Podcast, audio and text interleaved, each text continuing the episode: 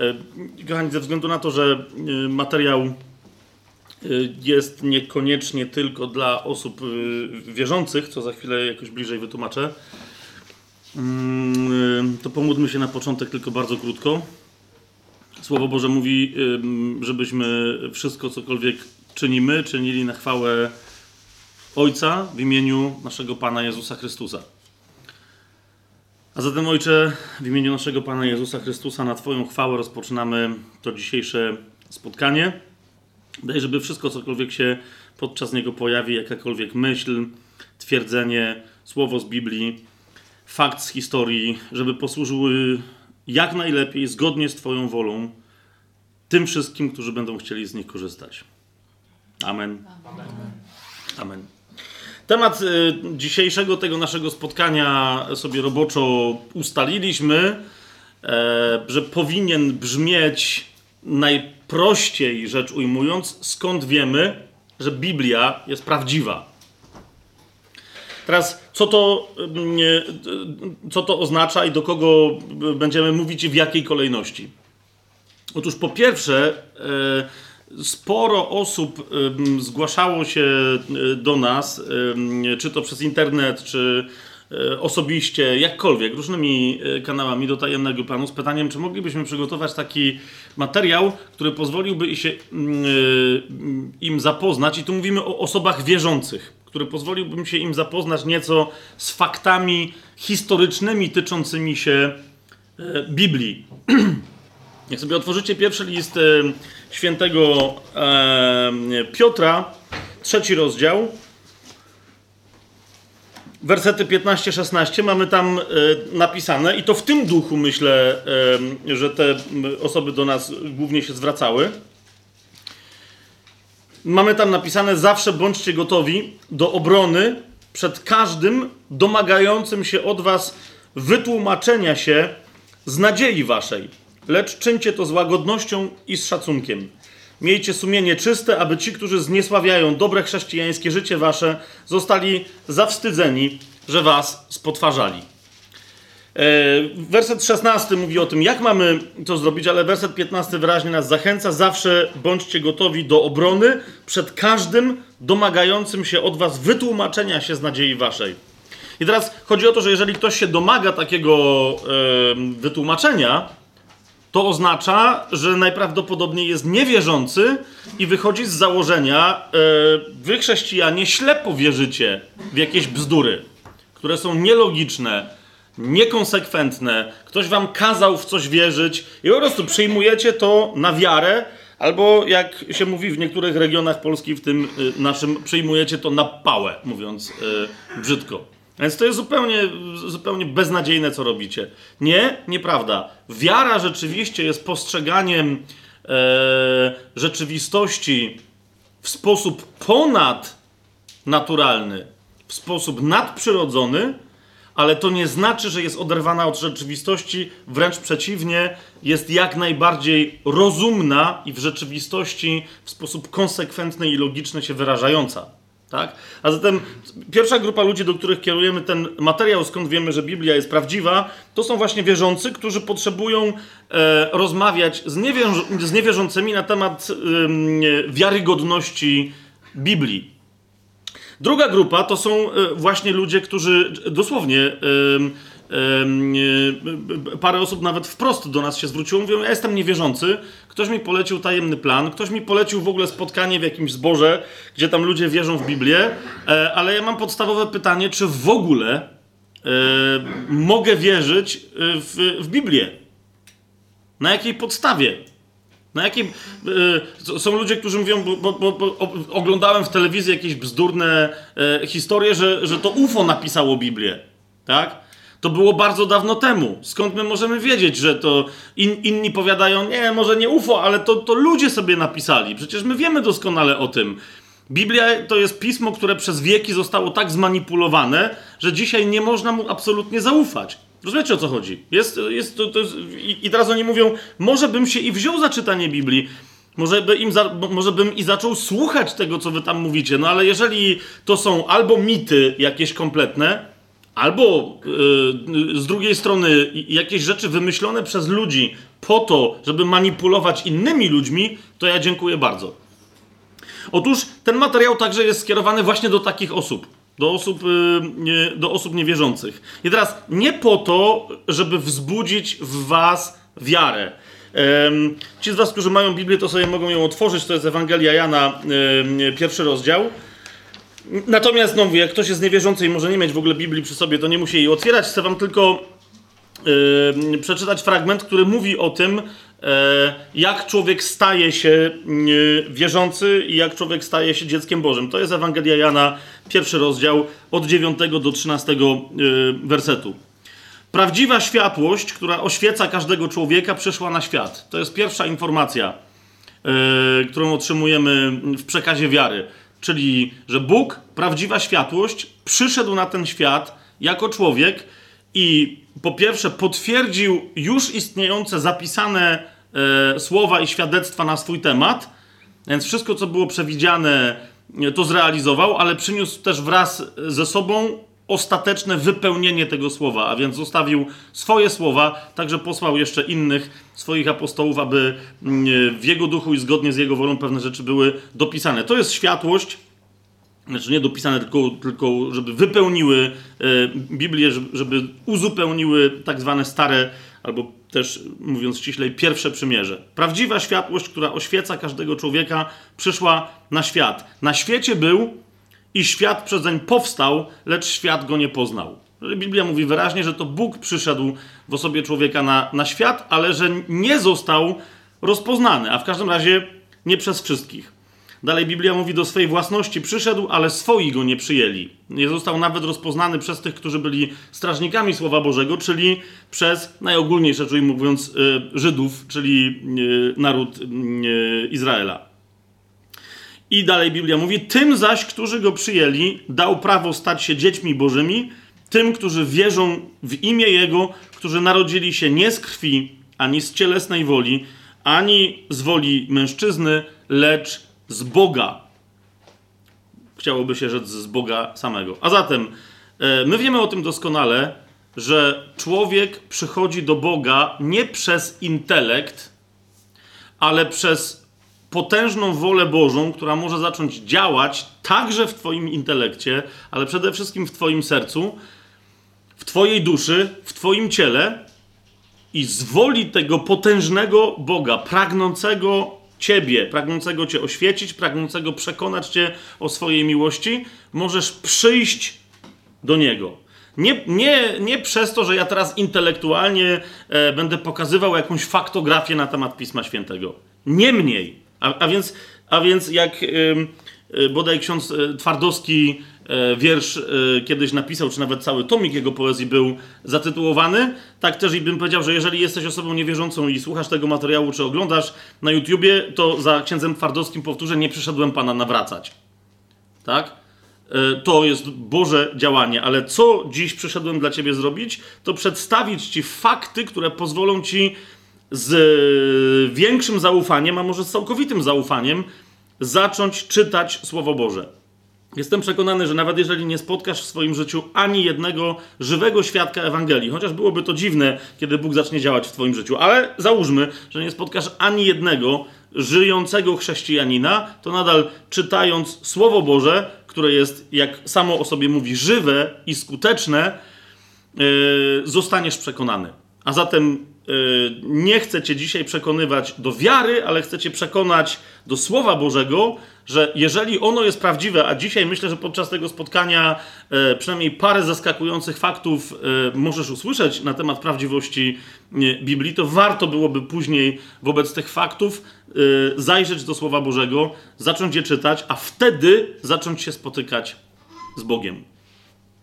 I e, trzecia grupa ludzi, do której e, jeszcze kierujemy e, ten materiał, to są ludzie, którzy e, uważają siebie za chrześcijan, uważają siebie za ludzi wierzących w Boga. I teraz ja nie chcę kwestionować tego, nie mówię, że nie są, tak, bo to tak zacząłem trochę dziwnie. Chodzi mi o to, że uważają siebie za e, wierzących, ale nie uwierzyli Słowu Bożemu w pełni tylko z takiego czy innego powodu e, podzielili swoje zaufanie i częściowo ufają Biblii, a częściowo ufają jakiegoś rodzaju autorytetom ludzkim i ten autorytet dzielą pomiędzy Biblię a człowieka.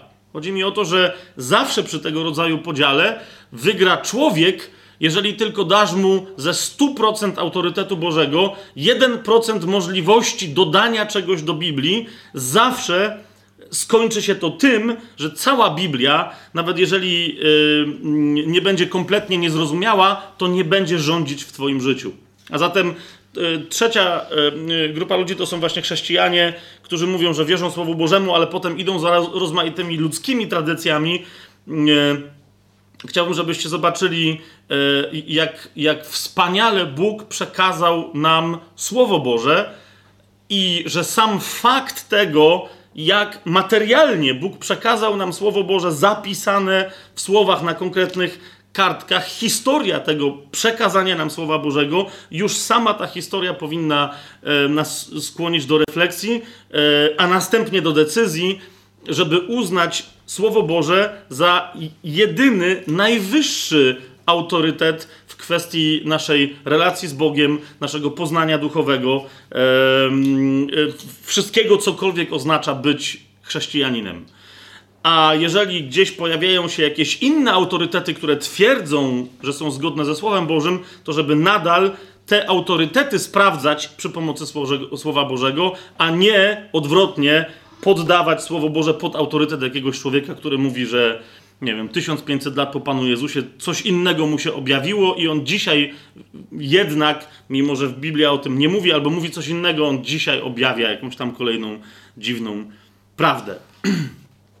Więc to są te trzy grupy i, i, i w pewnym sensie troszeczkę tak y, pójdziemy dzisiaj w, w tym wykładzie, czyli zaczniemy najpierw od zupełnie, wiecie, faktów historycznych, tak? Takich naprawdę historycznych. Skąd ja, ja, mam tu dzisiaj parę różnych Biblii, tak? Konkretnie skórzana oprawa, kartki i tak dalej, ale skąd się dzisiaj ten tekst po polsku wziął w moich rękach i jaką ja mogę mieć pewność, e, jaką mogę mieć pewność, że e, nawet jeżeli nie, nie mogę mieć całkowitej pewności, że mam dobre tłumaczenie, to że jednak to się jakkolwiek odnosi do prawdziwego tekstu, który, bo, bo wiecie, założenie jest takie, że to Bóg jest autorem Biblii. Tak? Jeżeli Bóg nie jest autorem Biblii, to bycie chrześcijaninem jest kompletnie bezsensowne. Po prostu.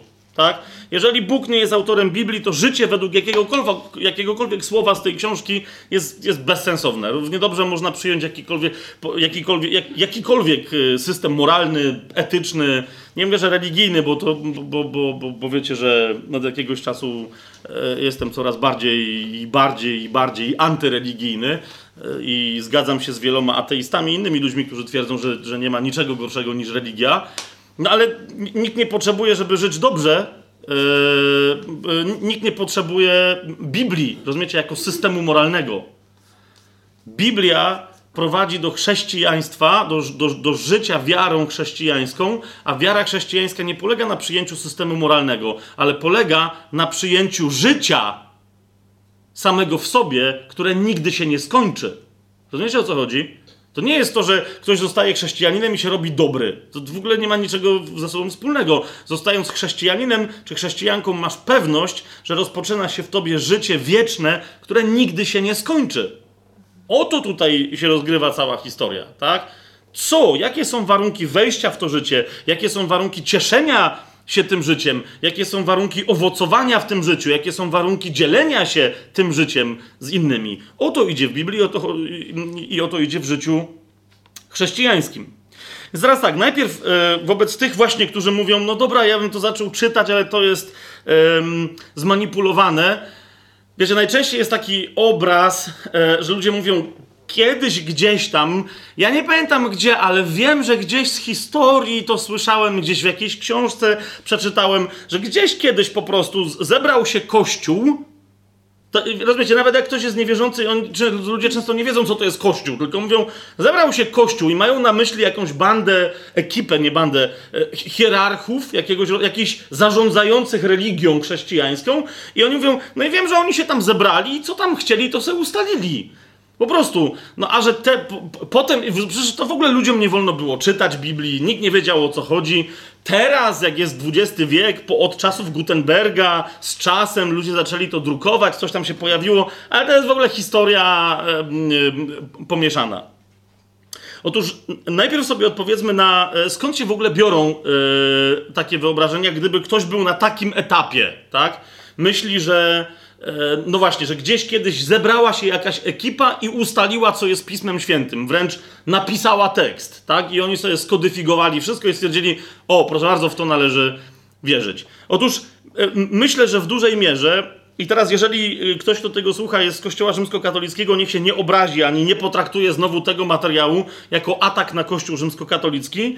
Yy, bo wiem, że historia, wszyscy wiemy, że tam historia była znacznie bardziej skomplikowana, tylko mówię o tym, że ze względu na pewne działania Kościoła Rzymskokatolickiego w historii, yy, ostatnio upubliczniane w telewizjach rozmaitych typu History Channel, który ma tyle wspólnego z historią, co.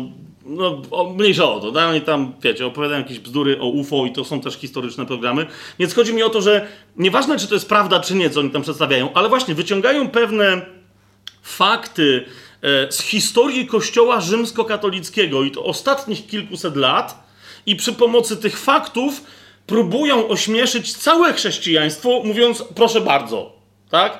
Na przykład odwołują się do e, tego faktu, że chrześcijanie przez 2000 e, e, lat mieli tylko jedno pismo święte. To pismo święte to była łacińska wulgata. Tak? No, spotkałem się z takim twierdzeniem i że ta wulgata w ogóle nie ma nic wspólnego z oryginalnymi tekstami biblijnymi, no więc o czym w ogóle mowa? Okej, okay, Kościół rzymskokatolicki w pewnym momencie rzeczywiście to był sobór trydencki zwłaszcza, tak? czyli XVI wiek, połowa XVI wieku, ustalił w pewnym momencie wobec właśnie rozkwitu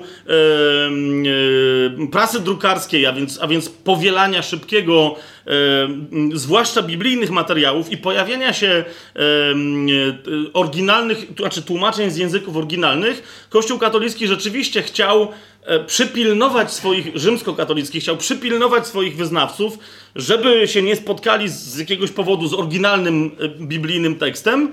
I rzeczywiście e, stwierdził, że tylko wulgata w tej wersji właśnie, która została przyjęta, jeszcze raz powtarzam, powtarzam w XVI wieku, że tylko wulgata jest, jest, jest prawdziwym, natchnionym, słusznym, skutecznym do nauczania i właściwym do, do czytania Pismem Świętym.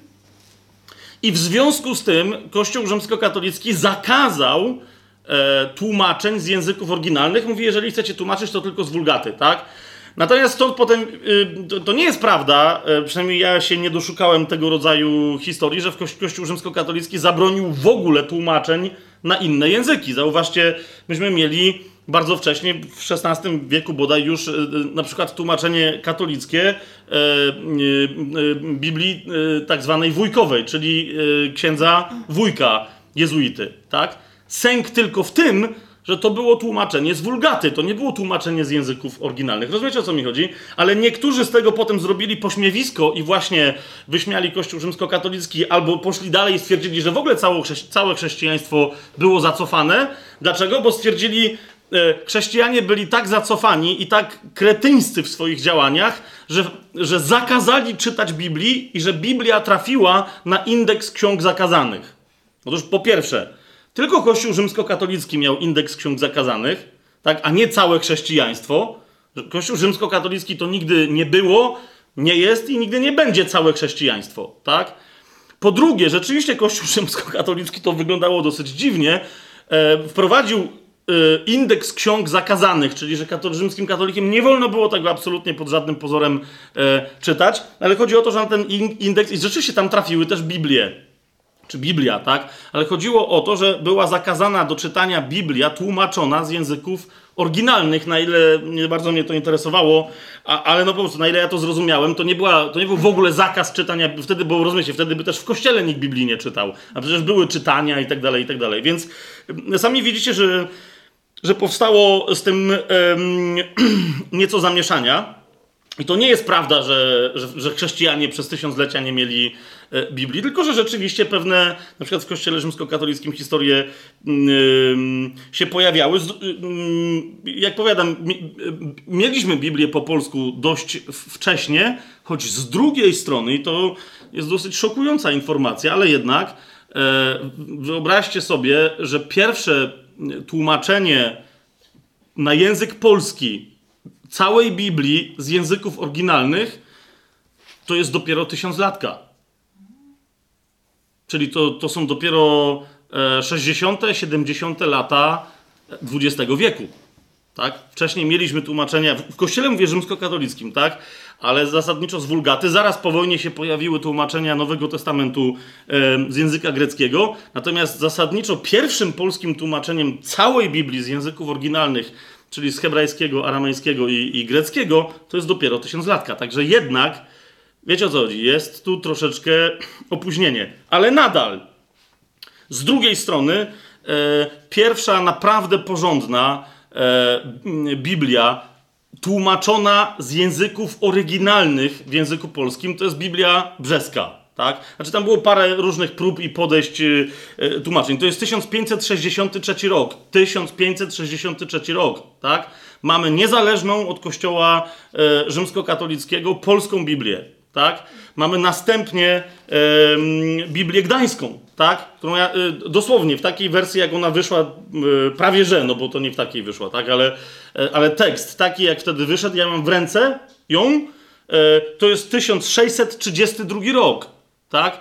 I w zasadzie mamy 2017 rok i często, sami pamiętacie, podczas naszych e, spotkań często sięgam do tego tłumaczenia, ponieważ po prostu jest najlepsze wciąż, pod wieloma względami. Tak? Jest, często jest wręcz, wygląda jakby e, przy pomocy bardzo dob dobrej staropolszczyzny, tak? ale, ale jest prawie idealnym odwzorowaniem na przykład języka hebrajskiego. Tak? na tyle, na ile się to da, da zrobić, czy, czy w wielu miejscach języka greckiego. W, włącznie z kolejnością wyrazów w, zdaniu i tak dalej, i tak dalej. Szokujące historie. A więc widzicie, e, to nie jest tak, że dostęp do Biblii e, w średniowieczu e, zwłaszcza był e, niemożliwy. Zgadza się, że Kościół rzymskokatolicki bardzo się bał dostępu do języków oryginalnych i tłumaczeń, tak? Nie jest prawdą, że, e, że pierwsze takiego tłumaczenia dokonał, chociaż wszyscy oczywiście kojarzą nazwisko Lutra, tak? E, początek XVI wieku.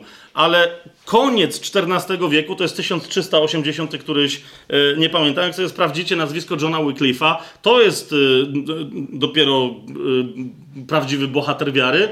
Mm, gość samodzielnie w Anglii, która jeszcze wtedy była, wiecie, ultra rzymskokatolicka, tłumaczy Biblię e, z języków oryginalnych na e, angielski i widząc, co tam jest napisane, zaczyna śmiało głosić, co tam jest napisane. Mianowicie, że no, historie, które są w kościele rzymskokatolickim tam jakieś prze, przekazywane i demonstrowane, że są zupełnie pochodzące od ludzi, że są tradycjami ludzkimi. Yy, co prawda, jemu tam Kościół niewiele mógł zrobić, chociaż papież chyba z pięć bulli napisał ekskomunikujących go, tylko że miał mocnego protektora, e, bo jacyś wysoko postawieni wtedy jakiś książę, tam nie pamiętam, który e, za nim stał. Także chłopak e, mógł głosić, co, co chciał głosić, tak? Śmiało głosił na tyle, na ile się wtedy dało, na tyle, ile się dało w pełni całą Ewangelię. Niemniej 30 parę lat po jego śmierci e, to tam nie dało nikomu spokoju e, i wreszcie przyjechał tam specjalny wysłannik. Wyobraźcie sobie, że 30 to było jak nie więcej lat po śmierci Wycliffe'a ktoś przyjechał mm, i na rozkaz Watykanu e, kości tego chłopa zostały wyciągnięte z grobu, przeklęte, spalone na stosie, żeby było jasne, co, co może kogo innego spotkać, e, i wrzucone do jakiejś tam rzeki, żeby nie było wiadomo, gdzie on w ogóle, e, gdzie on w ogóle spoczywa, tak? To między innymi pod wpływem jego przykładu mieliśmy bardzo blisko e, nas w Czechach Jana Husa, który zrobił dokładnie to samo co, co Wycliffe, tylko że jemu się nie udało i jego akurat spalili jego akurat spalili na, na stosie. Tak samo później e, Jack, który myślał, że skoro Wycliffe'owi się udało, to mnie też, czyli Tyndale. E, został zaduszony za to, że przełożył Biblię na, na angielski i potem jak już go zadusili, to go spalili uroczyście na stosie nie wiem, czemu akurat tak to wyglądało. Więc rzeczywiście tam wojna o, wiecie, o tłumaczenie z języków oryginalnych trwała, tak?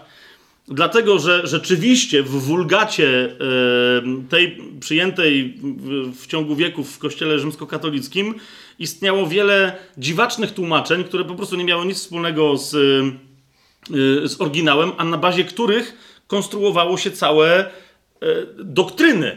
Tak? Na przykład, jak sprawdzicie, jak wygląda dzisiaj w każdej Biblii Księga Rodzaju 3.15, to Bóg tam mówi wyraźnie, że wprowadza nieprzyjaźń, tak? Po tym jak ludzie upadli i zgrzeszyli, ale nadal mówi taką rzecz w rozdziale 3 w 15 wersecie i ustanowi nieprzyjaźń pomiędzy tobą, to mówi do węża, tak? A, nie, a kobietą pomiędzy twoim potomstwem a jej potomstwem. Ono, a więc potomstwo kobiety, zdepcze ci głowę, a ty ukąsisz to potomstwo wpięte. To jest jasna sprawa, tak? Natomiast w wulgacie ten tekst brzmiał: Wprowadzam y, nieprzyjaźń pomiędzy ciebie a niewiastę, między twoje potomstwo a potomstwo jej. Ona zdepcze ci głowę, a ty ukąsisz ją wpięte. I stąd rozumiecie, y, że na tej bazie można było rozdmuchiwać, rozdmuchiwać i rozdmuchiwać na przykład kult maryjny, no bo skoro to ona jest tą, która depcze głowę węża, rozumiecie o co mi chodzi, tak? To od razu to zostało nazwane protoewangelią, i słusznie zresztą, że tutaj Ewangelia jest zawarta, tylko to jest Ewangelia na temat tego, który ma przyjść, Jezusa, Mesjasza, który dlatego list do Galacjan mówi o tym, że przyszedł pod prawem z niewiasty, tak? Żeby było jasne, z kobiety, żeby było jasne, że wypełnia że wypełnił zapowiedź z Księgi Rodzaju, z pierwszej Księgi Mojżeszowej 3.15, tak? Nie będę tego dalej kontynuował, ale to takich tam, wiecie, takich kwiatów dzikich to tam w tej yy, wulgacie było, yy, było więcej. Natomiast co... Yy, I myślę, że stąd, z tych nieporozumień, że na przykład ktoś usłyszał, że odbył się Sobór Trydencki, tak?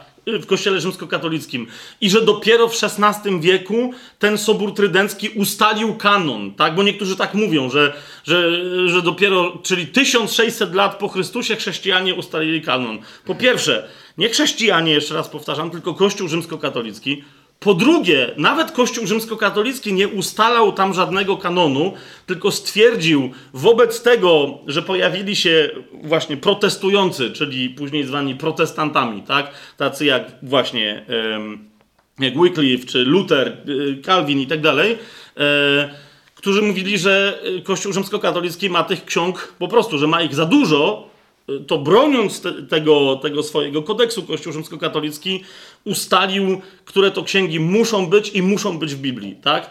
E, e, rozumiecie o co mi chodzi? Ale to nie znaczy, że oni, nawet Kościół rzymskokatolicki, że oni dopiero w XVI wieku sobie kanon ustalali. Jasne to jest, co, co mówię? Okej, okay, dobrze. E, na, natomiast, jak się to ma, bo, bo jeszcze raz, widzicie, to są pewne informacje pochodzące z historii, ale byłoby absolutnie fałszywym wyobrażeniem, gdyby ktoś myślał, że Biblia się zaczyna w XVI wieku, e, albo w X wieku, albo nie wiem, w V wieku, tak? Albo nawet, że się zaczyna w I wieku. Niezależnie od tego, co się działo w historii, Biblia zaczęła powstawać grubo, grubo, grubo, grubo wcześniej, i tezę, którą chcę najpierw postawić, a będzie ona dla niektórych, y, niekoniecznie tutaj, ale dla niektórych będzie bardzo mocno kontrowersyjna, to, to tezę, którą chcę postawić, y, sformułowałem sobie tak. Oryginalny tekst Biblii. A więc tego, co my uważamy za tekst natchnionego przez Boga Pisma Świętego. Tak? Przetrwał od początku, kiedy powstawał, aż do naszych czasów w absolutnie nienaruszonej formie. Teza jest, y, niektórzy by powiedzieli, którzy lepiej nieco znają historię, teza jest karkołomna, chociażby z tego powodu, że w pewnym momencie, kiedy, y, jeszcze kiedy Żydzi funkcjonowali, jeszcze nawet w Cesarstwie Rzymskim, nie było problemu, aż dopóki nie pojawili się chrześcijanie.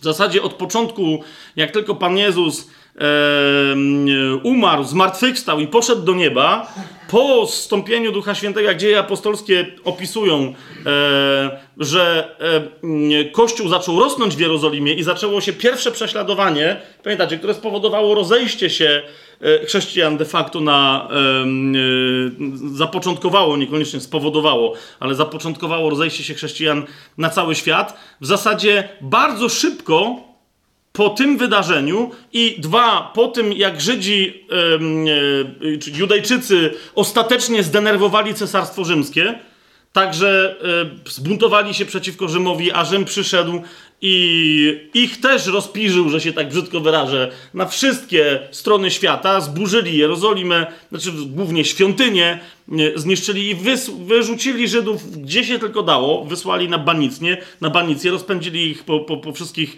y, y, częściach świata, to, czyli to był 70 e, rok po y, naszej ery, pierwszego wieku naszej ery, to, to w zasadzie niedługo po tym zaczęły się prześladowania chrześcijan, o których y, y, wszyscy wiemy i to nikt tego, wiecie, nie kwestionuje, że chrześcijanie byli zabijani za swoją wiarę.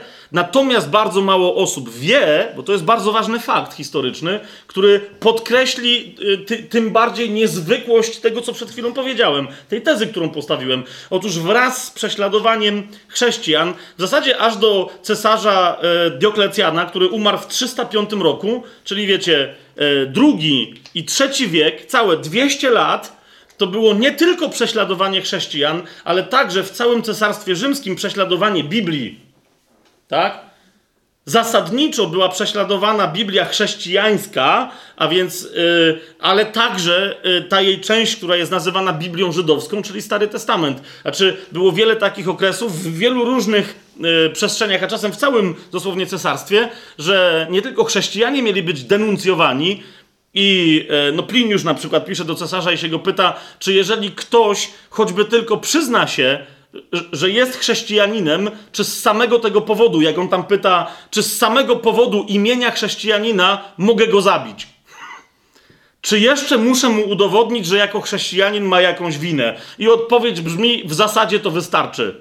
Jeżeli się przyzna, że jest chrześcijaninem, nie musisz mu już nic więcej udowadniać. Ale druga rzecz to było niszczyć wszystko, co powodowało rozplenianie się tego, co Rzymianie na, na, nazwali przesądem nowym, a zgubnym tak? Bo oni się bali, nie rozumieli tego, dlaczego chrześcijaństwo tak dynamicznie się rozprzestrzenia i rozwija. A więc macie, widzicie, nie tylko mamy okres e, od mniej więcej początku V wieku naszej ery, w, zasadzie aż do, mm, aż do XX wieku, czyli mamy 1500 lat e, coraz mocniejszego, bo związanego z władzą, zwłaszcza w Europie, kościoła rzymskokatolickiego, który nie to, że represjonuje Pismo Święte, bo tego nie chcę powiedzieć, ale tłamsi wiedzę na temat oryginału Pisma Świętego, jeżeli mogę tak to ująć, tak? Może nie do końca tłamsi, no ale w każdym razie nie jest to dla niego absolutnie ani priorytet, ani priorytet, ani triorytet, ani driorytet, to ani nawet zetrytet, nie wiem jak to nazwać.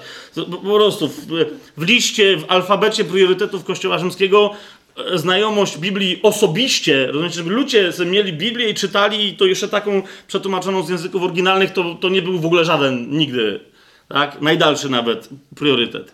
A więc mamy 1500 lat e, e, takiej, z, takiego właśnie, no, represjonowania znajomości osobistej przez ludzi oryginalnego Pisma Świętego, a wcześniej mamy paręset lat, no przynajmniej dwa wieki, tępienia w ogóle Pisma Świętego jako takiego, a zwłaszcza Pism Nowego Testamentu. Tak? To teraz jest, jeszcze raz powiadam, pomimo i niezależnie od tych bezpośrednich ataków Cesarstwa Rzymskiego na to, żeby zetrzeć z powierzchni ziemi pisma chrześcijańskie, wszystkie, pomimo następnie 1500 lat e, zapominania o oryginalnym tekście Pisma Świętego, stawiam tezę, jeszcze raz ją powtórzę, że oryginalny tekst natchnionego Pisma Świętego, natchnionego przez Boga, którego Bóg jest autorem, przetrwał do naszych czasów w absolutnie nienaruszonej formie. To jest teza, którą stawiam. I teraz rozumiecie, że jeżeli, jeżeli ktoś y, zgłębi chociażby tylko tę te, te jedną tezę, tak? To widzicie o co mi idzie, że fakt, żeby Biblia. Yy, Okej, okay, to, to, jest za duża. No bo to, taka, żeby, żeby coś takiego tak, przetrwało w nienaruszonej formie do dzisiaj, wobec tych wszystkich ataków na ten tekst, to byłby rodzaj cudu, zgodzicie się ze mną. Tak? Więc y, zanim przejdę do udowadniania tej tezy, najpierw sobie jeszcze musimy wyjaśnić dla tych, którzy nie do końca e, może są zorientowani, że kiedy mówimy Biblia, to o czym my w ogóle e, mówimy, tak? Niektórzy powiadają, że Biblia e, to znaczy po prostu księga. I na przykład w języku angielskim mówi się, niektórzy, e, nie wiem z jakich dziwnych powodów, mówią e, o Biblii the good book, tak? Dobra, dobra księga. Otóż ważne jest, żeby pamiętać w tych naszych rozważaniach, że Biblia pochodzi w zależności od tego, jaką, e, jaką wersję języka greckiego e, się przyjmie i który dialekt, ale pochodzi albo od słowa biblion, albo od słowa biblos, nawiasem mówiąc też miejscowości, która się tak nazywała. Chodzi mi o to, że jedno i, to, jedno i drugie słowo oznacza księgę. Tak? Natomiast Biblia to jest liczba mnoga.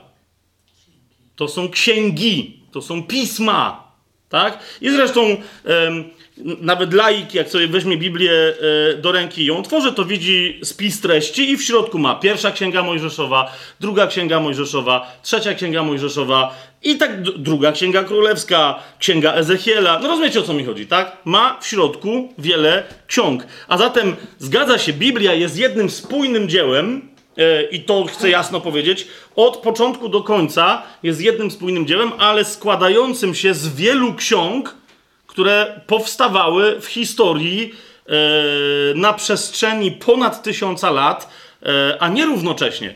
Jasne to jest, tak?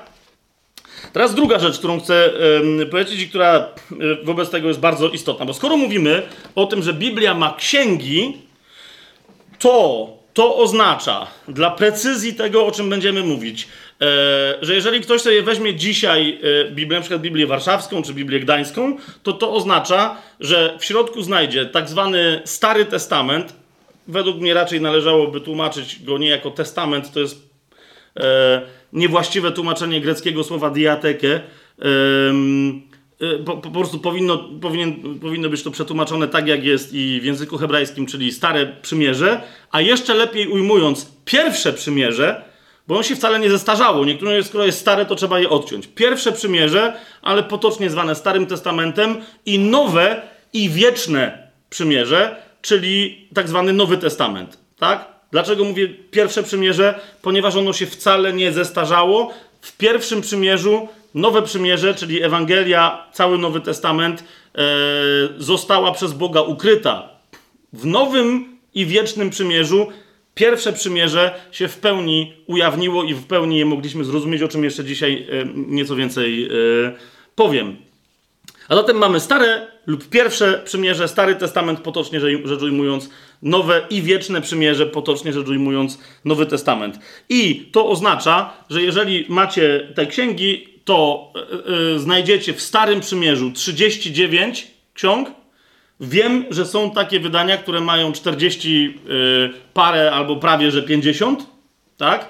Ale o tym sobie powiemy później, ponieważ to akurat w tym momencie nie jest najistotniejsze dla tego momentu naszego dyskursu.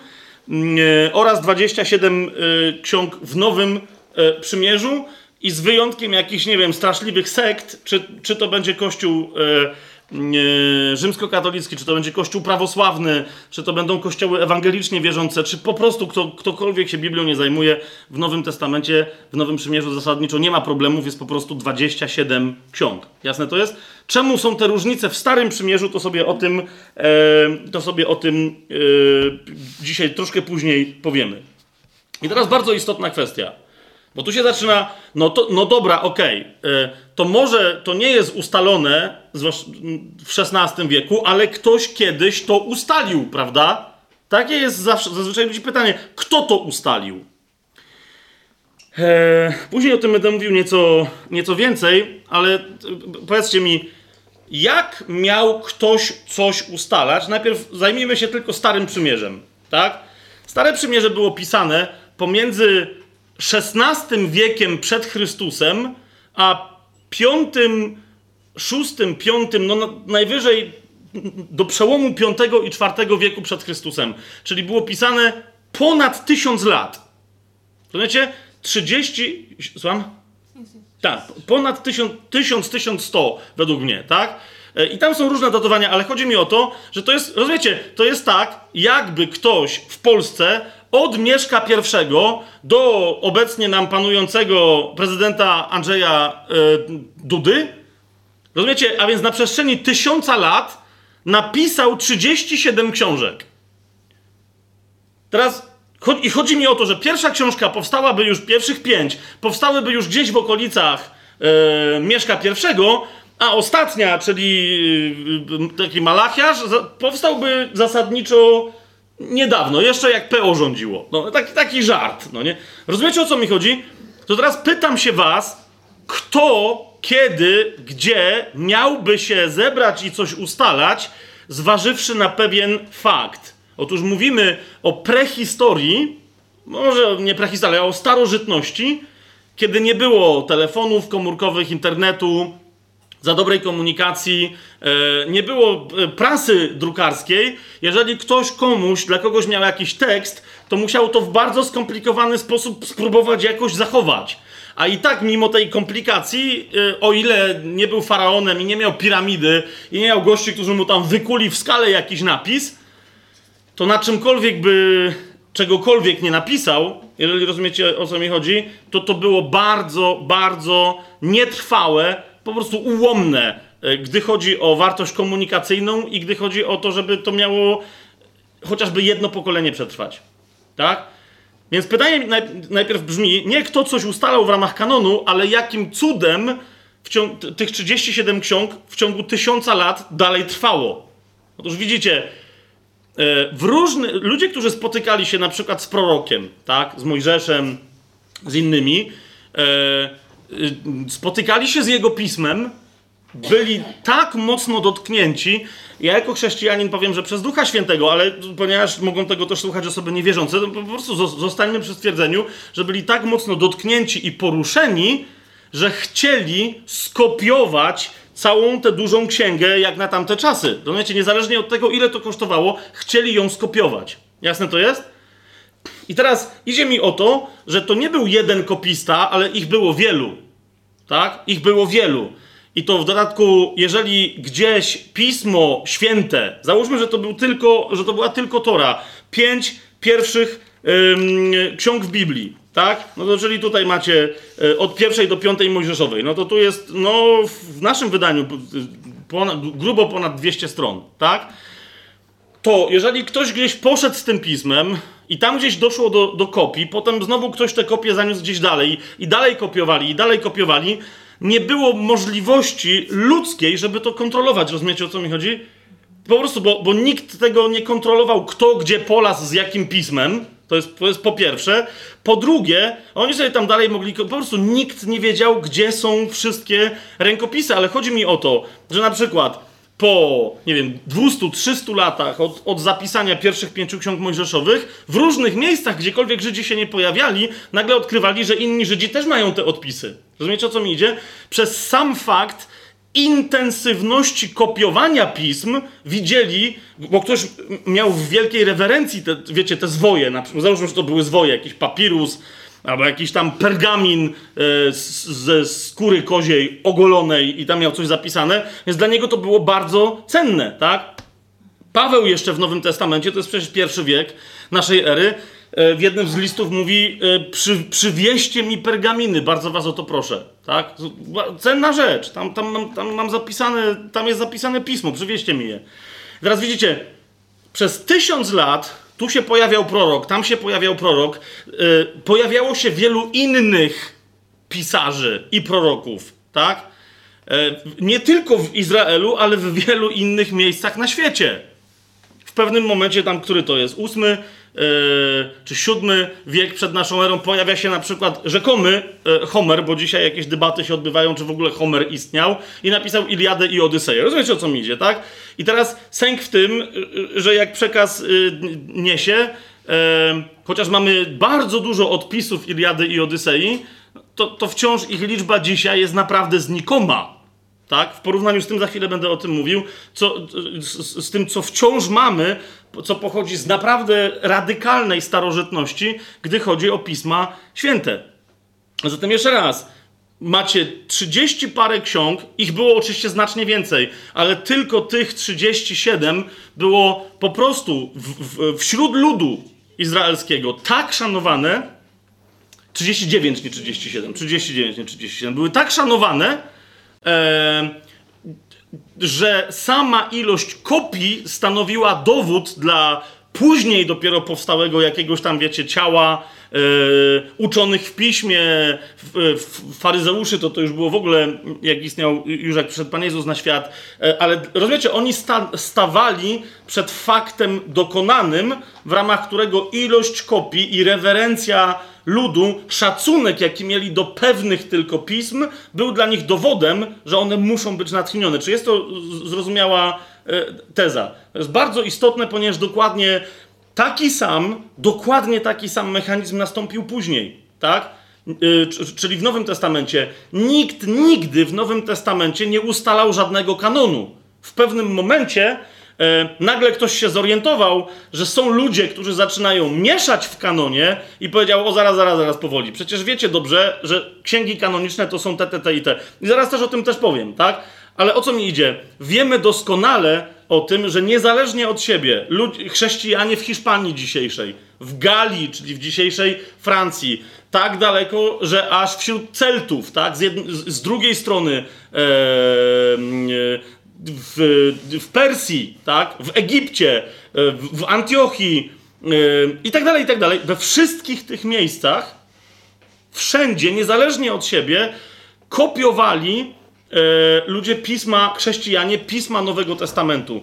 I co bardzo interesujące, tylko i wyłącznie te, które lokalnie uznawali za wartościowe, a potem nagle się okazywało, że w wielu, paru dziesięciu, paru set, dosłownie paru tysiącach różnych miejsc całe społeczności uznawały prawie te same księgi za natchnione. Rozumiecie o co mi idzie? Więc to jest jedna najważniejsza zasada. Jak ktoś pyta, kto ustalał kanon, odpowiedź brzmi naprawdę: nikt nie ustalał kanonu. Tak? Nie było takiej ludzkiej możliwości, żeby przy tym szybkim rozprzestrzenianiu się kopiowanych niektórych tylko ksiąg, żeby ktokolwiek to kontrolował. Tak?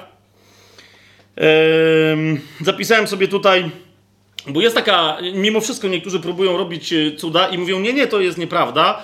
W 90 roku po Chrystusie, czyli 20 lat po tym, jak Rzymianie zburzyli świątynię, zebrał się przecież tak zwany synod w Jamni, e, i jak będzie. O, ja, pewne fakty, które będę, o których będę mówił, potem sobie sami sprawdzajcie. Nie będę teraz tego zbyt roztrząsał, tak? Mm, e, ale zebrał się synod w Jamni w 90 roku. E, to był synod rabiniczny, nie chrześcijański, tak? I e, niektórzy powiadają, i Żydzi tam dopiero ustalili kanon pisma, który nawiasem mówiąc mają do dziś, który nawiasem mówiąc także my mamy, czyli tych 39 ksiąg Starego Testamentu, tak? To jest nieprawda. Po prostu to jest nieprawda. I zostałem bardzo pozytywnie zaskoczony nawet przez Wikipedię, jak sobie Wczoraj sprawdziłem, co tam Wikipedia na temat synodu w Jamni pisze. Po pierwsze mówi, że rzekomy synod w Jamni, tak, bo tam się po prostu zebrało e, e, paru dziesięciu rabinów, ale oni mieli ważniejszy problem niż ustalać coś, co, jest, co było z dawien dawna ustalone. Rozumiecie? Oni mieli problem, kiedy nie ma świątyni, w jaki sposób Bóg ma nam przebaczać grzechy. To był problem Żydów wtedy. Bo wiecie, raz do roku Jom Kippur przychodzili, składali ofiarę za grzechy za ostatni rok, za cały lud, tak? I Biblia nie dała im, oczywiście Pan im posłał Mesjasza, którego nie przyjęli, tak? No ale jak go nie przyjęli, to teraz mieli problem, bo się okazało, nie ma świątyni, to gdzie mamy odpuszczać sobie grzechy, tak? To wtedy się zaczął rodzić nowoczesny judaizm e, z jego odpuszczaniem grzechy przez wykonywanie dobrych uczynków itd., itd. itd. I stąd duża jego bliskość do kościoła rzymskokatolickiego, że zbawianie się przez uczynki, tak? Nie tylko zresztą do kościoła rzymskokatolickiego. Rzeczywiście odbyło się parę e, rozmów na temat kanonu pisma żydowskiego tam, ale uważajcie, to jest bardzo ciekawe. E, one się nie tyczyły, czy coś mają tam dodać, tak? Bo, bo kanon był jasny, jeszcze raz powtarzam, był dokładnie taki, jak my teraz mamy. Natomiast poszło o to, czy pieśń nad pieśniami, wobec tego, że teraz potrzebujemy przycisnąć e, Izraela i ludzie muszą nie myśleć o głupotach, tylko rozumiecie, to był ten, ten trend. Czy pieśń nad pieśniami, aby na pewno jest natchniona? To było ich rozważanie, tak? Czy by jej nie usunąć z Biblii, no i stwierdzili, że no nie, to, to by było głupie.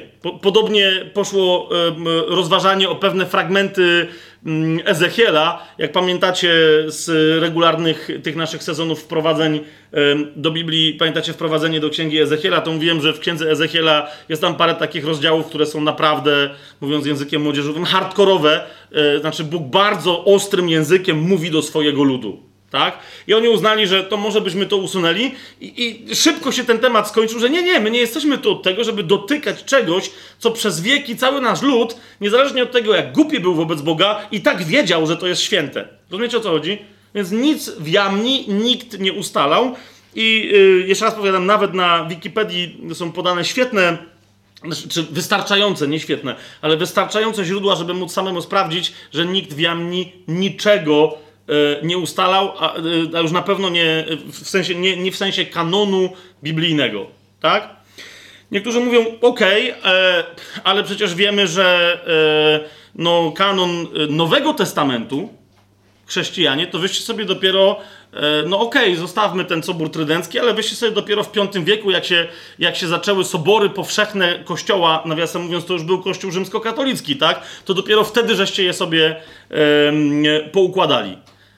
Słuchajcie, pierwsi chrześcijanie w ogóle się nie zastanawiali przez pierwsze trzy wieki, że, że jest jakiś kościół, w sensie, że on musi, wiecie, że ma jakieś podziały, że on musi z czymś walczyć. Była jasna, tak zwana wiara powszechna, stąd yy, słowo katolika, czyli, czyli po prostu powszechna, nie katolicka, tylko w języku greckim yy, katolikos znaczy powszechny, tak?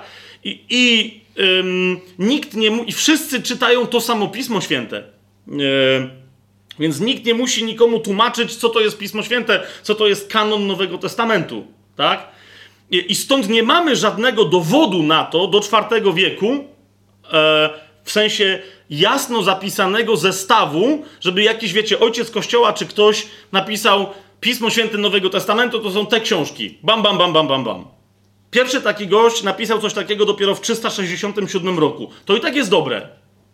Ale z drugiej strony byłby absolutnym kłamcą, absolutnie nierzetelnie podchodzącym do, do materiału źródłowego ktoś, kto by powiedział, że w ogóle nie mamy dowodu na to, że taki kanon istniał. Dlaczego? Yy, tu was nieco zaskoczę. Sam byłem tym nieco zaskoczony. Yy, otóż wyobraźcie sobie kiedyś. Yy, Charles Leach w, w, swojej książce Our Bible, How We Got It, czyli nasza Biblia, jak ją otrzymaliśmy, e, zacytował badacza, on był chyba jeszcze, to był jeszcze chyba XIX-wieczny badacz, e, Sir David Dalrymple się nazywał. Jak ktoś potem będzie chciał, to, to wam dokładne namiary przekażę. I teraz posłuchajcie, jaki pomysł miał Sir Dalrymple. Napisał tak. Załóżmy, że Nowy Testament został zniszczony i że każda jego kopia istniejąca do końca III wieku gdzieś zaginęła. załóżmy coś takiego. Już pomijmy, że nikt nie napisał, że był jakiś kanon, ale w ogóle nie ma żadnej Biblii z tamtego okresu. Tak? I teraz posłuchajcie. Czy można by skompletować Pismo Święte tylko i wyłącznie na podstawie cytatów z pism ojców Kościoła z II i III wieku? Kapujecie? Myśl była sensowna. Mówi, jeżeli tam byli chrześcijanie, a byli, jeżeli oni byli mądrzy, a byli, jeżeli będąc mądrymi coś pisali, a pisali, to zapewne korzystali z czegoś, co uważali za Pismo Święte, zwłaszcza chodzi nam o Nowy Testament i pewnie ten Nowy Testament cytowali, tak? Tak. I teraz co Sir David Dalrymple yy, stwierdził? Ponieważ posiadałem wszystkie te dzieła, w sensie ojców kościoła z II i z III wieku, a skubany, ponieważ posiadałem wszystkie te dzieła, postanowiłem zbadać sprawę i zdążyłem jak dotąd, uważajcie, skompletować cały Nowy Testament z wyjątkiem tylko 11 wersetów. Teraz e, to twierdzenie zostało e, już pod koniec XX wieku przetestowane, czy on rzeczywiście mówił prawdę. I teraz uważajcie. Tylko i wyłącznie badając pisma tych ludzi, Justyn Męczennik, Ireneusz, Klemens z Aleksandrii, Orygenes, Tertulian, Hipolit i Eusebiusz, to jest siedmiu pisarzy. Ich tam było znacznie więcej. Rozumiecie o co mi chodzi, tak? Ale tylko tych siedmiu pisarzy z drugiego, no dobra, tam jeden, jeden z drugim tam są troszkę później, ale to jest tylko siedmiu pisarzy. Posłuchajcie, w ich pismach Ewangelie zostały zacytowane całe, w sensie różne Ewangelie zostały zacytowane 19 368 razy. Dzieje apostolskie 1352 razy. Listy świętego Pawła 14 035 razy. Listy powszechne, czyli Piotra, Jana, e, Jakuba i Judy 870 razy i Księga Objawienia e, świętego Jana 664 razy. Rozumiecie o co mi chodzi? E, więc jak ktoś powie, że ale wy nie macie żadnego dowodu, przestań, człowieku. To ile jeszcze masz mieć tych dowodów, tak? Pism tych tych ludzi jest. A, a, chodzi mi o to, że ojców kościoła było znacznie, znacznie, znacznie więcej. Tak? Yy, zatem, yy, żeby zamknąć ten temat, tu co je zapisałem, nikt niczego w kwestii kanonu nigdy w kościele yy, nie ustalał. Stwierdzono tylko fakt zastany, tak? Fakt zastany powszechnego uznania natchnienia wyrażony zwłaszcza w pieczołowitym i ponad normę częstym kopiowaniu przez niezależnych kopistów. To jest bardzo istotne, tak? Zwłaszcza Nowy Testament, bo wiecie, Stare Przymierze to jest tysiąc lat, tak? No trochę ponad tysiąc lat, ale zasadniczo mały teren, tak? Niemniej oni potem roznosili te kopie, ok. Natomiast zwróćcie uwagę, Nowy Testament był pisany zasadniczo w ciągu 50 lat, max. Tak? Niezależnie od tego, co niektórzy dzisiaj badacze jeszcze wciąż zupełnie bezsensownie próbują utrzymywać, to było maksymalnie 50, może 60 lat. To znaczy, zaraz po śmierci Pana Jezusa w zasadzie według mnie zaczęło się pisanie, a skończyło się przed 90, y, najpóźniej przed setnym rokiem naszej ery. Jasne to jest? Bo ostatni, który pisze, to jest Jan, no a on znowu nie mógł, jasne, że przeżył wszystkich, ale nie mógł żyć wiecznie, tak? Po, po prostu.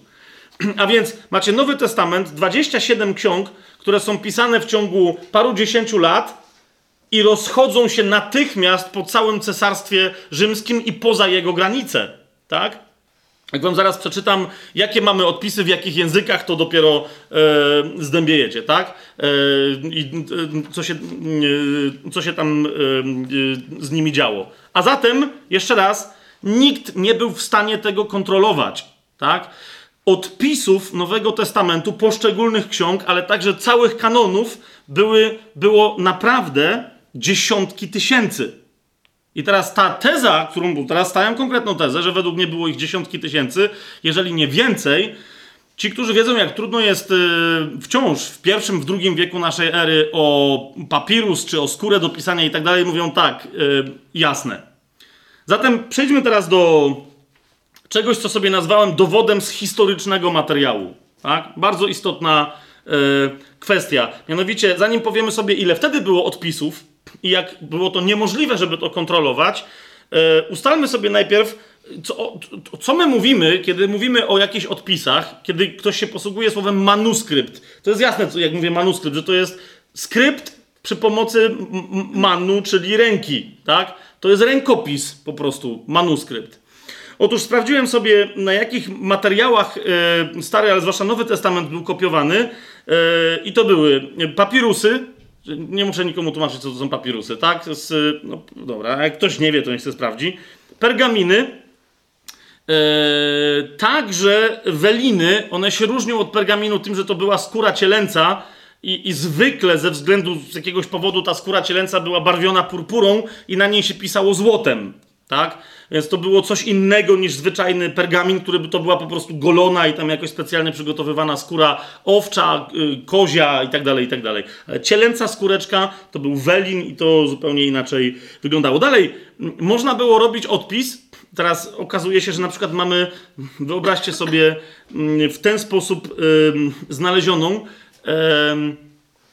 sprzed dwóch tysięcy kilkuset lat korespondencję dowodzącą tego, że, że, że Biblia, jak opisuje fakty, w jaki sposób Nabuchodonozor zaatakował e, królestwo Judy, że są absolutnie zgodne z prawdą. Tak? Nie będę teraz w to wchodził, ale wie, wiecie, y, y, y, w jaki sposób ta korespondencja się odbywała pomiędzy jedną a drugą twierdzą judzką, z której jeden dowódca do drugiego przesyłał informacje zapisane na dzbankach.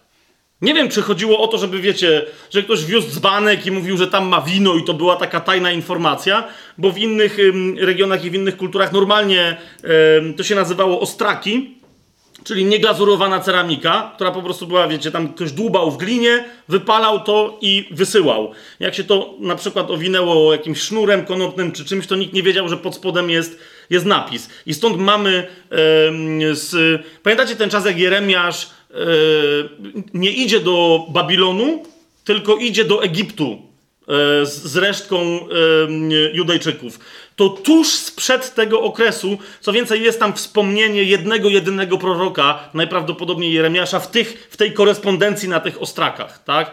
Zostało to całkiem niedawno w Izraelu znalezione. Dalej, e, kamienie, na których ktoś tam próbował na różne sposoby, różnymi rzeczami e, pisać tabliczki gliniane. E, to no, ta sama metoda, tak? Masz mokrą tabliczkę glinianą, ryjesz w niej rylcem, wypalasz i to ci zostaje, tak? I wreszcie tabliczki woskowe, e, czyli tabliczka, która już jest wypalona, pokryta woskiem odpowiednio, który później ma stwardnieć i w którym się ryje napis.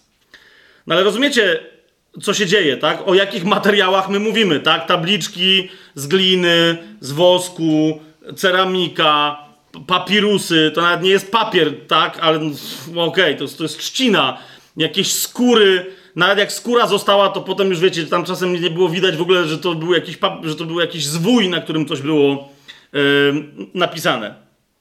I zasadniczo przez długie wieki właśnie te skóry papirusy były zwijane, stąd mamy nazwę zwoje i dopiero głównie, ze, głównie chrześcijanie rozpropagowali koncepcję tak zwanego kodeksu, czyli książki e, w ten sposób ciętej, e, którą można było, która miała strony. Tak? I teraz uważajcie. Wszyscy, którzy badają starożytne pisma, oczywiście jest, wiecie, sensacja, jak ktoś znajdzie skrawek tam, znaczy, co innego, jak ktoś znajdzie, nie wiem, tabliczki gliniane zachowane gdzieś tam. Tak? To, to jest coś, ale tego jest niewiele. E, no ale stąd na przykład pismo akadyjskie znamy, tak? Czy, czy, czy pismo Sumerów. Jakieś tam mamy hieroglify egipskie, które zostały nam w jakichś tam miejscach. Natomiast, gdy chodzi o te materiały, o których mówimy, papirusy, pergaminy i tak dalej, czyli rękopisy w tym sensie, wszyscy badacze zasadniczo przyjmują to jest bardzo istotne dla naszego dzisiejszego rozważania, zasadniczo przyjmują e, oczywistą tezę, która brzmi: nie ma żadnych oryginalnych manuskryptów czegokolwiek ze starożytności. I to, no, rozumiecie o, co idzie, no bo, no bo jak miałyby być, tak? Jeżeli gdzieś się znajdzie jakiś skrawek zachowanego czegoś tam, jakiejś skóry, papirusu czy czegoś, to jest niezwykła sensacja, ale najczęściej okazuje się, że to są jakieś bzdury, tak? Zamiast, nie wiem, z XXI wieku ktoś, żeby e, miał zachowaną książkę, nie wiem, Jaśka na przykład, bo napisał bardzo mądrą, to znajdzie na przykład mój głupi pamiętnik z czasów, zanim się nawróciłem.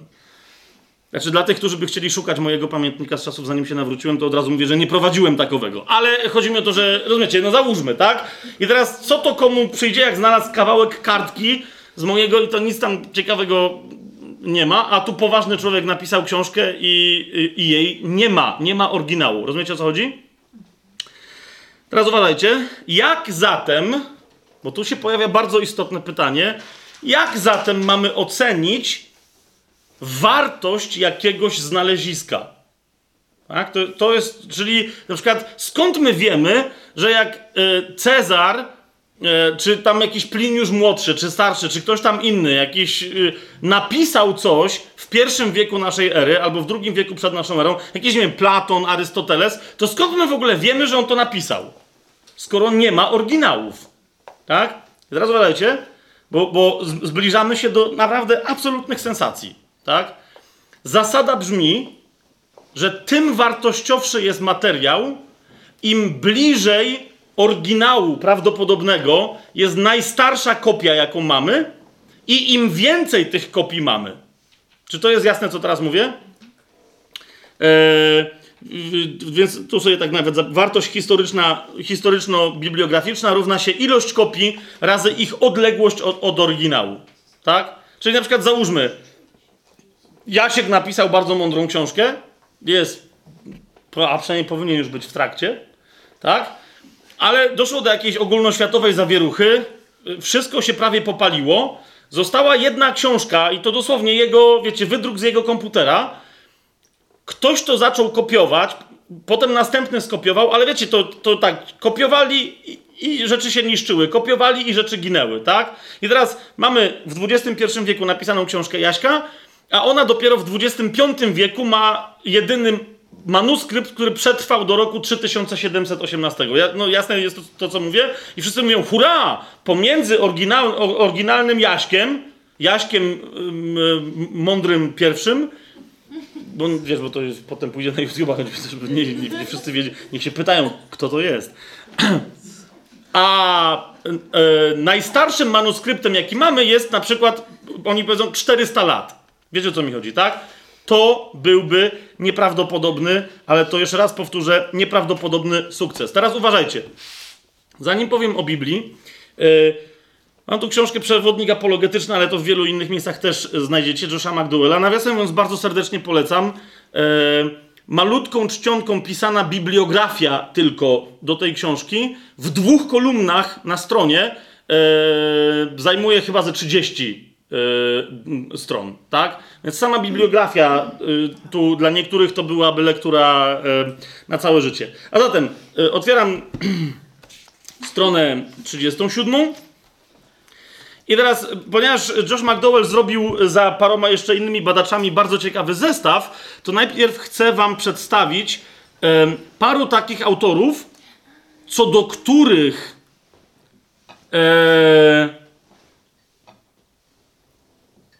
autentyczności ich dzieł nie mamy dzisiaj żadnej wątpliwości. Ok? To jest mianowicie Herodot i jego historia, to jest Tukidydes, jego historia, to jest Cezar, e, historia w sensie, że tak są tytułowane zasadniczo te ich e, księgi, to jest Cezar i jego wojna galijska i Pliniusz II to jest historia naturalna.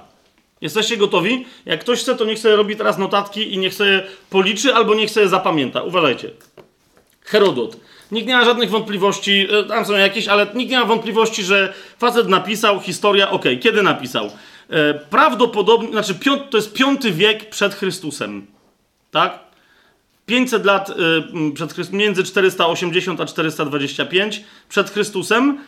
Najstarszą zachowaną kopię jego dzieła mamy mniej więcej z X wieku po Chrystusie. Tak? Czyli pomiędzy oryginalnym dziełem e, Herodota, historia, a, na, a najstarszym, co mamy, jest ile? 1400 niektórzy liczą, żeby było bardziej profesjonalnie, a niektórzy ściskają i im wychodzi 1350 lat. Że jednak, mimo wszystko, bo on pisał później, to coś myśmy słabo wydatowali, a więc jest 1350 lat. I teraz uwaga, ile mamy kopii z tego X e, wieku? Osiem. I teraz dlaczego one są wiarygodne? Dlatego, że jest ich osiem, a nie jedna.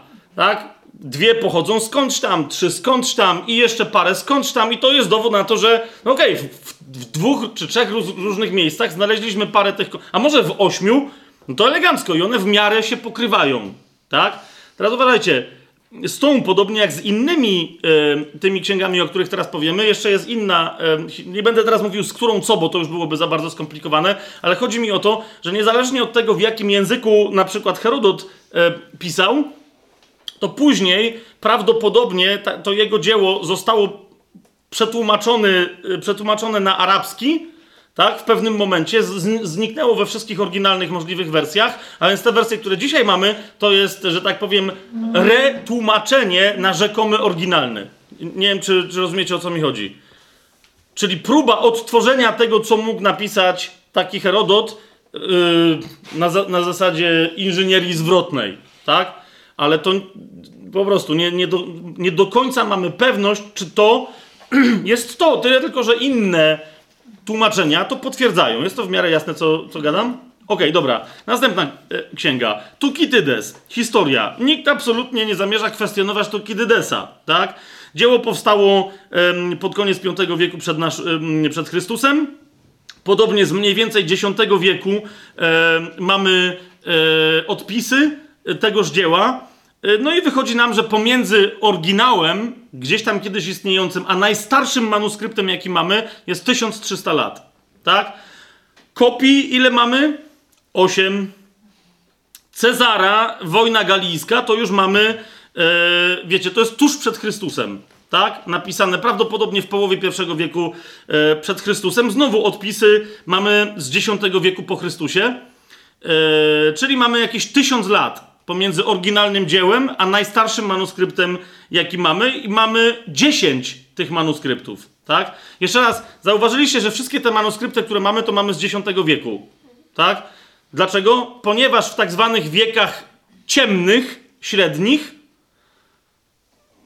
nie chcę powiedzieć, że ktoś celowo te rzeczy, nie wiem, palił czy niszczył, tak, bo to jest łatwo zaatakować znowu y, Kościół rzymskokatolicki o to. Ja tego nie chcę powiedzieć, no ale po prostu one się potraciły, tak. I jedyni, którzy je przechowywali, to byli, to była kultura arabska, tak. Tylko tyle, że oni to tłumaczyli na swoje i rzadko kiedy zostało im cokolwiek z oryginału. Tak? Arystotelesa całego na przykład, no nie wiem czy całego, ale tam w dużej mierze żeśmy dzięki językowi arabskiemu odzyskali i tak dalej.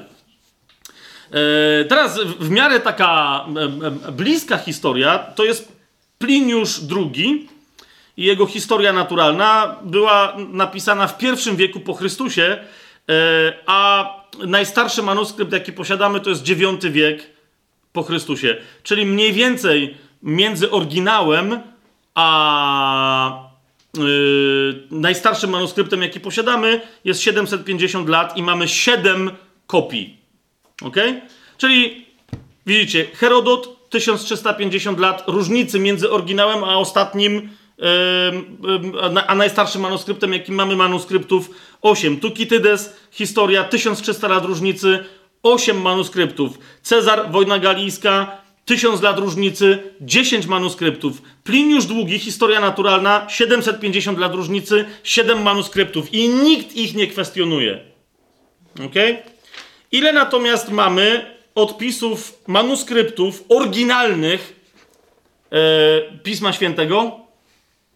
Tylko i wyłącznie, weźmy Nowy Testament, tylko i wyłącznie w języku greckim. Ja nie mówię o tłumaczeniach. Ok? 5686. 5686, z czego niektóre fragmenty pochodzą bezpośrednio z okresu życia autorów, którzy musieli napisać oryginał. Tak? I jak ktoś oglądając ten materiał zacznie tam się rzucać, że nie, nie, to jest niemożliwe, to wam tylko podaję, sprawdźcie sobie papirusy, ci, którzy się znają na archeologii biblijnej, sprawdźcie sobie papirusy P52 i ich datowanie P64 i znaleziony w Qumran 7Q5. Ok? Przynajmniej jeden z nich to jest 60 rok najdalej, to jest 60 rok pierwszego wieku, czyli to jest najdalej 30 lat po Chrystusie, ale to jest okres, kiedy były pisane Ewangelie. Rozumiecie o co mi chodzi? Niektórzy przy niektórych tych, z tych fragmentów mówią, jeżeli tego nie napisał Mateusz, to musiał skopiować jego kumpel. Tak? tak? Taki jest komentarz. Więc rozumiecie? Mamy odległość od najstarszych manuskryptów, czy ich fragmentów, jakie mamy, od oryginału do najstarszego fragmentu, odległość wynosi zero. Ilość manuskryptów, które posiadamy w bezpośrednio tym języku, w którym były napisane. Mówimy tylko o Nowym Testamencie 5686. Tylko i wyłącznie w tym języku, tak? Ale teraz, jeżeli dołożymy inne języki, bo rozumiecie, to było cesarstwo rzymskie, język grecki, greka koine była powszechnie wtedy używana, ale oczywiście, że łacina też była powszechnie używana, tak? Oczywiście, że oprócz łaciny były używane inne języki. Otóż, uważajcie, yy, w oryginalnym greckim języku manuskryptów mamy więcej nawet, bo to jest, jest w czasach, kiedy on to pisał, mamy ich już więcej, jest, jest, jest ponad 5700, tak? Ale jeszcze chociażby tylko to, co, co McDowell zdołał pozbierać. Łacińskich odpisów, manuskryptów ręcznie pisanych na papirusach, na innych rzeczach ponad 10 tysięcy. Ok? Etiopskich odpisów ponad 2000. Słowiańskich, uważajcie, słowiańskich z pierwszych wieków ponad 4100. Ponad 4100. Ormiańskich 2587. Syryjska Peszita ponad 350. Bohajryckich 100. Arabskich 75. Starołacińskich 50. Anglosaskich 7. Tu się zaczynają. A, to już. A, no jak anglosaskich 7 to stosunkowo słabo. Gockich, sogdyjskich, starosyryjskich, perskich, frankijskich ponad 10.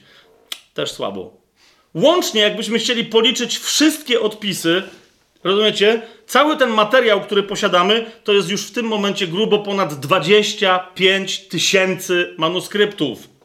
Jeszcze raz powtórzę, w porównaniu z ośmioma plus, bo tam jeszcze mogą dojść późniejsze odpisy z odpisów po, tysiąc, po 1300 latach, tak?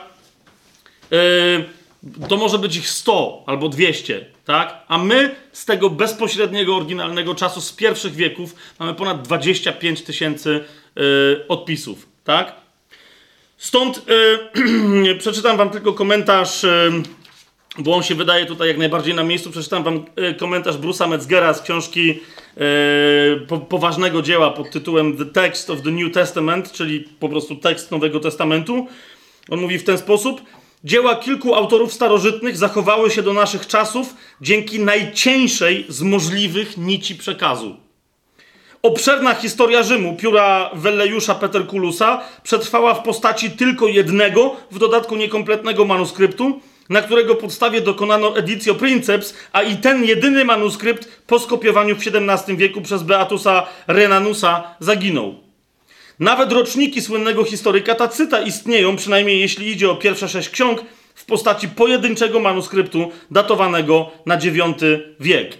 I jego komentarz, w odróżnieniu od tych liczb, krytyk tekstu Nowego Testamentu jest wręcz zakłopotany bogactwem materiału, jakim dysponuje. Rozumiecie o co chodzi? Jest, jest mnóstwo ludzi na świecie, którzy są naukowcami, którzy są niewierzący, tak? Ale badają Biblię, w sensie archeologii, po prostu mają co? Tak? Rawi Zacharias, yy, i tu już skończę na, na, tym jego komentarzu, ale to jest yy, istotny komentarz yy, innego filozof głównie, ale okej, okay, bardzo mądrze skomentował. Mówiąc wprost, Nowy Testament można bez wahania uznać za najlepiej potwierdzony przykład piśmiennictwa starożytnego. Jeszcze raz powtórzę, najlepiej potwierdzony przykład piśmiennictwa starożytnego. Ze względu choćby na liczbę zachowanych dokumentów, okres oddzielający wydarzenia od opisującego je dokumentu oraz bogactwo dostępnych dokumentów mogących ten opis potwierdzić lub mu zaprzeczyć. Pośród rękopisów starożytnych nie ma innego, który mógłby równać się z taką dostępnością i taką spójnością materiału tekstowego, który mógłby się równać yy, z Pismem Świętym. Rozumiecie, o co chodzi? Nie ma żadnego innego starożytnego e, tekstu w ten sposób wyglądającego. Oczywiście tutaj zawsze e, się pojawia e, pytanie, czy wobec tego, bo kiedyś dosłownie, jak żeśmy rozmawiali, jeden, jeden człowiek mnie zapytał, i jeszcze może chcesz mi powiedzieć, że te 25 tysięcy manuskryptów w ogóle nie ma żadnego błędu. To teraz no bo było powiedziane, że do nas pismo dotarło, powiedziałem wyraźnie, tak? Oryginalny tekst natchnionego Pisma Świętego przetrwał do naszych czasów w nienaruszonej formie.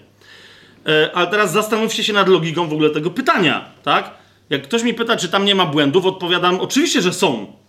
Bogu niech będą dzięki, że są.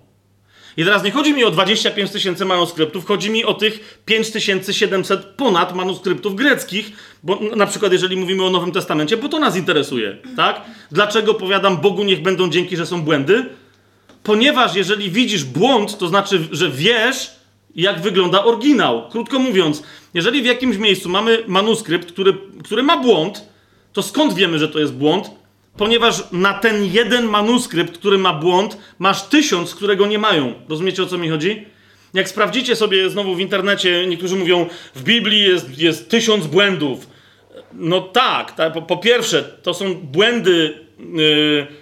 Wyobraźcie sobie, że na przykład ktoś słabo zna polski i na przykład pisze wyrazy typu on, en, si, ci, zi i tak dalej, bez tych wszystkich yy, kresek, yy, ogonków, wiecie o co mi chodzi, tak?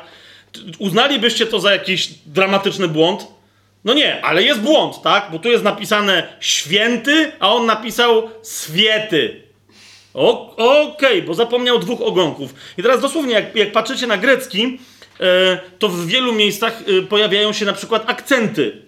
Tak? W wielu miejscach pojawiają się tak zwane przydechy. Na początku niektórych wyrazów, w zależności od tego, czy jest taki przecinek nad pierwszą literą, czy jest skręcony w lewo czy w prawo, albo dodajesz literę ch na początku, wymawiając, albo nie. Tak? Bo albo przydech jest głośny i mówisz coś tam, albo jest niemy i wtedy nic nie mówisz, ale i tak go piszesz. I teraz chodzi mi o to, że pamiętajcie, to nie było 10 lat, to nie było 20 lat, to było paręset lat. I jeżeli na przykład ktoś jeszcze był pieczołowity, gdy chodziło o, o tę Grekę i robił te wszystkie przydechy i tak dalej, tak, w pierwszym wieku, a ktoś w 256 stwierdził, że już mu się nie chce, na litość boską, no ci, którzy dzisiaj piszą, wiecie, SMS-y, zwłaszcza młodzież, oni doskonale wiedzą o co chodzi, no nie? Przestań tam. Zwłaszcza jak ktoś tam miał parę kopii do zrobienia, tak? I to nie był SMS, tylko on miał, ej, miał zrobić kopię. Rozumiecie o co mi chodzi? To on tam po prostu jechał, tak? I teraz właśnie dlatego, że mamy błędy kopistów, właśnie dlatego widzimy, jak wyglądał oryginalny tekst. Czy rozumiecie, yy, o co mi idzie? Bo jakbyśmy mieli 8 kopii, to by było trudne, tak? Ale jak samej Greki, tych starych tekstów mamy ponad 5700, to mamy z czym porównywać. Jasne to jest? A więc najwięcej tych błędów jest zrobionych właśnie w tym stylu, a jeżeli gdzieś pojawiają się takie, że w jakimś jednym manuskrypcie jest jakiś wyraz, e, a, w innym jest jakiś inny wyraz, e, to po pierwsze wiemy, w których, e, których manuskryptów jest więcej z jakim wyrazem, ale po drugie, Zaręczam wam, to nie jest dzisiaj e, moment, żeby o tym mówić, ale zaręczam wam, e, bo, bo przez e, parę ostatnich wieków pewne, pewne, pewne nurty naukowe próbowały atakować Biblię, że ona jednak jest do podważenia i im się to nie udało, ponieważ nawet jeżeli gdzieś jakiś jeden, drugi, nawet nurt pewien mały manuskryptów posługuje się jakimś innym wyrazem, to sęk w tym, że te wyrazy nie mają absolutnie żadnego znaczenia dla doktryny wynikającej z Pisma Świętego. Czy to jest jasne? Czy że to nie, nagle nie zmienia faktu, że zamiast robić coś, to mamy robić coś innego, tak? Że nie wiem, zamiast o, wiedzieć, że, że Bóg jest trójjedyny, to my nagle wiemy, że jest czwór jedyny, bo tam jakiś jeden wyraz się zmienił. No po prostu nie ma, e, to, to nie są tej wagi e, kwestie, a jeszcze raz powtarzam, nawet jeżeli tam gdzieś jest jakieś słowo e, zmienione, to, e, to, to, to, jest, to, to ono jest zawsze w mniejszości i widać, że to jest błąd jakiegoś nurtu kopistów, jeżeli wiecie o co mi chodzi, e, bo wiele innych miejsc potwierdza oryginał. Jasne to jest? I tutaj jeszcze raz zauważcie, jeżeli do dzisiaj, do naszych czasów dotrwało tyle tysięcy kopii, w samym tylko języku oryginalnym greckim, na przykład Nowego Testamentu, to pomyślcie, ile ich musiało przejść przez ręce wierzących, ile ich musiało być spalonych na stosach razem z chrześcijanami i tak. Rozumiecie, dlaczego mówię, e, że, że jestem pewny, że było parę dziesiąt tysięcy przynajmniej rozmaitych kopii w pierwszych wiekach e, tych materiałów? Bo jeżeli nam do dzisiaj zostało e, ponad no prawie 6 tysięcy, to, to ile ich tam wtedy musiało być? Zwyczajne mechanizmy statystyczne, jak uruchomimy, tak? a tu muszą być niezwyczajne, bo pamiętacie, że to nie jest tylko kwestia historii i że pewne rzeczy się gubiły, tylko że mówimy o tekście, który był celowo atakowany i który miał być zanihilowany, miał zniknąć z powierzchni ziemi. A to się nigdy nikomu e, nie udało, żeby go wyeliminować. Kolejna rzecz, bo ktoś, ludzie często pytają o dowody z archeologii. E, wolałbym to zostawić komuś innemu i to jest w ogóle, myślę, temat na inne rozważanie, żeby, żeby podejmować kwestie dowodów archeologicznych. Ale znowu, jak sobie sami to prześledzicie, to zobaczycie mnóstwo ataków, które były co i róż podejmowane, że Biblia o czymś pisze i archeologia tego nie potwierdza, a potem jednak się okazywało, że to, co Biblia napisała, to jednak jest prawda. Na przykład, jak sobie prześledzicie chociażby sławną sprawę Hetytów, o których Biblia mówi w wielu miejscach, i w pewnym momencie w XVIII wieku, potem na początku XIX ktoś tam zaczął snuć rozważania, że, że Biblia jakieś bzdury opowiada, że my już znamy wszystkie mocarstwa, jakie istniały w starożytności. I nikt nigdy nie słyszał, żaden archeolog nigdy nie odkrył żadnych Hetytów. Tak? Aż w pewnym momencie w XIX wieku jeden niemiecki archeolog wpadł na zupełnie nieznaną sobie kulturę, nie wiedział co to jest, odkrył całe miasto i potem okazało się, że wszystko to, co tam, co, co tam e, w ramach odkrywek się pojawiało, było już uprzednio opisane w Biblii, i tylko dzięki temu, że było opisane w Biblii, ci archeolodzy nagle się dowiedzieli, że odkryli pozostałości po e, może niewielkim imperium, ale zdecydowanie po państwie Hetytów. I jeszcze druga rzecz jest tutaj, myślę, istotna, że czasem jest tak, że niektórzy, nawet jeszcze niedawno całkiem słyszałem parę wypowiedzi, że ktoś szukał czegoś tam biblijnego i nie znalazł, i że, czyli jednak nie wszystko w Biblii się zgadza. Kochani, jeżeli ktoś szuka nie tam, gdzie Biblia mu mówi, że powinien szukać, ale tam, gdzie on twierdzi, że Biblia powinna powiedzieć, że i tak dalej, no to, to, no, no to po prostu, tak? Jeżeli ja na przykład stwierdzę, że ja uważam, co prawda Biblia mówi co innego, ale ja uważam, że Góra Synaj to jest kopiec Krakusa w Krakowie. Rozumiecie o co mi chodzi? Bo ja tak uważam. I zaczniemy wykopaliska w Krakowie, rozkopiemy cały kopiec Krakusa. Może tam znajdziemy, wiecie, y, jakieś, nie wiem, kości jakiegoś y, Żyda czy kogoś tam, wiecie. Rozumiecie o co mi chodzi? Może. Ale czy no, y, spodziewalibyście się, że udowodnimy, że to jest Góra Synaj jakkolwiek? No, na jakiej podstawie?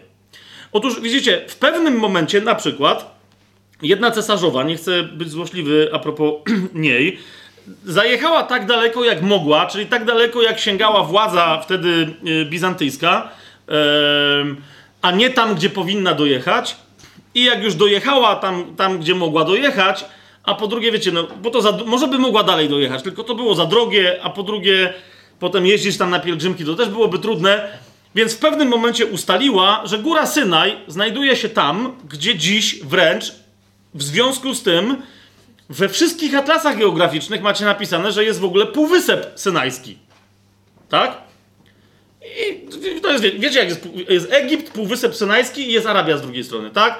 Jest jedna zatoka między Egiptem a Półwyspem Synajskim i druga zatoka między Półwyspem Synajskim. E, on jest taki jak taki, taki e, ser, taki ścięty do dołu, tak? I jest druga zatoka między Półwyspem Synajskim i Arabią, tak?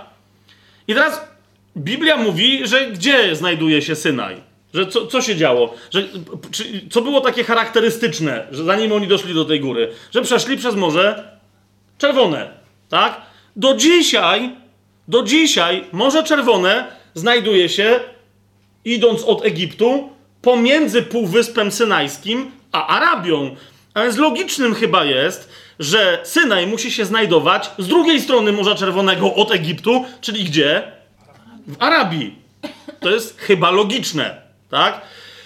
No niemniej tamta pani uznała, że no ale tam nie, tam nie, bo tam nie, bo tam jest pustynia. Tam nie, po prostu nie, jej tu jest bliżej. Tu już jest wystarczająca pustynia. I powiedziała, że tu jest góra Synaj. Teraz nie dość, że Pismo Święte o tym mówi, to jeszcze otwórzcie sobie yy, list do yy, Galacjan Pawła, bo to nie jest tylko stary, yy, to nie jest tylko stary, stary Testament, tak? list do Galacjan, czwarty rozdział, otwórzcie sobie. Bo jak ktoś by czytał Nowy Testament, to też by wiedział o tym, co mówi yy, Paweł, i to tak po prostu rzu rzuca, powiedziałbym, troszeczkę zgłupia frant, ponieważ akurat ma inne rozważanie, e, mianowicie mówi, kto symbolizuje co i co symbolizuje kogo. I w czwartym rozdziale listu do Galacjan w 25 wersecie mówi, że Hagar jest symbolizowana przez górę Synaj, a góra Synaj znajduje się gdzie? W Arabii.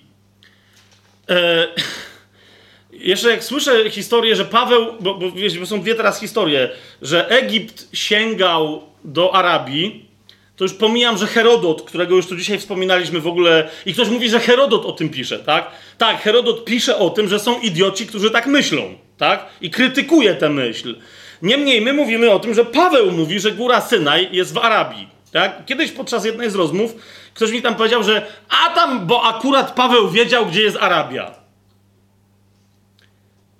Okej, okay, otwórzcie sobie list do Galacjan, dokładnie ten, w którym Paweł pisze, że góra Synaj znajduje się w Arabii. Otwórzcie sobie pierwszy rozdział listu do yy, Galacjan, 17 werset, gdzie Paweł mówi: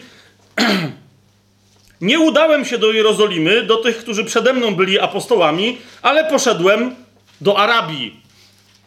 A potem wróciłem do Damaszku. Teraz Damaszek, Arabia jest dokładnie na dole on wyraźnie mówi, że jasne, że w mojej podróży z Damaszku do Arabii i z powrotem powinienem był zahaczyć o Jerozolimę, ale mówię wam, że nie zahaczyłem.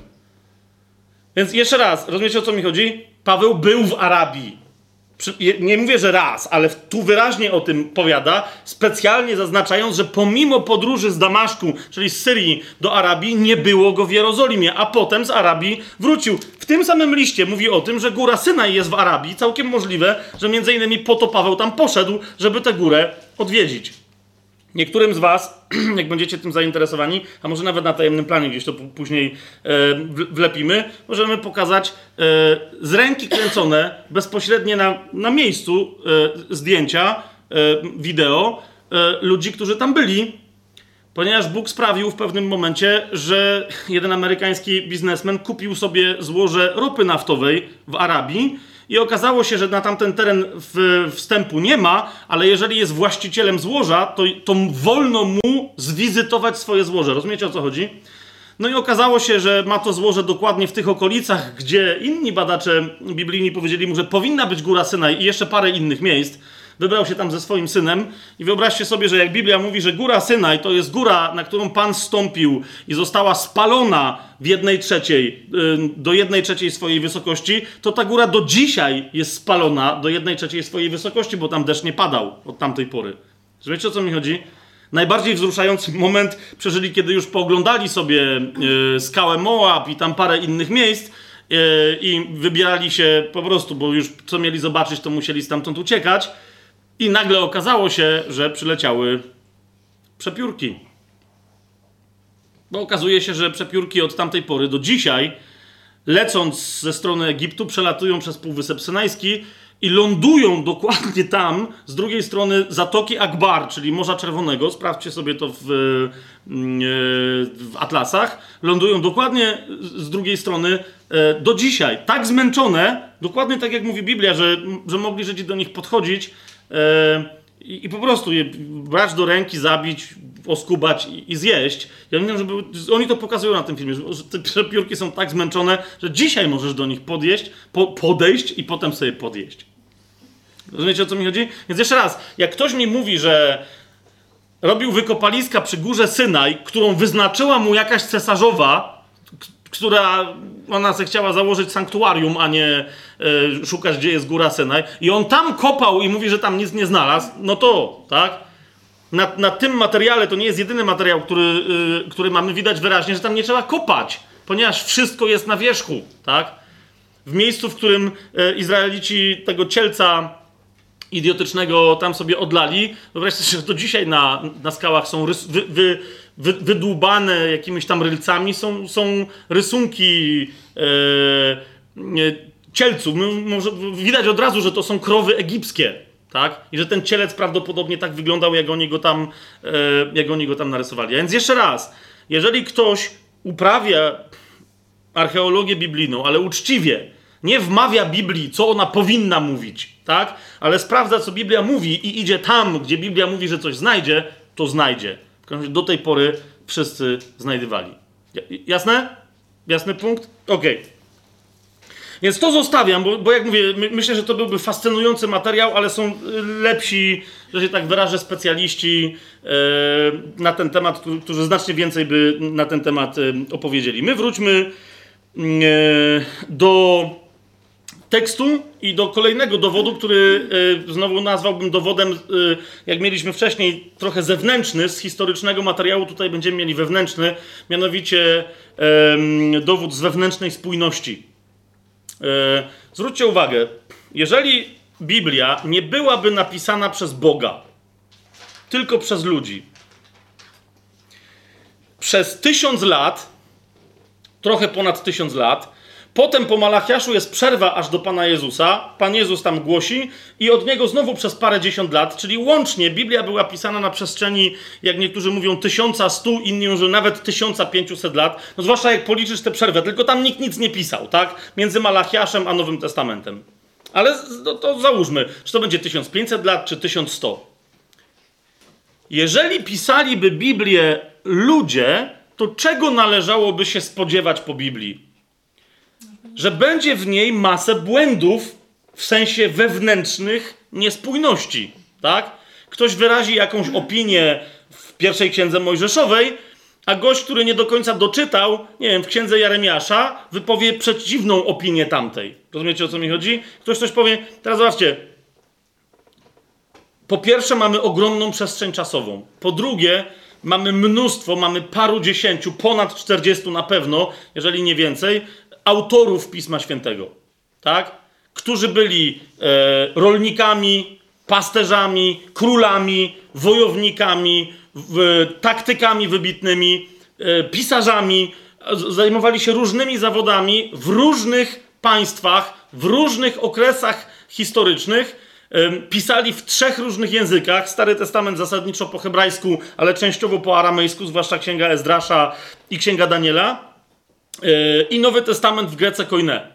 Tak? Teraz musieli mieć, sami mieli zupełnie różny styl życia, e, różne problemy w tym życiu, mieli różne posłannictwo, nawet jeżeli ktoś nie wierzy w Boga, to oni wierzyli, że mają różne typy posłannictwa od Boga. Rozumiecie o co mi chodzi? I teraz, co jest sensacyjne, że niezależnie od tego, jakie tematy poruszają, a Biblia porusza mnóstwo tematów, czasem poruszając jakiś temat, niechcący dotyka innego. Tak? Czyli ktoś, czyli mówi na przykład o jakiejś tam historii, a przy okazji opisuje aspekty geograficzne, jakieś, jakieś działania fizyczne itd., tak itd. Tak Więc Biblia dotyka mnóstwa kwestii, nawet jeżeli ktoś z zewnątrz nie zgadza się z tym, że na przykład z tym, jak Biblia opisuje stworzenie, tak? I mówi, to jest nieprawda, bo ja wierzę w ewolucję. Dobra, okej, okay, ale chodzi mi o to, że Biblia wewnętrznie zgadza się ze sobą od pierwszej litery, pierwszego wyrazu, pierwszego zdania, pierwszej strony, aż do ostatniej litery, ostatniego wyrazu, ostatniego zdania, ostatniej strony w Biblii. Rozumiecie o co mi chodzi? I jeszcze raz, nie będę teraz tego za bardzo dokładnie e, e, udowadniał. Idzie mi o to, że od lat, od dziesiątków, setek nawet lat, niektórzy próbują udowodnić, że jednak nie. Że Biblia jest wewnętrznie sprzeczna. Że ktoś tam coś napisał, a drugi napisał coś innego. I za każdym razem się okazuje, że w momencie, kiedy masz taką zagadkę, że tu jest napisane coś, a tam jest coś innego, okazuje się, że problem nie leży po stronie Biblii, ale problem leży po naszej stronie po stronie naszego narzucenia Biblii, naszego rozumienia tego, co Biblia chciała powiedzieć. Wiecie o co mi chodzi? Będzie, będę troszeczkę więcej, podam wam tylko jeden przykład, będę troszeczkę więcej o tym mówił, bo jednak najwyraźniej będę musiał wrócić do tematu płaskiej ziemi. Już kiedyś poruszałem ten temat, ale naprawdę chodzi mi o to, że jest coraz więcej chrześcijan, którzy mówią, że to jest bardzo istotne. Nie chodzi mi o to, że to jest w ogóle jakoś istotne, tak? Ale mówią, że nie naprawdę Biblia mówi, że coś tam. E, I teraz jeden tylko z przykładów, które chcę wam podać. W pewnym momencie mówi jeden z proroków o tym, że, że sprowadzi lud Izraela z czterech e, rogów ziemi. Takie jest tłumaczenie. Nie, nie z czterech krańców, ale z czterech rogów ziemi. Niektórzy powiadają, no czyli yy, kula nie ma rogów, dziękuję bardzo. Tak? No rzeczywiście, no i te, teraz chodzi mi o to, że nie, absolutnie uważam, że tak. Tylko zasada brzmi, dobrze, żebym wiedział, bo ja muszę zobaczyć, jak w innych miejscach, jakie ma znaczenie ten wyraz. Tak? I teraz nagle, naprawdę ku swojemu zdumieniu, to było moje jedno z, z, ostatnich odkryć y, biblijnych, okazuje się, że pierwsze miejsce, w którym pojawia się ten wyraz, inna rzecz, że istnieje taka niepisana zasada, że ważne jest, w jakim znaczeniu pojawia się dany wyraz po raz pierwszy w Biblii. Wiecie o co mi chodzi? To on niczego nie definiuje, ale jednak, tak? I teraz co się okazuje? Nie tylko pierwsze wykorzystanie tego wyrazu, ale paręnaście czy nawet parędziesiąt następnych. Otóż ten wyraz po prostu oznacza skrzydła. Dosłownie skrzydła, wiecie, ptaka, tak? Więc to było pierwsze. I teraz cel, cel, cel okej, okay. bo teraz chodzi mi o to, o co, zobaczcie, jak, jak są dwa skrzydła, to jednocześnie yy, hebrajski później korzysta z tego określenia, żeby nazwać skrzydła połami. Bo to są, wiecie, dwie połowy jakby ptaka, tak? Rozciągające, to są dwie poły. Dlaczego tak, tak bym to przetłumaczył? Ponieważ później pojawia się koncepcja, że jakaś tam szata ma mieć cztery poły. Dosłownie cztery skrzydła, czyli że ma mieć jedno skrzydło z przodu opadające, drugie z tyłu i dwa po bokach. Rozumiecie o co mi chodzi? Stąd nazwałbym te skrzydła połami. Ale zasadniczo wszędzie to są po prostu skrzydła takie, jakie ma ptak. Lub jakie ma cherubin. Wiecie, cherubin ma też cztery skrzydła, ale którymi się zasłania z każdej strony. Czy tam nawet sześć, ile on tam ich tam ma. W każdym razie, kapujecie, że jak do, i, i, nagle docieramy do miejsca, w którym mamy tłumaczenie, gdzie wszędzie jest yy, skrzydła, skrzydła, skrzydła lub ewentualnie poły, poły, nagle docieramy do miejsca i ktoś tłumaczy te skrzydła rogi. Teraz ja nie wiem, czy to ma większy sens, jeżeli by przetłumaczyć, że Bóg sprowadzi e, swój lud z czterech skrzydeł ziemi, rozumiecie, bo to nadal może być dowód, że ziemia jest płaska, no nie? Tylko, tylko czujecie, że coś tu nie gra, rozumiecie o co mi chodzi, no nie? To już nie brzmi tak dobrze jak rogi w kwadracie, tak? To po prostu, no bo skoro to mogą być poły ubrania albo coś innego, czy to, no, no tak? Nie chcę na, na siłę też mówić, że to jest koniecznie dowód, że Ziemia jest jakąś kulą. Nie, ale jednak Czujecie, o co, mi, o, o co mi idzie? Przy głębszym sprawdzeniu okazało się, że ten, kto tłumaczył ten fragment, całkiem możliwe, że on wierzył, że Ziemia jest płaska i ma cztery rogi i te skrzydła tak przetłumaczył, a mogło w ogóle o co innego chodzić. Czy, yy, tak? Wiecie, o co mi idzie? Okej. Okay. Yy, nie, nie, będę więc tego dalej yy, rozwijał. Chcę wam tylko zwrócić uwagę na to, że sama Biblia o sobie mówi, że ma coś, co kiedyś to mi się bardzo spodobało. Chuck Missler, który pracował dla bardzo taki porządny, rzetelny, wierzący człowiek, dogłębnie badający Pismo Święte, ale pracował przez, przez długie lata dla rządu Stanów Zjednoczonych w ramach kontrwywiadu cybernetycznego, tam rozmaitych jakichś tam historii, yy, w, tym także kryptografii, zna się na sprawie, tak? I on stwierdził, że, że, że Biblia, poza tym, że jest w ogóle bezbłędna i, i tam, y, to jeszcze ma w sobie coś, co normalnie w kryptografii, tam w jakichś tam amerykańskich tych zasadach zabezpieczeń, nazywa się, jak on to nazwał, anti-hostile jamming. Czyli, że ma system zabezpieczający przeciwko wrogiemu zablokowaniu. Y, to znaczy, jakby, jakby to, to wrogie zablokowanie mogło wyglądać. Na przykład wyobraźcie sobie, że macie Biblię, mamy Biblię. Niektórzy tak mówią, czemu Biblia jest tak dziwnie napisana? Dlaczego na przykład nie ma jednego e, e, rozdziału na temat chrztu? Czemu nie ma osobnego rozdziału na temat Trójcy Świętej? Czemu nie... Rozumiecie, o co mi chodzi, tak? E, no właśnie dlatego, że gdyby się ktoś bardzo uparł, kapujecie, to wystarczyłoby mu usunąć ten jeden rozdział i ma po robocie. Kwestia natomiast polega na tym, że Biblia jest tak napisana, że informacje na poszczególne tematy, opis poszczególnych doktryn i tak dalej, ciągnie się jak jedna nitka informacyjna przez całe pismo. A zatem, nawet jeżeli ktoś z wszystkich informacji w Biblii na jakiś tam temat wytnie, wyciąłby jakieś kawałki, tak na przykład zrobił heretyk Marcjon w pierwszych wiekach, o tym kiedy indziej mówiliśmy, e, to nadal co się stanie? Nie masz pełnej jasności na dany temat, ale masz nadal w Biblii dany temat. Rozumiecie, o co mi chodzi, tak? Jak macie Biblię swoją, otwórzcie sobie Izajasza, 28 rozdział. Tu akurat posłużę się Biblią Gdańską, bo ma... To jest tak trudny moment, że właśnie tłumacz Biblii Warszawskiej nie nadrobił, że tu chodzi o szyfrowanie. Jak sobie otworzycie Księgę Izajasza, to Bóg przez Izajasza zdradził, że właśnie w ten sposób y, zapisał Biblię, a w tym najważniejszą informację, że posyła Mesjasza, który będzie kamieniem węgielnym całej nowej budowy. Tak? I że jego postać, informacje na jego temat są tak zaszyfrowane w Biblii. To jest Izajasz 28 rozdział, będziemy czytać od 9 wersetu. Tam mniejsza o to, do kogo się Bóg zwraca, ale zaczyna się w ten sposób. Kogoż by uczyć miał umiejętności, a komu da zrozumieć, co słyszał? Izali odstawionym od mleka, a odsadzonym od piersi? I teraz Bóg, yy, bo tam mówi o tym, kto ma wiedzieć, a kto ma nie wiedzieć, tak? I teraz Bóg, to jest 28 rozdział Izajasza, teraz mamy 10 werset. Yy, zobaczcie, jak opisuje swoje słowo. Ponieważ podawał im przykazanie za przykazaniem, przykazanie za przykazaniem, przepis za przepisem, przepis za przepisem, ale trochę tu, a trochę owdzie. Rozumiecie o co chodzi? Czyli wszystko jest opisane w Biblii, ale jest tu i potem tam. Jeszcze gdzieś i jeszcze w innym miejscu. Troszkę tu, a troszkę tam. Żeby nikt nie mógł wyrwać, bo musiałby wyrwać całe pismo, żeby wyrwać pewne konkretne yy, informacje. Yy, I potem 14, jeszcze 13 werset mówi to samo. I będzie im słowo pańskie. Przykazanie za przykazaniem, przykazanie za przykazaniem, przepis za przepisem, przepis za przepisem. Trochę tu, trochę owdzie, na to, aby oni szli, ci, którzy nie wiedzą i nie rozumieją tej zasady, a padłszy w znak, stłukli się, a uwikłani będąc, pochwytani byli. Przetoż słuchajcie uważnie słowa pańskiego, mężowie naśmiewcy, panujący nad tym ludem, który jest w Jeruzalemie.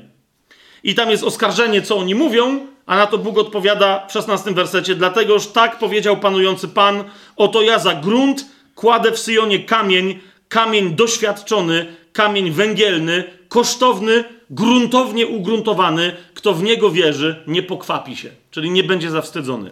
Ale teraz widzicie, e, jest wyraźnie powiedziane, że ten ugruntowanie z tego tekstu wynika hebrajskiego, ugruntowanie tego kamienia, którym jest Jezus, Nowy Testament o tym uczy, to jest kamień węgielny odrzucony przez budujących, który sta... Pamiętacie ten fragment, te fragmenty. A Bóg tu zapowiedział, muszą dobrze słuchać mojego słowa i ufać mi, a nie być naśmiewcami ci, którzy czekają na ten kamień węgielny, bo inaczej mnie nie rozpoznają. Rozumiecie o co, o co idzie? To jest kolejny bardzo interesujący dowód na to, co się dzieje w Biblii i że to nie może być dzieło ludzkie, tak? 40 e, paru czy 50 paru różnych autorów na przestrzeni 1500 lat nie mogłoby się umówić na taką jednomyślność w Biblii, jaką ona reprezentuje. Jasne? Yy, idźmy dalej. Kolejny, yy, kolejna bardzo istotna kwestia, na co chcę Wam zwrócić uwagę, bo niektórzy właśnie mówią, no dobrze, ale Biblia to zasadniczo to są mity. No nie, to jest, to wiesz, no Homer też opisywał jakieś tam rzeczy. Na podstawie Homera e, Iliady, Odysei znaleźliśmy Troje i tam było sporo jakichś tam rzeczy, które, no była Troja, coś tam znaleźliśmy, tak? No ale to przecież chyba, wiesz, no przecież każdy wie, że Homer jak pisał, że Parysowi pomogła tam jakaś bogini Afrodyta bodaj i go uratowała w ostatniej chwili, bo byłby zginął w pojedynku i tak dalej, i tak dalej, no to wiadomo, że to są, to są bajendy, tak? Że ktoś tam się Zeusa radził, a coś tam... Yy, kochani, oczywiście, że tak. Oczywiście, że to są bajendy, zwłaszcza, że ludzie z dawien dawna, to nie jest tak, że my dopiero w XXI wieku odkryliśmy zasady komunikacji, a 3000 lat temu ludzie byli kretynami i chodzili i mówili do siebie bo niektórzy mają takie wyobrażenie. Wiecie o co mi chodzi, no nie? A jeszcze jak rysują jakichś starszych, to wiecie, to mają całą mordę zarośniętą jakimiś włosami. I oni w ten sposób ze sobą, wiecie, jak to było się nazywał ten film Walka o ogień, czy tam, kto, kto to oglądał? Co, co to było? Walka o ogień. Ta, po prostu małpoludy i one taki język mają. Rozumiecie? No, czyli po prostu małpy, które jeszcze nie bardzo stały się ludźmi, tak? Tymczasem, jeżeli ktoś rzeczywiście zerknie do tekstów Iliady i Odysei, to zobaczycie zadziwiającą rzecz. E, rozwiązania stylistyczne, świadomość tego, że jest widz, Świadomość tego, czym jest narracja, wciągnięcie kogoś w obrazy historii, ale następnie wybicie go z tej historii, dokładnie taka, jaka jest dzisiaj proponowana yy, w, nowoczesnych formach rozrywki. Ja już od dłuższego czasu w ogóle niczego nie oglądam, ale pamiętam, że jeden z ostatnich seriali, jaki oglądałem, i tak, tak ktoś mi powiedział: O, stary, jakie to jest nowoczesne. bo wiecie, nowoczesny serial House of Cards, to było to, to, to, to co oglądałem. Eee, I w pewnym momencie, no wiecie, taki o polityce, tam w pewnym momencie ten główny bohater, tam no po prostu wysoko postawiony polityk amerykański. I on w pewnym co i róż w tym serialu odwraca się od. Tam jakaś akcja się toczy, i on nagle przełamuje tę akcję, odwraca się prosto do kamery i mówi: Hmm, pomyślałem sobie, że coś tam. Rozumiecie, tak? Ale ja teraz mówię do ciebie, widzu. Teraz patrzę ci prosto w oczy z tego ekranu. Rozumiesz? To nie jest prawdziwa historia. I teraz o co mi chodzi? Ktoś tam mi mówi, stary, ale fajny trik, efekt, nie? Wiesz, no super, 3000 lat temu zastosowany przez Homera w Iliadzie, a potem w Odysei. Tam co i róż, w pewnym momencie na przykład pojawia się chór, który zwraca się do widza, mówiąc, a ty widzu, co sądzisz teraz, kiedy coś tam, coś tam, coś tam, coś tam, tak? Jasna sytuacja, nawet wtedy autor komunikuje czytelnikowi czy słuchaczowi, co kto tam by nie był, że to jest rozrywka. Tak? To jest, ludzie naprawdę 3000 lat temu i 4000 lat temu i 5000 lat temu komunikowali się, kto wie, czy nie lepiej w bezpośrednim spotkaniu ze sobą niż my dzisiaj. Natomiast, jeśli to jest bardzo istotne, że Biblia od samego początku aż do samego końca, nawet kiedy mówi o najbardziej zdumiewających historiach, więc na przykład mówi, że Jezus tak narodził się z dziewicy, Okej, okay, Biblia nigdzie nie mówi, że później ta dziewica dalej była dziewicą, tak jak na przykład w kościele rzymskokatolickim się mówi, że dziewica była zawsze dziewicą, nawet po, po urodzeniu Pana Jezusa. Okej, okay, to by było trochę dziwne. Ale Biblia tego nie mówi. Chodzi mi o to, że Biblia mówi, że tak, Jezus urodził się z dziewicy. Biblia mówi o tym, że tak, Pan Jezus zmartwychwstał trzeciego dnia. Nikt nigdy tego wcześniej nie zrobił. Zmartwychwstał nie, że jest wskrzeszony, tak jak Łazarz, którego wskrzesił, a on potem znowu umarł, tak? Ale że zmartwychwstał, śmierć nie ma nad nim żadnej władzy, już nigdy więcej nie umrze. On ma władzę nad śmiercią, tak? Więc Biblia mówi o różnych tego typu historiach, ale uważajcie, za każdym razem, kiedy o tym mówi, jasno komunikuje, że mówi to na serio, a nie na niby. Tak?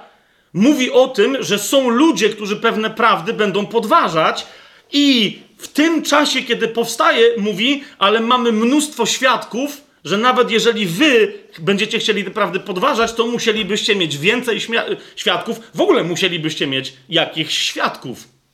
Tak? Biblia się tego nie boi. Ona nie mówi, że hej, ale wierzcie, naprawdę wierzcie. Nie wierzcie nikomu innemu, tylko opisuje różne historie. Zobaczcie na przykład y, Mateusza 28 rozdział.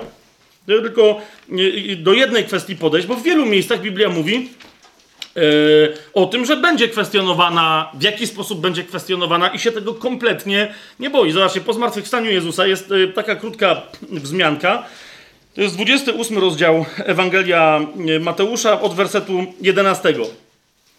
Kobiety tam spotkały się z Panem Jezusem, który im tam coś, który jest zmartwychwstały, ale y, żołnierze, którzy mieli pilnować grobu, y, w odróżnieniu od tych kobiet byli dosyć przerażeni, więc polecieli do miasta, bo rozumiecie, nieważne zmartwychwstał, nie zmartwychwstał, ale oni mieli pilnować grobu, a grób jest pusty, więc trochę nie dopilnowali sprawy, tak? I teraz jedenasty werset mówi nam co? Że niektórzy ze straży, z tych, którzy mieli pilnować grobu Jezusa, żeby uczniowie nie przyszli i go nie wykradli, tak? Niektórzy ze straży przyszli do miasta i powiadomili arcykapłanów o wszystkim, co zaszło. A więc widać wyraźnie, że to prawdopodobnie byli towarzyszący straży rzymskiej, bo oni po prostu poszli i zgłosili sprawę prawdopodobnie Piłatowi i to było wszystko. A to byli towarzyszący im strażnicy ze straży arcykapłańskiej świątynnej. To byli Żydzi, tak? Przyszli do miasta, powiadomili arcykapłanów o wszystkim, co zaszło.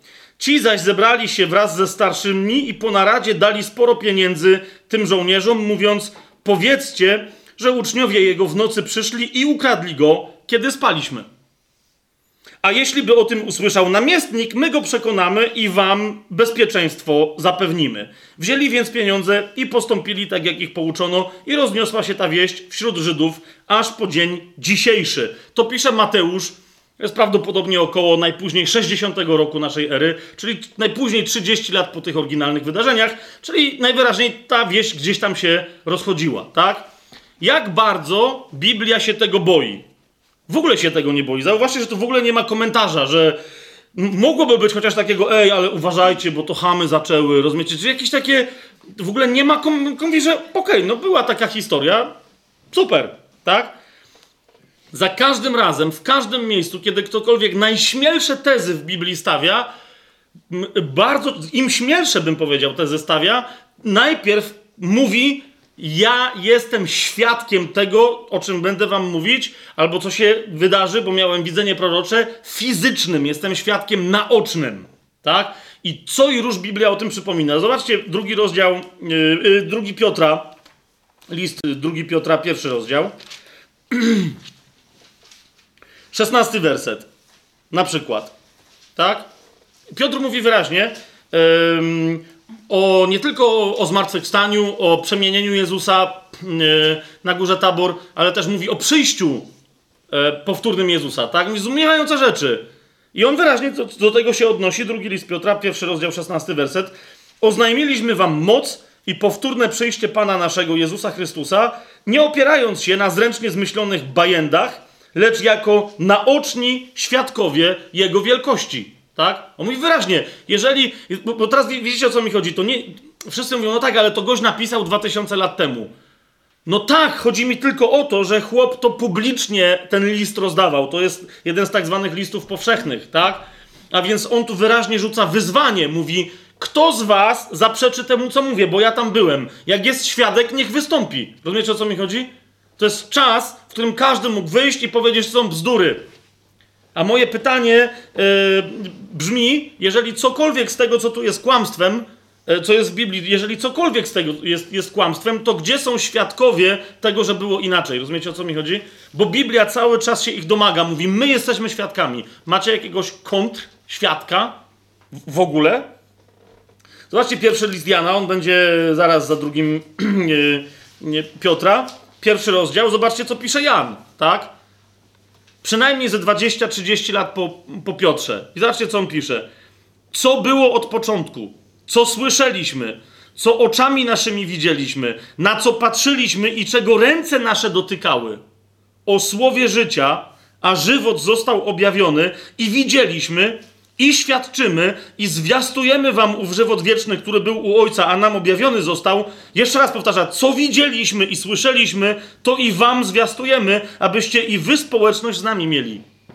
Rozumiecie? Jakby jeszcze było mało, mówi wyraźnie, widzieliśmy, słyszeliśmy, dotykaliśmy. Pierwszy Jana, pierwszy rozdział 1-3.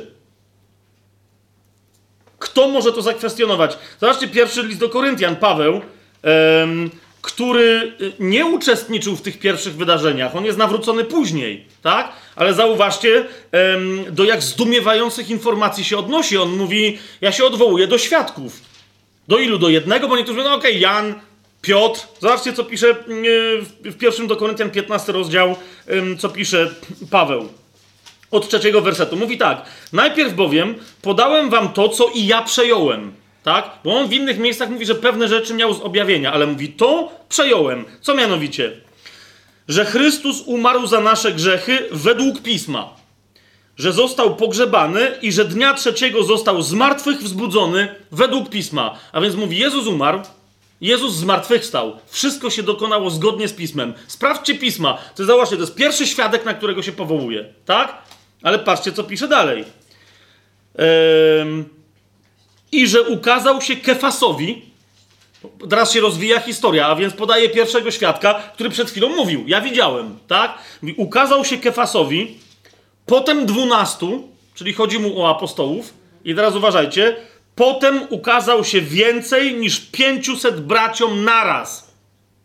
Czyli było pół tysiąca ludzi, było zgromadzenie pół tysiąca ludzi. I on jeszcze wyraźnie mówi, że to byli bracia, więc nie wiemy, ile tam było kobiet, ile było dzieci, bo tak liczyli wtedy, tak? To wiecie, ile tam było ludzi i Jezus im się wszystkim pokazał naraz. Pio Paweł mówi, że jego tam nie było, tylko że on ich zna, bo od nich to przejął, od tych wszystkich ludzi, tak? I patrzcie, mówi, że 500 braciom naraz, z których większość dotychczas żyje, niektórzy tylko zasnęli. Czyli mówi, idźcie tam i się spytajcie, to są, są ludzie, którzy tam, to jest kilkaset osób, tak?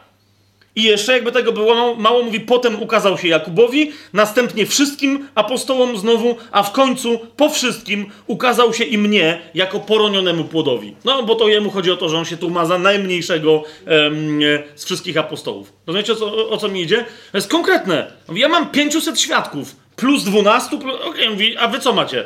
Bo ja od nich ile? Ile, ilu jeszcze świadków potrzeba? Zwłaszcza, że jak oni mi powiedzieli, że Jezus żyje, to potem sam go też zobaczyłem. Tak?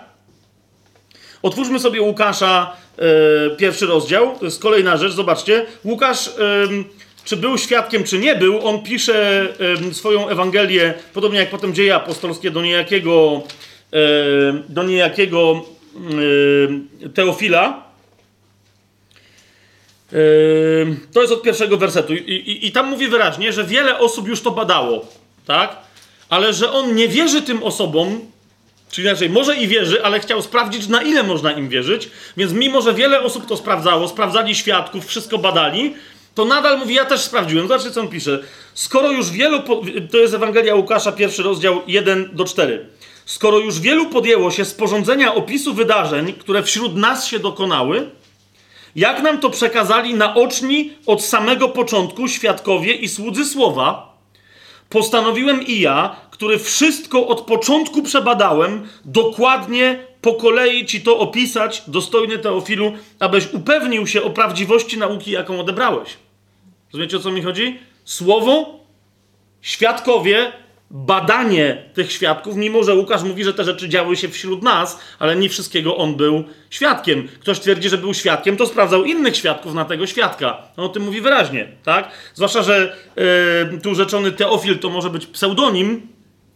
Teofil znaczy po prostu miłośnik Boga. Całkiem możliwe, że to jest jakiś człowiek w Rzymie, yy, w którym jest Paweł, który jest już uwięziony i on mu przedstawia sprawę, o co w ogóle chodzi z, z Pawłem, co on głosi, tak? Bo potem, jak zobaczycie początek dziejów apostolskich, to, to zobaczycie, że dzieje apostolskie, które też napisał Łukasz, to jest kontynuacja tej historii i ona się w pewnym momencie urywa na tym, że Paweł siedzi w Rzymie. I tyle. Tam jest dwadzieścia parę rozdziałów i ona to się urywa. Więc widać wyraźnie, że Łukasz komuś, kto może i lubił Boga, znał pisma żydowskie, nie bardzo wiedział o co chodzi z chrześcijaństwem, a może wiedział, ale chciał mu napisać po kolei, jak wyglądała Ewangelia, jak wyglądał rozwój Kościoła i jakie miejsce w tym wszystkim zajmuje Paweł Apostoł. Rozumiecie o co mi idzie? A więc znowu pisze do kogoś, kto może też to sprawdzić i dlatego pisze mu to, czego jest pewien. Jasne jest to, co, to, co mówię? Okej. Okay. Dzieje apostolskie y, sobie otwórzmy. Drugi rozdział E, zwłaszcza, bo mi tylko chodzi o to, żeby jedną rzecz wam pokazać. Zobaczcie, że również kiedy, właśnie a propos tych dziejów apostolskich, e, Łukaszowych, również kiedy publicznie e, była głoszona Ewangelia, to nie tylko, że ci, którzy głosili Ewangelię, odwoływali się e, do świadectwa tych, inaczej, po pierwsze, mówili, że mają świadków i że sami są świadkami, ale też odwoływali się do ludzi, do których mówili, uważajcie, którzy byli niewierzący, tak? Że przecież sami też byli świadkami pewnych wydarzeń. A więc dlatego ci ludzie słuchali ich dalej, tak? Bo ci mówili, przecież sami widzieliście, że. I ci ludzie mówili, no rzeczywiście. A oni mówią, no właśnie, a z tego wynika, że. Zobaczcie, drugi rozdział, 22 werset. Mężowie izraelscy, to Piotr głosi w czasie Dnia Pięćdziesiątnicy. Posłuchajcie tych słów. Jezusa Nazareńskiego, męża, którego Bóg wśród was, uważajcie, uwierzytelnił przez czyny niezwykłe, cuda i znaki, jakie Bóg przez niego między wami uczynił, jak to sami wiecie. Wiecie, Piotr zaczyna od tego, mówi, był Jezus, dokonywał niezwykłych czynów, cudów i znaków. I kto z was, słuchających mnie teraz, a tam wiecie, parę tysięcy ludzi, mm, trzy tysiące ludzi, yy, yy, trzy tysiące dusz pod koniec tego przemówienia się nawróciło. To nie wiem, czy tam było trzy tysiące, czy dziesięć tysięcy, ale chodzi mi o to, że Piotr im rzuca wezwanie. Mówi, kto z was nie był tego świadkiem? I nikt mu nie przerwał. Rozumiecie, to, to, to znaczy, że wszyscy stwierdzili, no, no okej, okay, tak było. Co masz dalej do powiedzenia? Tak? 32 e, werset zerknijcie. To samo robi. Tego to Jezusa, właśnie którego znacie, wzbudził Bóg, czego my wszyscy jesteśmy świadkami. Mówi teraz, my stajemy przed wami jako świadkowie. Sprawdźcie nas. Tak? Zobaczcie 36 werset. Tam wręcz uderza Piotr e, w ton, można by powiedzieć, oskarżycielski a jednak nadal jest to tak prawdziwe, że nikt mu nic nie robi z tego powodu. Popatrzcie, mówi: Niechże tedy wie z pewnością cały dom Izraela, że i Panem, i Chrystusem uczynił Bóg tego Jezusa, któregoście wy ukrzyżowali. Wiecie o co chodzi? Oni wtedy powinni powiedzieć: No nie my, tylko Rzymianie rękami bezbożnych. Zauważcie, oni przyjmują to za prawdę, i nic nie robią Piotrowi, tak? Nie mówią, że a, głupoty gadasz. Zauważcie, mowa się dalej kontynuuje. On, ty, tylko oni zadają pytanie, mówią, no tak jest. Wobec tego, co mamy czynić, powiedz nam, tak? E, otwórzmy sobie dziesiąty e, rozdział dziejów apostolskich. Też ciekawa e, rzecz. Dalej Piotr e, głoszący. Interesująca historia, ponieważ głosi u pogan w domu Korneliusza. Tak? Zobaczcie sobie 37 werset. I mówi do pogan o tym, że, że, że to nie były wieści, które tylko, wiecie, jakoś lokalnie pięciu gości wiedziało i potem sobie coś wymyślili, tak?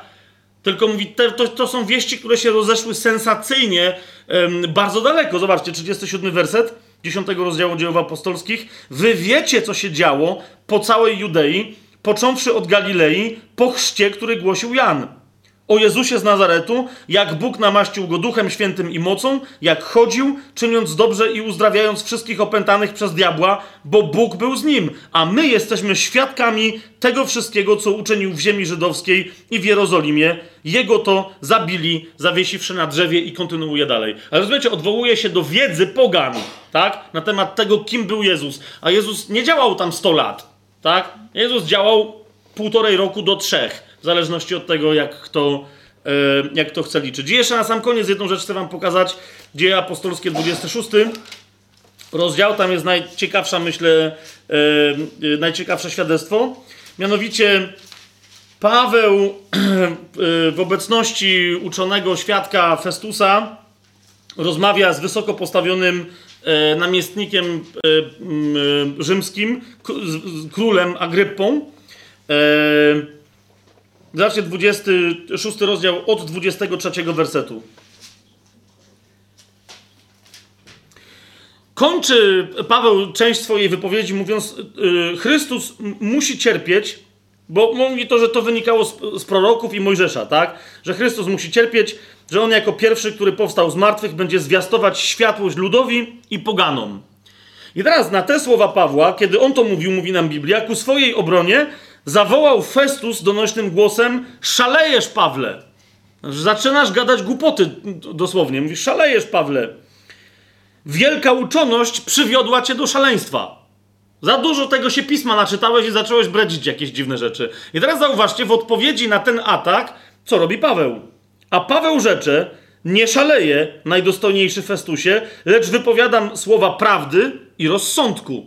I teraz na potwierdzenie tej tezy kontynuuje, o sprawach tych wie przecież król, ten, który go słucha, król Agryppa, tak? O sprawach tych, tych wie przecież król, do którego mówię śmiało, gdyż jestem przekonany, że nic z tych rzeczy nie uszło jego uwagi, bo też nie działo się to w jakimś, tu jest przetłumaczone w jakimś zakątku, a tu chodzi o to, że nie działo się to w jakiejś dziurze zabitej dechami, tak?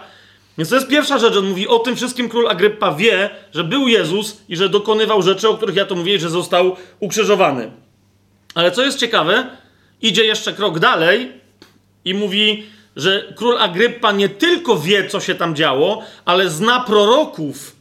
A skoro zna proroków i wie, kim, kim był Jezus, to jest bardzo bliski tego, żeby uwierzyć raczej mnie, Pawłowi, niż tobie, Festusie. Zobaczcie, 27 werset. Przestaje Paweł mówić do Festusa, zwraca się do Agryppy. Czy wierzysz królu Agryppo prorokom? Bo wiem, że wierzysz. I teraz e, Agryppa najwyraźniej wierzy, no bo właśnie, jeżeli wierzy prorokom, to znaczy, że przede wszystkim ich zna, a teraz wiedząc jeszcze, co robił Jezus, jakby posłuchał więcej o tym, musiałby uwierzyć, że Jezus wypełnił wszystkie zapowiedzi na swój temat. Więc zauważcie, co mm, król Agryppa robi na to Agryppa do Pawła. Niedługo, a przekonasz mnie, żebym został chrześcijaninem. E, żartobliwie próbuje wybrnąć z sytuacji, ale ponieważ nikt się nie śmieje, to zobaczyć, jak, jak poczytacie sobie dalej, bierze swoją małżonkę i uciekają od Pawła. Po prostu uciekają, tak? Ale jeszcze raz zauważcie, Paweł, po raz kolejny mamy tutaj dowód, że nie tylko mówi o tym, że on jest świadkiem czegoś, ale odwołuje się do mnóstwa faktów, które są wtedy, w tamtych czasach, yy, wiedzą powszechną. Jasne jest to, co mówię? I teraz uważajcie, Czemu to tak bardzo podkreślam? Ponieważ przechodzimy do kolejnego bardzo istotnego punktu. Mianowicie Biblia, w odróżnieniu od wszystkich innych tak zwanych świętych pism i różnych em, em, innych świętych pism, e, demonstruje swoją wiarygodność w najbardziej ekstremalny z wszystkich możliwych sposobów. Mianowicie przedstawia mnóstwo, ale to dosłownie mnóstwo, tysiące wersetów, które są proroctwami w konkretnym czasie wypowiedzianymi, bardzo często niezwykle precyzyjnymi, które mówi, że się wypełnią w pewnych określonych mm, okolicznościach. Żadne inne pismo tego nie robi, a nawet jeżeli robi, to nikt potem nie jest w stanie pokazać, gdzie się niby wypełniły te rzeczy, tak? Okej, okay, niektórzy mówią, no Nostradamus coś tam gadał, no i zobacz, wszystko się wypełnia. Tylko wiecie o co mi chodzi? E, wszyscy wiedzą, że się wypełniło, co powiedział Nostradamus, jak już to się wypełniło i w miarę pasuje do tego, co powiedział Nostradamus. Wiecie o co mi chodzi, tak? Już widziałem 15 różnych wersji, jak to Nostradamus coś przepowiedział, a to wojnę w Zatoce Perskiej, a to coś tam. I za każdym razem te różne wydarzenia okazuje się, że Nostradamus przepowiedział jednym proroctwem, tak? Typu dziki niedźwiedź, gdy spojrzy na białego lwa, a temu spod tyłka gołębica wzlata, podówczas burza piaskowa śmieje się mi w twarz, ha, ha, ha. Rozumiecie? No nie? I wtedy wszyscy mówią, o i tu właśnie coś tam wyszło. Nie chcę się nabijać z Nostradamusa, chodzi mi tylko o to, że w ten sposób naprawdę myślę, na, że, widzicie, nawet teraz mi całkiem dosyć, całkiem profesjonalne proroctwo wyszło. I potem ktoś zacznie cudować, tak, że gołębica to jest Oman, yy, a burza piaskowa to jest atak Amerykę na coś tam. No wiecie o co mi chodzi, tak? Jak mówię, że Biblia prorokuje, to składa bardzo konkretne yy, deklaracje, tak? Przede wszystkim to jest bardzo istotne. Otwórzcie sobie czwartą księgę Mojżeszową. Przede wszystkim Biblia mówi, że tak będzie robić i tak mówi od samego początku. To znaczy Bóg w Biblii mówi, że tak będzie robić. To jest czwarta księga Mojżeszowa. Mm, e, zobaczcie 23 rozdział. Tam przez jednego proroka, który bardzo się chciał e, zbuntować, nawet przez niego, Bóg go zmusił, żeby powiedział prawdę. To jest 23 rozdział czwartej księgi Mojżeszowej, 19 werset. Słowo Boże mówi nam e, wyraźnie, podaje zasadę. Bóg nie jest człowiekiem, żeby nie dotrzymał słowa, ani synem człowieczym, aby żałował. Czy on powiada, a nie czyni? Czy on mówi, a następnie nie spełnia? To jest proste stwierdzenie. Bóg najpierw przewiduje pewne rzeczy, planuje sobie pewne rzeczy, nie determinuje Twojej przyszłości czy mojej, ale pewne wydarzenia on ma zaplanowane. Ta historia jest też jego. Zapowiada te wydarzenia i one potem się dzieją. Zobaczcie Izajasza, yy, księgę, 46 rozdział. Yy, dziewiąty werset. Tam jest bardzo konkretne przypomnienie w konkretnym aspekcie tej zasady. Wspomnijcie na sprawy dawne, odwieczne, że ja jestem Bogiem i nie ma innego. Ja jestem Bogiem i nie ma takiego jak ja. Ja od początku zwiastowałem to, co będzie, i z dawna to, co jeszcze się nie stało. Ja wypowiadam swój zamysł i spełnia się on i dokonuje wszystkiego, czego chce. Jasne to jest? Bóg mówi, czego chce, mówi, jak to się wydarzy, czego on chce, i to się dokładnie w taki sposób dzieje. Dlaczego? Ano, między innymi w 48 rozdziale tego samego Izajasza mamy częściowe wytłumaczenie. Bóg mówi, celowo tak robię, bo jak nie, to wymyślicie sobie, że to wasza religia wam w czymś pomogła. Wasze inne pisma święta, pism, pisma święte, które sobie napiszecie, wasze bożki, wasze figurki, wasze obrazki, wasze objawienia, że przyjdą i powiecie, to w tym objawieniu się coś wydarzyło. Nie, nie, nie. Zobaczcie, 48 mm, rozdział Izajasza, od trzeciego wersetu yy, poczytajmy. Rzeczy przeszłe od dawna zwiastowałem, z moich ust one wyszły i zapowiedziałem je. Nagle wykonałem to, co zapowiedziałem i się spełniło. Dlaczego? Zobaczcie, Bóg wyjaśnia. Ponieważ wiedziałem, że jesteś uparty i że twój kark jest ścięgnem z żelaza, a twoje czoło ze spiżu. Dlatego dawno ci zapowiedziałem i ogłaszałem, zanim się jeszcze spełniło, żebyś nie powiedział, mój Boże, kto uczynił, albo mój posąg ryty i mój posąg lany to, to wykonał. Słyszałeś o tym, zobacz to wszystko. A wy, czy nie będziecie o tym świadczyli? Od teraz będę ci ogłaszać znowu rzeczy nowe i rzeczy zakryte, o których dotąd nie wiedziałeś. Teraz stały się one jawne, a nie dawno temu. I przed dniem dzisiejszym o nich nie słyszałeś, abyś nie powiedział, ja o nich wiedziałem. Ty o tym ani nie słyszałeś, ani nie wiedziałeś, ani też twoje ucho nie było dawniej otwarte. Wiedziałem bowiem, że jesteś zupełnie niewierny. I teraz jedenasty werset. Przez wzgląd na ciebie, przez wzgląd, przez wzgląd na siebie, przez wzgląd na siebie czynię to, bo jakże zbezczeszczone było moje imię, a przecież mojej chwały nie oddam innemu w domyśle fałszywemu bóstwu. Rozumiecie o co chodzi?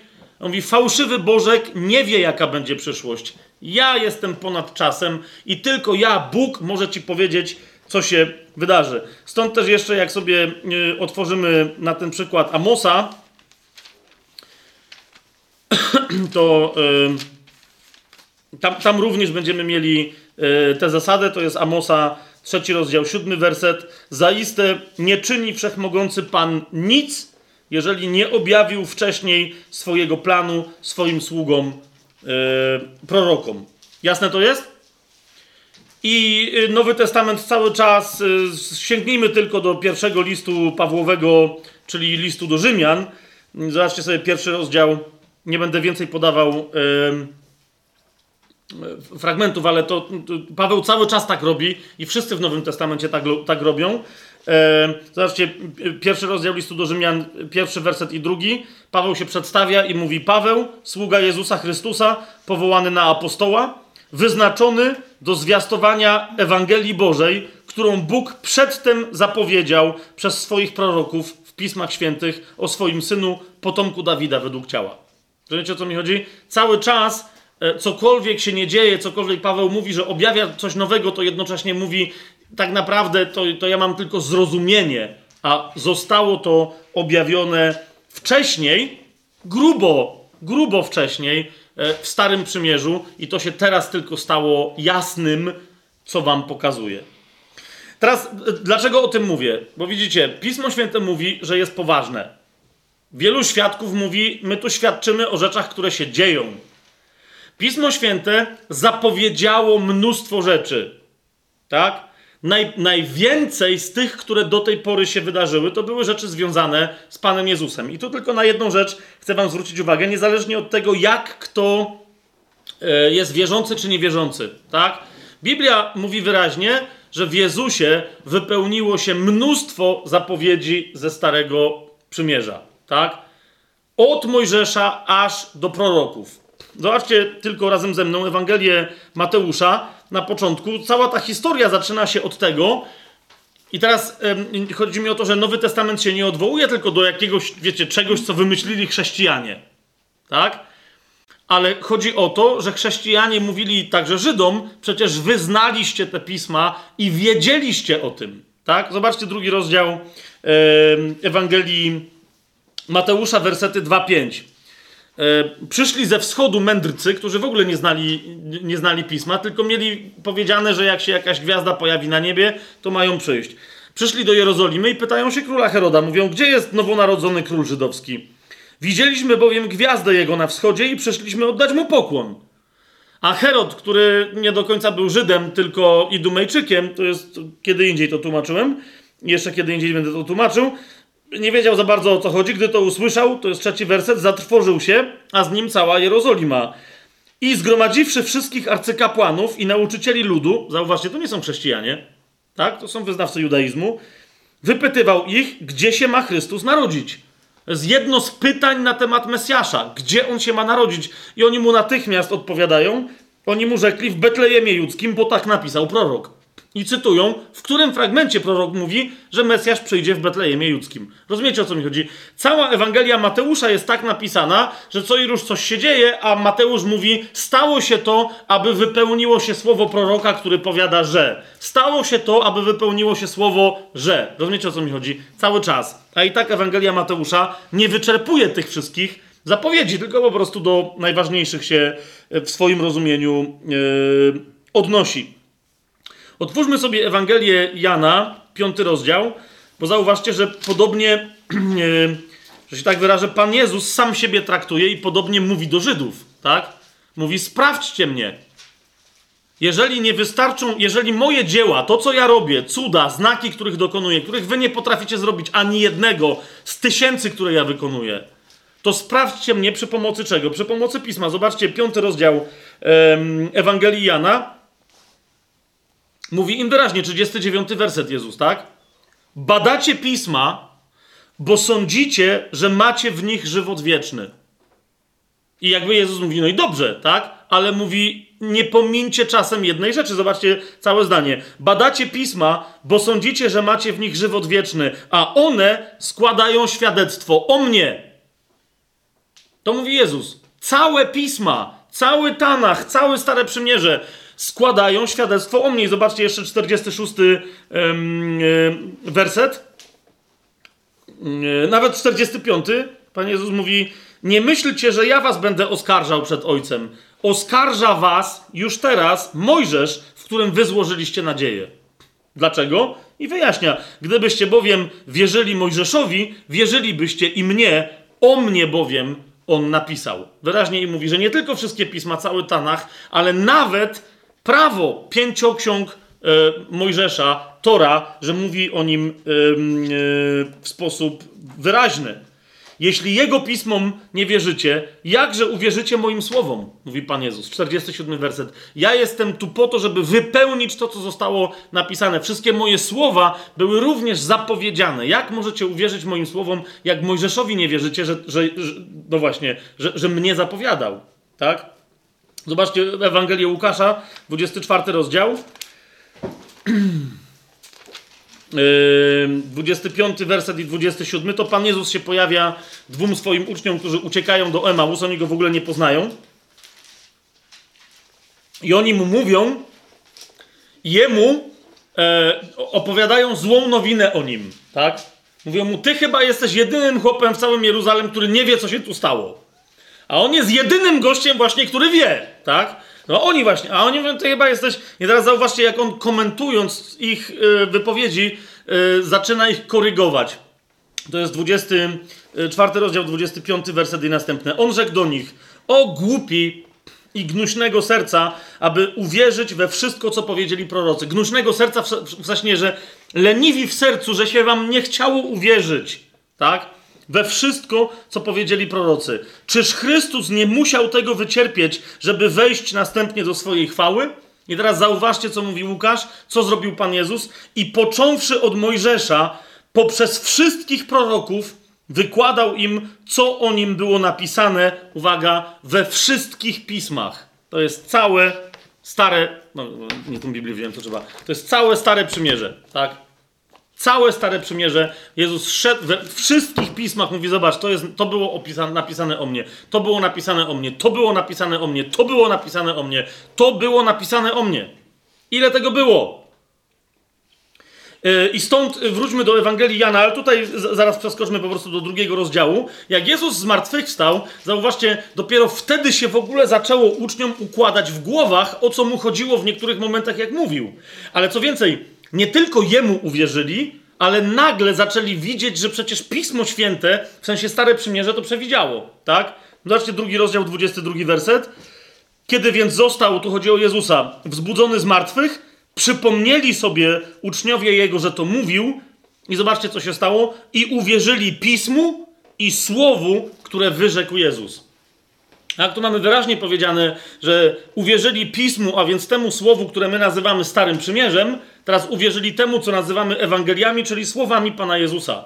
Tak? Uwierzyli także, yy, także yy, Jego yy, Słowu. Teraz yy, ktoś powie, no ale co to tam big deal, no nie? Tam Pan Jezus, no, no dobra, no powiedzieli, że przyjdzie Mesjasz i że musi umrzeć. Więc teraz, kochani, yy, o tu mam komentarz żydowski do Nowego Testamentu Davida yy, H. Sterna.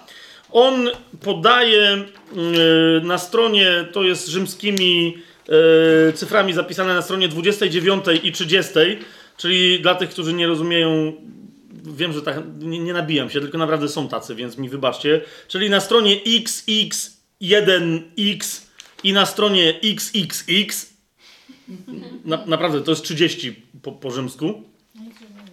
Niektórzy nie wiedzą. E, e, między innymi no, Stern, tak, który jest, wiecie, Żydem, zna pisma Starego Przymierza, ale uwierzył dzięki temu Jezusowi, że zna te, te pisma. Tu wymienia e, na, właśnie na, na tej stronie, tak, i na następnej 52 proroctwa, bardzo konkretne, które według niego bardzo precyzyjnie zostały zapowiedziane i bardzo precyzyjnie zostały wypełnione. 52 proroctwa. To was do tego ocenię. Nie będę teraz tego czytał, bo e, w regularnych wykładach tajemnego planu będziemy e, o tym mówić. E, to, to sobie więcej rozważymy tych poszczególnych proroctw. Ale teraz o co mi idzie? Bo, bo rozumiecie, sęk w tym, że to są proroctwa z ponad tysiąca lat tak? Które zostały, każde z nich zostało sformułowane z następnym warunkiem. To, co ja mówię, wypełni się w jednym konkretnym człowieku, a Jezus dodatkowo te wszystkie proroctwa, prawie wszystkie, wypełnił zasadniczo, największą ich pulę wypełnił zasadniczo w ciągu zaledwie trzech lat. Tak? I teraz ja się za bardzo nie znam e, na matematyce, więc e, wybaczcie mi, posłużę się e, książką, Um, ale ona mi naprawdę, bo ja wiecie, jak mówię, nie znam się na matematyce za bardzo, więc nie wiem też za bardzo, jak porównania wypadają, tak? Jak widzę mapę i ktoś, znaczy jak nie widzę mapy, a ktoś mi mówi, że ta mapa jest jak 1 do 2,5 miliona, to i tak nie wiem, co ja zobaczę yy, na tej mapie, tak? Teraz yy, chcę wam zacytować natomiast człowieka, yy, pana Stonera z książki Science Speaks, czyli Nauka mówi i on się odniósł do tego, co to znaczy, że jakiś jeden człowiek zrealizował tyle proroctw, tak? I teraz on, on mówi tak, załóżmy, że nie ma stu iluś proroctw na temat Pana Jezusa, które on wypełnił swoją drogą. Załóżmy, że nie ma, bo Stern tutaj się ograniczył tylko do 52, mówi, które są precyzyjne, tak? Na przykład, gdzie Jezus, e, gdzie Mesjasz miał przyjść, gdzie, gdzie się miał urodzić, za ile srebrników miał być sprzedany i że to była równoznaczność ceny, za którą można było kupić pole garncarza i tak dalej, i tak dalej, tak? Wiele tego typu historii. I on mówi tylko te rzeczy. On naliczył 52. Ale teraz uważajcie. Stoner mówi, nie, nie, weźmy 8, tylko 8 najważniejszych proroctw tyczących się Jezusa. I mówi, są dwie możliwości. Albo Bóg zapowiedział, co się ma wydarzyć, a Jezus jest Bogiem wcielonym, przyszedł i po prostu wypełnił je, albo mówi, trzeba być świrem, żeby uwierzyć, że coś takiego jest możliwe przez przypadek. Teraz uważajcie, cytuję dokładnie, mogę? Yy, tego gościa. Po co on mówi tak. Prawdopodobieństwo tego, iż jak chcecie, to możecie potem sprawdzić dokładnie, jak on do tego doszedł, ale on tu mówi, takie są liczby. Prawdopodobieństwo tego, iż którykolwiek żyjący do naszych czasów człowiek wypełniłby wszystkich tych osiem proroctw, jest jak jeden do dziesięciu do siedemnastej potęgi. No ja to przeczytałem i wie, to spoko, nie? To przecież da się zrobić. I teraz uważajcie, on tłumaczy tak. Czyli jak jeden do stu trylionów. Okej, okay, to, to stwierdziłem, to chyba jest mniejsze prawdopodobieństwo niż w totolotku, ale dalej, co to znaczy jeden do stu trylionów? On mówi, to jest jedynka z 17 zerami. Dziękuję ci, panie Stone. Dalej 17 zer czy 38 nie robi mi żadnej różnicy. Więc pan Stone, gościowi takiemu jak ja, wytłumaczył w następujący sposób. Mówi, okej, okay, widzę, że jesteś ciołkiem, powiem ci w ten sposób. Cytuję z powrotem pana Stone'a. Weźmy 100 trylionów srebrnych dolarówek, to jest chyba coś takiego jak złotówka dzisiaj w Polsce, nie? Tej wielkości. Weźmy 100 trylionów srebrnych dolarówek i rozsypmy je na obszarze Teksasu. Słuchajcie, ja sobie sprawdziłem, co to jest obszar Teksasu. Obszar Teksasu zasadniczo to, bo wiecie, co mi tam Teksas, ja wiem, co to jest Teksas, to jest Polska, Niemcy, Litwa, Słowacja, Czechy, Belgia, coś tam jeszcze. W każdym razie to jest milion kilometrów kwadratowych. Rozumiecie? Teksas to nie jest województwo małopolskie. I on mówi teraz tak, więc weźmy pół Europy, to jest Teksas, i rozsypmy na tym obszarze te 100 trylionów srebrnych dolarówek. To mówi, jak na tym obszarze rozsypiemy te srebrne dolarówki, to przykryją całą tę powierzchnię warstwą grubości 60 cm. Tak? I teraz mówi, oznaczmy teraz jedną z tych monet, zbierzmy je z powrotem i dokładnie przemieszajmy. A okej. Okay. i mówi: zawiążmy komuś oczy i powiedzmy, że ma prawo przemierzać Teksas czy pół Europy wzdłuż i wszerz, ale może w końcu podnieść tylko jedną srebrną dolarówkę, właśnie tę konkretnie oznaczoną. Jaką ma szansę, że podniesie właśnie tę oznaczoną? Rozumiecie o co mi chodzi? 1 do 10 do 17. To jest, właśnie, to jest właśnie 1 do 10 do 17 potęgi. Ale uważajcie, ale uważajcie, bo Stoner mówi, że sprawdzał wszystkie proroctwa na temat Pana Jezusa i mówi, że jako sceptyk wyeliminował wszystkie takie, które mówią, okej, tu jest jakaś dwuznaczność, tu jest, e, mówi, dobra. I wiecie, ile mu zostało proroctw, co do których mówi, to jest, mówi, to po prostu, to jest proroctwo. To była konkretna zapowiedź i ona się spełniła w Jezusie. Mówi, zostało mi 48 proroctw, które Jezus wypełnił w tak krótkim czasie w sobie. Teraz rozumiecie, jak on przy ośmiu proroctwach mu wyszło 100 trylionów srebrnych, mówię, okej, dobra, to co to będzie? A on mówi, no widzę, że jesteś ciołkiem, to teraz pozwól, że ci znowu e, wytłumaczę. Przekonujemy się, iż prawdopodobieństwo, że jakikolwiek pojedynczy człowiek mógłby wypełnić, tak jak Jezus, wszystkich tych 48 proroctw, tym razem jest jak 1 do 10 do 157 potęgi. To, ja się tu skończyłem, no ale nawet nie wiem, czy potem ten przykład, który on podał, czy ja rozumiem. Ale uważajcie, podał taki przykład. Srebrna dolarówka, którą się dotąd posługiwaliśmy, jest w tym wypadku o wiele za duża i za bardzo nieporęczna. Trzeba wybrać mniejszy przedmiot. Elektron to jedna z najmniejszych znanych nam cząstek. Więc mówi, posłużymy się elektronem. I teraz uważajcie. E, Mówi, ułóżmy elektrony e, na odcinku 2,5 cm. To jest taki odcineczek i mówi, ułóżmy tam elektrony. Tak? Mówię, okej, no to, to się da zrobić, nie? Da się. I on mówi tak. Gdybyśmy mieli policzyć wszystkie elektrony tworzące ten 2,5 cm odcinek, a liczylibyśmy po 250 elektronów na minutę, dzień i noc bez przerwy, to policzenie wszystkich tych elektronów zajęłoby nam 19 milionów lat. tak, to jest właśnie, mówi, to on tu próbuje wyjaśnić, co to jest 1 do 10 do 157, do 10 do 157 potęgi. To mówi, to są elektrony na odcinku 2,5 cm. Jakby się liczyła z prędkością 250 elektronów na minutę, bez przerwy, to trzeba byłoby liczyć przez 19 milionów lat. Teraz uwaga, bo on mówi, to jest nie wszystko. To jest nie wszystko. Ty nie wiesz, co to jest elektron. No, to, to, to, widzę, że są lepsi ode mnie, okej? Idziemy dalej. O, s- mówi, on mówi tak.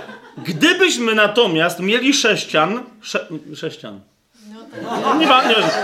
Gdybyśmy mieli sześcian o boku 2,5 cm napełniony elektronami i chcieli je policzyć, zabrałoby nam to przy stałym tempie 250 elektronów na minutę 19 milionów razy 19 milionów razy 19 milionów lat, czyli w sumie 6,9 razy 10 do 21 potęgi lat. Chodzi mi o to, że 19 milionów lat to już jest dużo, a teraz 19 milionów razy 19 milionów razy... No rozumiecie o co mi chodzi? To jest po prostu... To jest po prostu... I teraz uważajcie, bo on mówi tak. Po tym wstępie...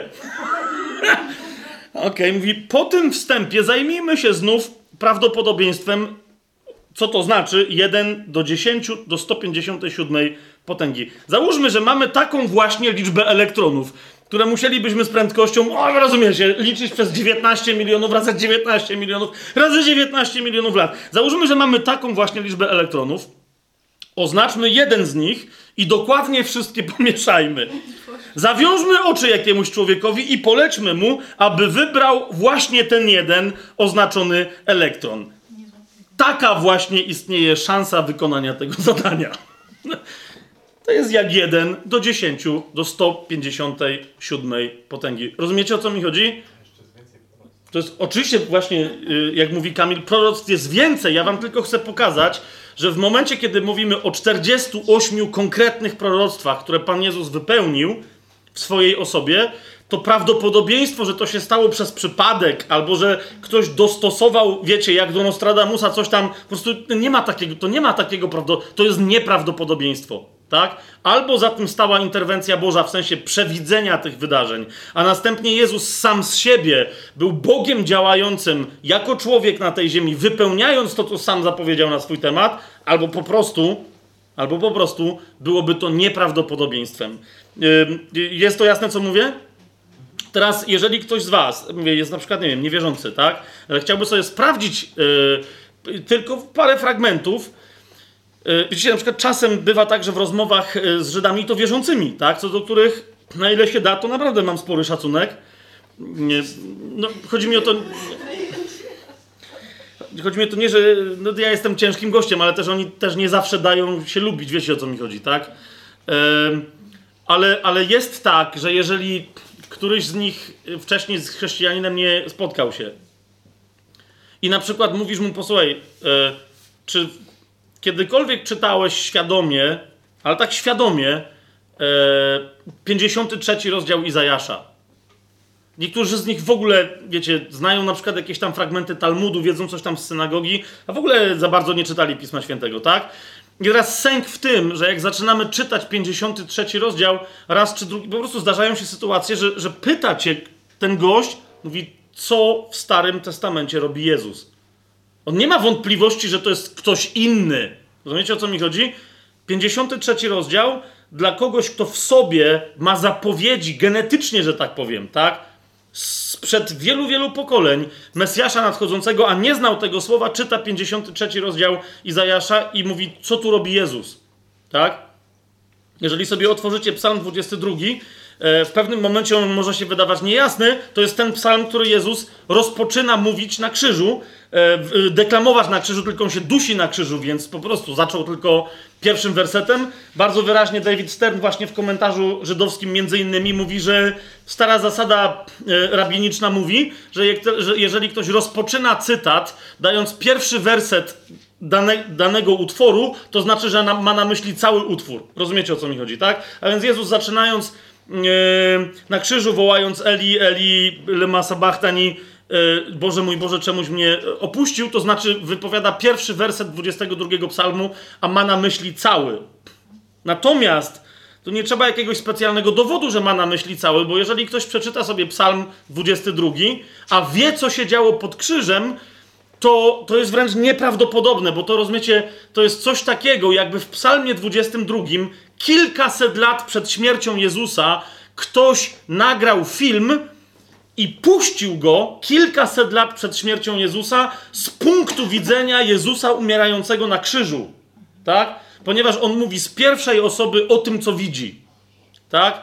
I mówi wyraźnie, że się z niego naśmiewają, tak jak to, to później miało miejsce. Mówi wyraźnie, że rzucają losy o jego szatę, tak? Że ma przebite ręce i nogi i tak dalej, i tak dalej. To jest tak precyzyjna informacja, że sam ten jeden psalm, myślę, że prawdopodobieństwo jego wystąpienia, w sensie, że ktoś go napisał, a potem, i to jeszcze wiecie, w czasach, kiedy nie było w ogóle Imperium Rzymskiego i nikt nikogo nie krzyżował, tak? Żeby to było jasne, więc oni Dawid piszący ten psalm, on w ogóle nie wiem, czy on wiedział, co on napisał. Napisał, poszedł dalej. Duch Święty go natchnął, tak? Więc teraz chodzi mi o to, że same tego typu fragmenty to już są szokujące e, informacje. Ale teraz powiedzcie mi, jak w ogóle można policzyć, to będzie ostatnie, z taki, ostatni z takich elementów, o którym powiem, jak w ogóle można przeliczyć prawdopodobieństwo wystąpienia czegoś takiego, że ktoś przewidzi co do dnia, kiedy Mesjasz objawi swoją chwałę na 500 lat przed tym objawieniem. A Biblia daje nam konkretny, konkretne, konkretne na ten temat wskazówki, daje nam konkretnie wyznaczoną datę. Tak? Ja więcej o tym mówiłem przy księdze Daniela, a jeszcze więcej będziemy mówić przy okazji rozważania Ewangelii poszczególnych i wjazdu Pana Jezusa do świątyni. Tylko chcę zwrócić uwagę na jedną rzecz dla tych, którzy sami to chcą pobadać. Zwróćcie uwagę, że Jezus cały czas podczas swojej działalności publicznej zwraca uwagę uczniom, żeby nie ujawniali Jego jako Mesjasza. Żeby nie zwracali się w ten sposób do Niego. Oni zresztą nie do końca mają co do, na ten temat pojęcie. Jak w pewnym momencie pyta ich e, Pan Jezus, za kogo uważają mnie ludzie, a za kogo wy mnie uważacie, Piotr wtedy mówi, że mówi, ty jesteś Mesjaszem, a wtedy Jezus zakazuje im to powtarzać. Aż do momentu, kiedy wsiada na osiołka, to jest jedno z proroctw, tak? Wsiada na osiołka i wjeżdża do, do Jerozolimy i wtedy wszyscy krzyczą Hosanna, Hosanna królowi, Hosanna synowi Dawidowemu, a więc mówią Hosanna Mesjaszowi, Faryzeusze się obruszają, mówią, nie, zabroń im tak gadać, a on mówi, nie, nie, nie, bo jeżeli oni w tym dniu nie będą tak mówić, to kamienie wołać będą, bo to jest prawda. Teraz o co, ale później, ponieważ nie był przyjęty jako Mesjasz z wyjątkiem tych uroczystych okrzyków, Jezus płacze nad Jerozolimą i mówi Jeruszalaim, Jeruszalaim, miasto pokoju, jak mogłoś nie rozpoznać dnia swojego nawiedzenia, który był akurat ten jeden konkretny dzień precyzyjnie przewidziany. Gdzie? Księga Daniela, dziewiąty rozdział, poza innymi rzeczami, yy, ma tam tak zwane proroctwo 70 tygodni. Mówi wyraźnie, że od momentu wydania edyktu pozwalającego odbudowywać nie świątynię w Jerozolimie, ale mury jerozolimskie, czyli miasto, od tego momentu minie 69 tygodni lat, czyli 69 razy 7 lat, czyli 483 lata. Ok? A więc mówi konkretnie, jak minie 400, miną te 483 lata, to dokładnie w ten dzień, kiedy one miną, wtedy objawi się Mesjasz. Na czym polega niesamowitość tej historii? Na tym, że co do innych kwestii w Biblii, kiedy one się działy, możemy powiedzieć, że to było za czasów tego króla, co był przed tamtym królem, a ten możemy mniej więcej umiejscowić pewne fakty. Co do tego, kiedy został wydany edykt pozwalający na odbudowę Jerusalem, mamy pewność wręcz co do dnia. Tak? I Żydzi ją też mieli. Jest wyraźnie powiedziane, to jest księga yy, Nehemiasza, to jest drugi rozdział księgi Nehemiasza, pierwszy werset, że na początku miesiąca Nisan Nehemiasz udał się do króla i był to król Artaxerxes, znany z historii skąd inąd, a był to 20 rok panowania tego króla. Tak? I wyprosił u niego pozwolenie, tylko że to był miesiąc Nisan, który był miesiącem e, rozumianym na sposób babiloński, nie na sposób e, hebrajski, ale to nie będziemy teraz tego, e, tego rozważać, tak? Chodzi mi o to, że jest ko podany konkretny król, wiemy kiedy on panował, to był 20 rok jego panowania. Jeżeli król Artaxerxes zaczął swoje panowanie w 465 roku przed naszą erą, to wiemy, że to był 445 rok naszej, naszej ery. E, przed naszą erą, tak? 445. I teraz od tego momentu, od tego pierwszego dnia, najprawdopodobniej miesiąca e, Nisan, mamy 483 lata, ale liczone na sposób hebrajski, dokładnie tak jak na przykład Księga Objawienia e, o tym mówi, czyli liczone, że to jest 12 miesięcy po 30 dni. Tak? Sami sobie możecie sprawdzić. Lądujemy w 30 tam bodaj y, trzecim roku konkretnego dnia. Tak? Teraz, jak, jak, my to potrafimy dzisiaj policzyć, to chcecie mi powiedzieć, że tamci goście, którzy nie mieli nic innego do roboty, skoro byli uczonymi w piśmie, że oni tego nie wiedzieli? Dlatego Jezus im zarzuca winę, tak? Mówi, nie będzie już żadnego innego dnia, który będzie pasował do tej daty. Czy wy tego nie rozumiecie? Jeżeli było powiedziane, że właśnie tak objawi się Mesjasz, że wjedzie na osiołku do, do e, świętego miasta Jeruzalem, to, to na kogo jeszcze będziecie czekać, skoro ja właśnie wjechałem, tak? I zaczyna wypełniać wszystkie inne proroctwa. Teraz niektórzy powiadają, nie, nie, nie, nie, nie, nie, nie, nie. To pewnie było inaczej. Jezus wjechał na osiołku do Jerozolimy i wtedy ktoś spreparował księgę Daniela, żeby pasowało, że to był ten dzień. I teraz yy, yy, Weronika robi minę, że tak, jasne. Okej, okay, ale załóżmy, że. Otóż, słuchajcie, cały biznes z prawdziwością tej przepowiedni polega na tym, że zanim Pan Jezus przeszedł na świat, kilkaset lat przed jego przyjściem, e, Oryginały hebrajskie istniały w ogromnej liczbie egzemplarzy, ale co jest najistotniejsze, wiemy, że 300 lat przed Panem Jezusem były też przetłumaczone w Egipcie, w Aleksandrii na grekę, to jest tak zwana Septuaginta, tak? To jest kolejne źródło, co do którego mamy pewność, jak ona wyglądała na 300 lat przed Chrystusem i wiemy, że tam to proroctwo się nadal, w sensie yy, nadal, no bo wcześniej było po hebrajsku zapisane, ono się tam znajdowało. Rozumiecie, o co mi chodzi? Mamy po prostu historyczne dowody na to, że zostało wypowiedziane takie proroctwo i ono zostało literalnie co do dnia wypełnione przez Pana Jezusa. Rozumiecie, o czym mówię? Nadal, czy ktoś ma na tej podstawie uwierzyć yy, w Pana Jezusa? Nie, ja tego nie mówię, ale byłoby dziwną rzeczą, tak? Gdyby nie postanowił skonfrontować faktów i dowiedzieć się czegoś więcej z Biblii. Zgodzicie się ze mną? Byłoby dziwną rzeczą, gdyby ktoś po prostu przeszedł obok tego i powiedział, a okej, okay, dobra.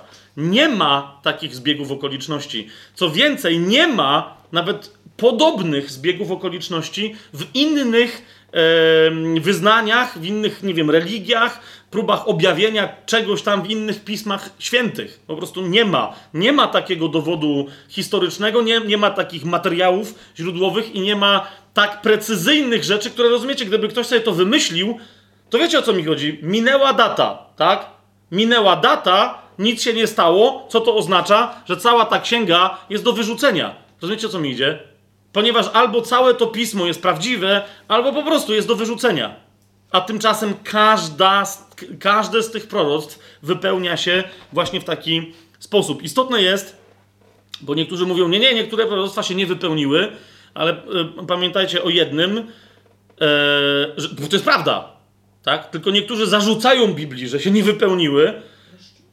No, no, właśnie, ale niektórzy zarzucają, mówią, no przecież Pan Jezus, ale tu jest wiele proroctw, które się nie wypełniły. Oczywiście, że tak, ponieważ wiele z tych proroctw, które mamy w Biblii, akurat więcej niż na temat pierwszego przyjścia Pana Jezusa, tak? Mamy na temat Jego drugiego przyjścia, na temat tego, co się będzie działo przed Jego powrotem na ziemię, w trakcie Jego powrotu na ziemię, po Jego powrocie na ziemię, w trakcie tysiącletniego królestwa, które będzie zapoczątkowane przez Jego powrót na ziemię oraz co się będzie działo nawet częściowo po tym, jak tysiącletnie królestwo się skończy, dokona się tak zwany sąd ostateczny i co się będzie działo jeszcze dalej. Aż tak daleko mamy mnóstwo wglądów.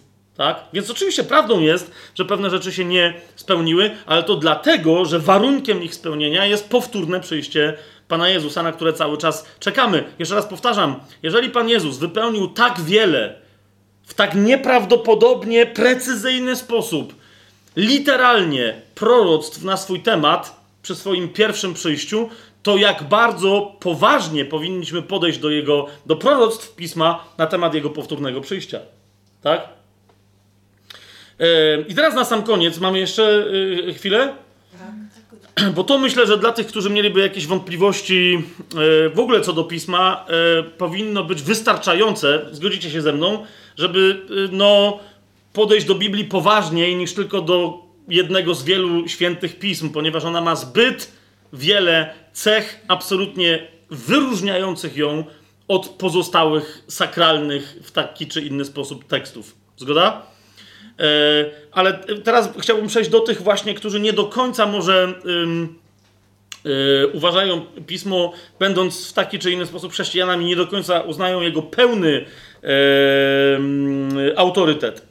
Przede wszystkim y, odpowiem na takie pytanie, które często się pojawia, że no dobra, ale jednak e, Żydzi mają Stary Testament 39 ksiąg, biblijnie wierzący ewangeliczni chrześcijanie Stary Testament 39 ksiąg, ale na przykład y, y, Kościół rzymskokatolicki w Starym Testamencie ma znacznie więcej tych ksiąg. Nie wiem, czy oni tutaj je.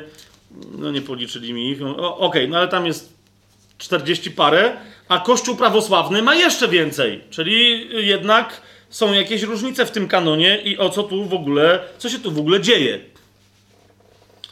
Otóż, kochani, e, umówmy się. E, po prostu, i trzeba to powiedzieć jasno, to, co się dzieje z Pismem Świętym, tak, częściowo w Kościele rzymskokatolickim i w kościołach prawosławnych, jest anomalią, tak, wynikającą z jednego konkretnego faktu, a mianowicie, że obydwie te tradycje kościelne, czyli Kościół rzymskokatolicki i kościoły, autokefalie rozmaite prawosławne, poszły nie za oryginalnym hebrajskim tekstem, ale poszły za, tu niektórzy już mają nieco uprzedzenia do tej nazwy, a to sobie trzeba jasno powiedzieć, poszły za tłumaczeniem hebrajskiego pisma na grekę, które się dokonało 300 lat przed Chrystusem w Egipcie, w Aleksandrii.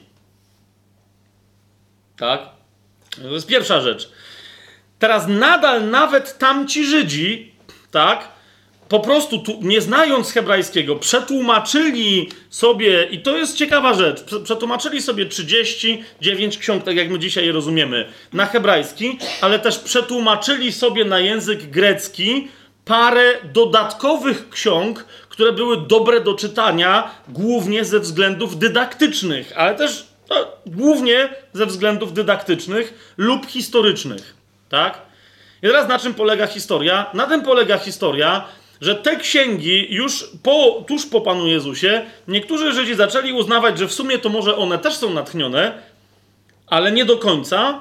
Natomiast chrześcijanie aleksandryjscy, tak, którzy zaczęli, e, że tak powiem, romansować e, z judaizującymi gnostykami tam, e, z wyznawcami judaizmu, którzy romansowali z filozofią grecką, takimi jak Filon Aleksandryjski, e, zaczęli e, przyjmować za pisma natchnione całą Septuagintę. A więc na przykład Księgę Mądrości, Księgę Syracha, e, Księgi Machabejskie, historyczne, cztery i tak dalej, i tak dalej, i tak dalej. Tak? Teraz jak pamiętacie, kiedyś żeśmy o tym mówili, w edykcie tesalońskim, e, trójcesarskim, który de facto zatwierdził e, tak zwane chrześcijaństwo katolickie jako oficjalną religię Cesarstwa Rzymskiego, Pamiętajcie, bo niektórzy mówią, że chrześcijaństwo wtedy zostało podniesione do miana religii państwowej. Nieprawda. Prawdziwi chrześcijanie nigdy nie byli religijni. Jak byli tępieni przez 400 lat pod tytułem, że są ateistami, ponieważ w żaden sposób nie okazują religijności jakiejkolwiek, tak i później, do dzisiaj, widzę nasz przykład, pozostali areligijni trzymali się tylko Pisma Świętego. Natomiast, natomiast parę kościołów zaczęło flirtować z władzą, z, z cesarstwem, wykorzystywać ten potężny rozwój chrześcijaństwa i zawarli pakt, który im się e, z ich punktu widzenia miał opłacać. E, a konkretnie były to dwa środowiska: środowisko rzymskie i środowisko aleksandryjskie, właśnie, tak? Rzymskie, ponieważ to środowisko po tym, jak cesarz udał się do Konstantynopola, poczuło, że może E, przejąć coraz większą władzę, bo jednak Rzym tradycyjnie był rozumiany jako ośrodek władzy, a cesarza już tam nie było. I Aleksandria jako miejsce, w którym Pismo Święte przestało się rozumieć, tak jak dzisiaj to na przykład pokazywaliśmy w sposób dosłowny, a zaczęło się interpretować, jakby było pismem gnostyckim, które pod normalnym tekstem ma jakieś ukryte alegorie, metafory dziwaczne i trzeba być wtajemniczonym przez specjalne misteria sakramentalne, żeby można było zrozumieć, co tu jest napisane. I teraz zauważcie, sami sobie sprawdźcie, Edyk Tesaloński mówi wyraźnie, że ustanawia jako religię obowiązującą w całym cesarstwie rzymskim nie chrześcijaństwo w ogóle, ale ten rodzaj chrześcijaństwa, którzy wyznają Damazy, biskup Rzymu i Piotr, biskup Aleksandrii. Rozumiecie? Nawet nie ma wymienionych takich ośrodków starodawnych, oczywistych, gdzie kwitło chrześcijaństwo cały czas, jak na przykład yy, Antiochia, gdzie Słowo Boże mówi wyraźnie, że chrześcijanie po raz pierwszy zostali chrześci nazwani chrześcijanami, czy na przykład Jerozolima. Rozumiecie o co mi idzie? W ogóle ich nie wymienia, tylko mówi tak, jak wierzy Rzym i tak, jak wierzy Aleksandria. Rzym był zajęty walką o władzę. Nawiasem mówiąc, ten papież, e, znaczy później nazwany papieżem, bo on się wtedy papieżem jeszcze nie nazywał, ale biskup Rzymu, Damazy, który został wskazany, że to on jest jednym z przykładów tej wiary. E, nawet brewiarz Kościoła Rzymskokatolickiego mówi, że biskupstwo rzymskie zdobył sobie przy pomocy pomagających mu pałowników, którzy po prostu partię przeciwnego mu, innego kandydata do tego tronu pokonali w krwawej walce na ulicach, w ramach której zginęło, pamiętacie, ja to kiedyś mówiłem, czytaliśmy to sobie 150 tam parę osób, tak? Proces e, tego biskupa Damazego potem się wlókł przez chyba 4 lata, jak nie więcej, i tylko przez specjalne wstawiennictwo cesarskie został umorzony, bo on sam był oskarżony o to, że kogoś zatłukł tam w ramach tych rozruchów e, na ulicy. Krótko mówiąc, to, to było to, o, ich interesowała głównie władza, tak? A Aleksandrię interesowało głównie yy, religijność, która się później zamieniła w religijność maryjną, no bo yy, cała dzisiejsza, cały dzisiejszy kult maryjny, o czym mówiłem w odcinkach, czy będę mówił jeszcze w odcinkach poświęconych kultowi maryjnemu, to jest de facto religijność e, aleksandryjska związana z kultem Izydy. To ona pierwsza była nazywana Teotokos, czyli rodzicielką Boga, e, a nie Matka Jezusa. Matka Jezusa jest po prostu matką i gdyby miała być nazywana tak jak Pismo Święte mówi, to co najwyżej byłaby nazywana Christometer, czyli Matką Chrystusa, tak? E, Albo Kiriometer, matką, e, matką Pana, a, a, a nie tą, która rodzi Boga. Bo nie może człowiek urodzić Boga. Proste. Oto cała kontrowersja w 431 roku w Efezie, innym ośrodku e, tych dziwnych kultów się rozeszła. I tam wtedy się kult maryjny w kościele rzymskim e, zaczął. Słucham? tam była Artemida, Kibele, ale nie będziemy teraz to, w, w to wnikać. Idzie mi tylko o to, że Aleksandrię interesowało czytanie Pisma Świętego, które byłoby jak najbardziej alegoryczne.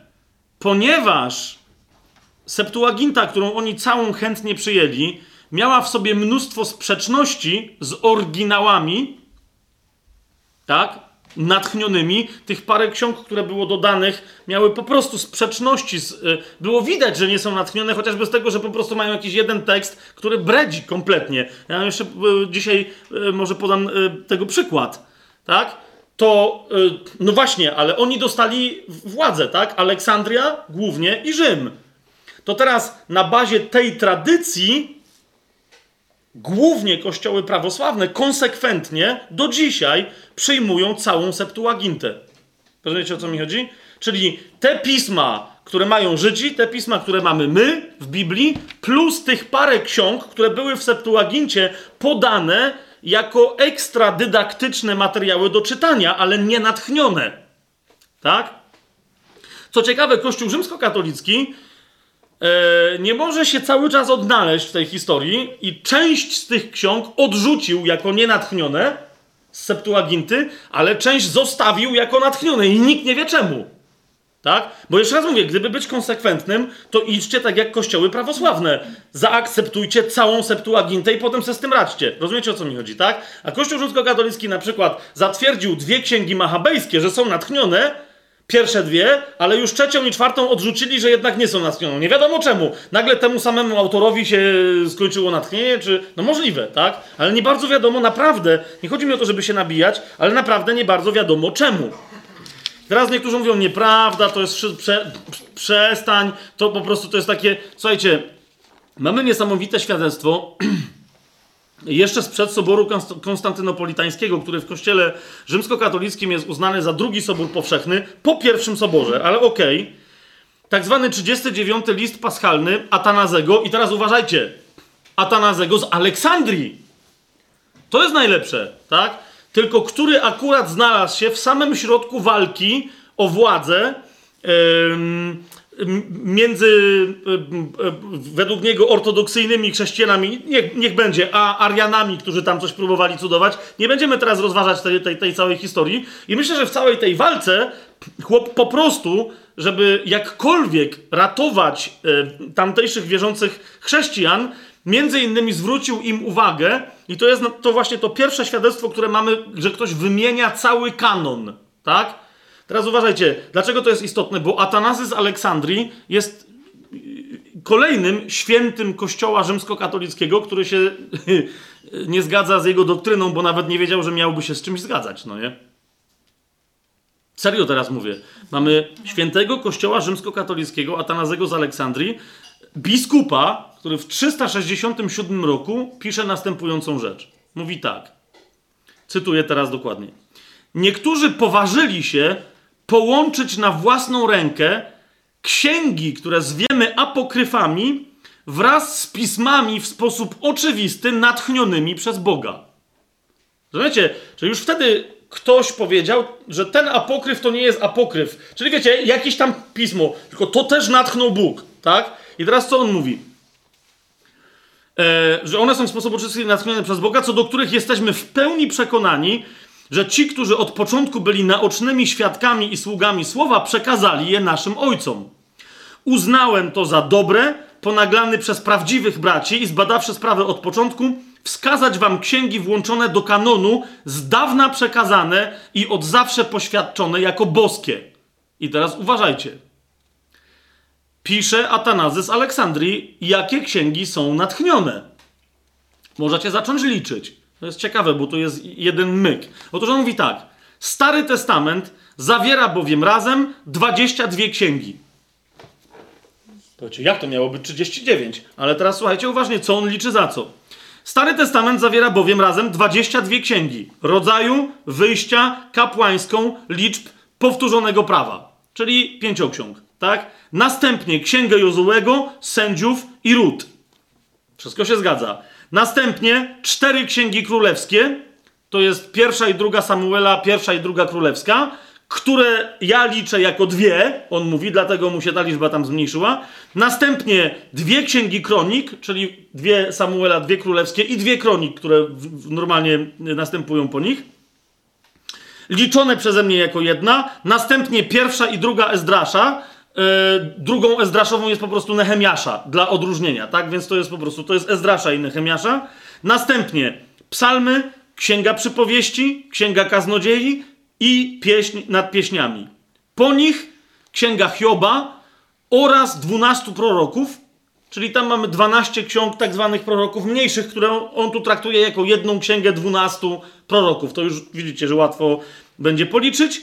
Liczonych tutaj jako jedna księga, następnie księga Izajasza, Jeremiasza razem z listem Barucha, osobno lamentacje Ezechiela i Daniela. Te stanowią Stary Testament.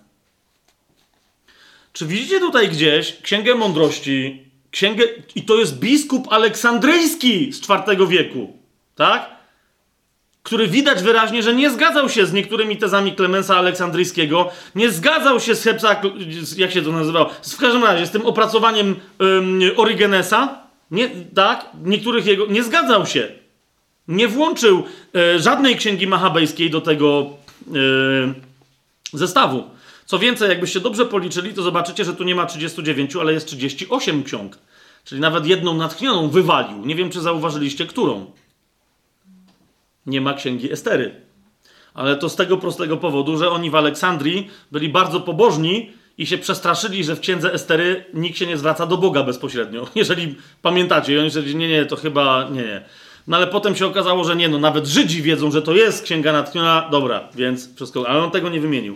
I teraz uważajcie, nie jest rzeczą uciążliwą mówić o księgach Nowego Testamentu. On to powiada, są to cztery Ewangelie: Mateusz, Marek, Łukasz i Jan, po nich dzieje apostolskie i siedem listów zwanych powszechnymi, mianowicie jeden Jakuba, dwa Piotra, trzy Jana.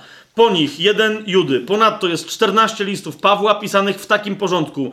Pierwszy do Rzymian, następnie dwa do Koryntian, po nich do Galacjan, następnie do Efezjan, następnie do Filipian, następnie do Kolosan, po nich dwa do Tesaloniczan oraz ten do Hebrajczyków i znowu dwa do Tymoteusza, jeden do Tytusa i na koniec do Filemona. A poza tym objawienie Jana. Wszystkich 27 ksiąg w nieco innym porządku niż my dzisiaj mamy. Tak? I teraz y, najważniejsze teksty pochodzące w tej kwestii od Atanazego. Te są fontannami zbawienia, aby każdy, kto pragnie, mógł się nasycić elokwencją, jaka w nich jest. Jedynie w nich, i tu naprawdę jest po grecku en tutois monoist, jedynie w nich, nie ma wyjątku, jedynie w nich zawarta jest doktryna pobożności. Niech nikt nic do nich nie dodaje, ani od nich odejmuje. To właśnie odnośnie nich zawstydził pan Saduceuszy, mówiąc: Błądzicie, nie znając pisma, oraz zganił Żydów, mówiąc: Badajcie pismo, gdyż ono świadczy o mnie. Teraz oczywiście są niektórzy, którzy mówią: Tak, tak, ale potem Aleksandr, nie, nie. Y, e. Cytuję dalej ten sam list. W tym samym ciągu logicznym, co napisał jeszcze Atanazy. Lecz dla większej dokładności dodam także i to, a piszę z konieczności, iż istnieją pewne inne księgi, nie należące do kanonu, ale ustalone przez ojców jako dobre do czytania przez tych, którzy dopiero co przyłączyli się do nas i chcieliby być pouczeni w słowie pobożności. Czy to jest jasne, że on teraz wymienia księgi nienatchnione?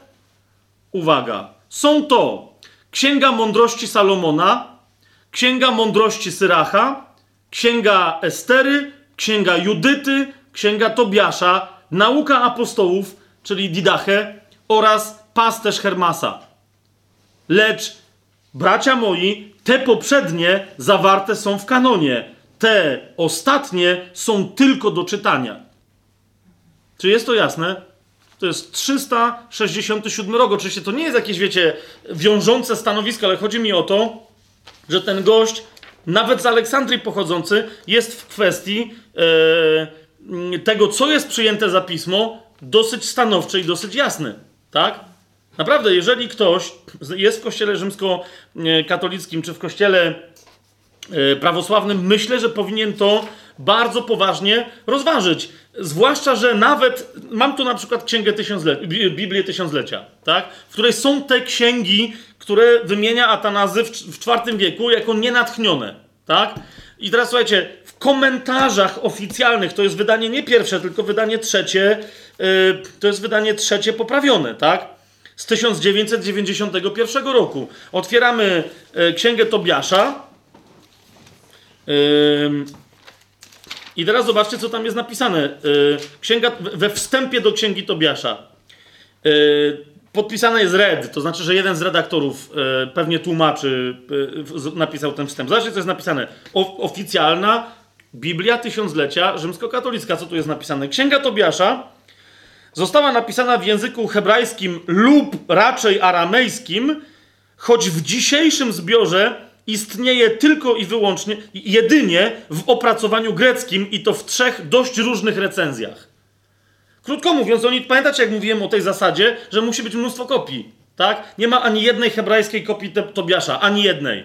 Istnieją trzy odpisy, które są w innych językach i to w dodatku one się różnią między sobą. I nie wiadomo, który jest właściwy. Tak? To jest pierwsza informacja, którą macie we wstępie. Yy, ale uwaga, jakby tego było jeszcze mało, Informuje nas tu redaktor, Księga Tobiasza należy do pism wtórno-kanonicznych. Teraz pytam się was, jeżeli coś jest kanoniczne, to znaczy, że jest natchnione.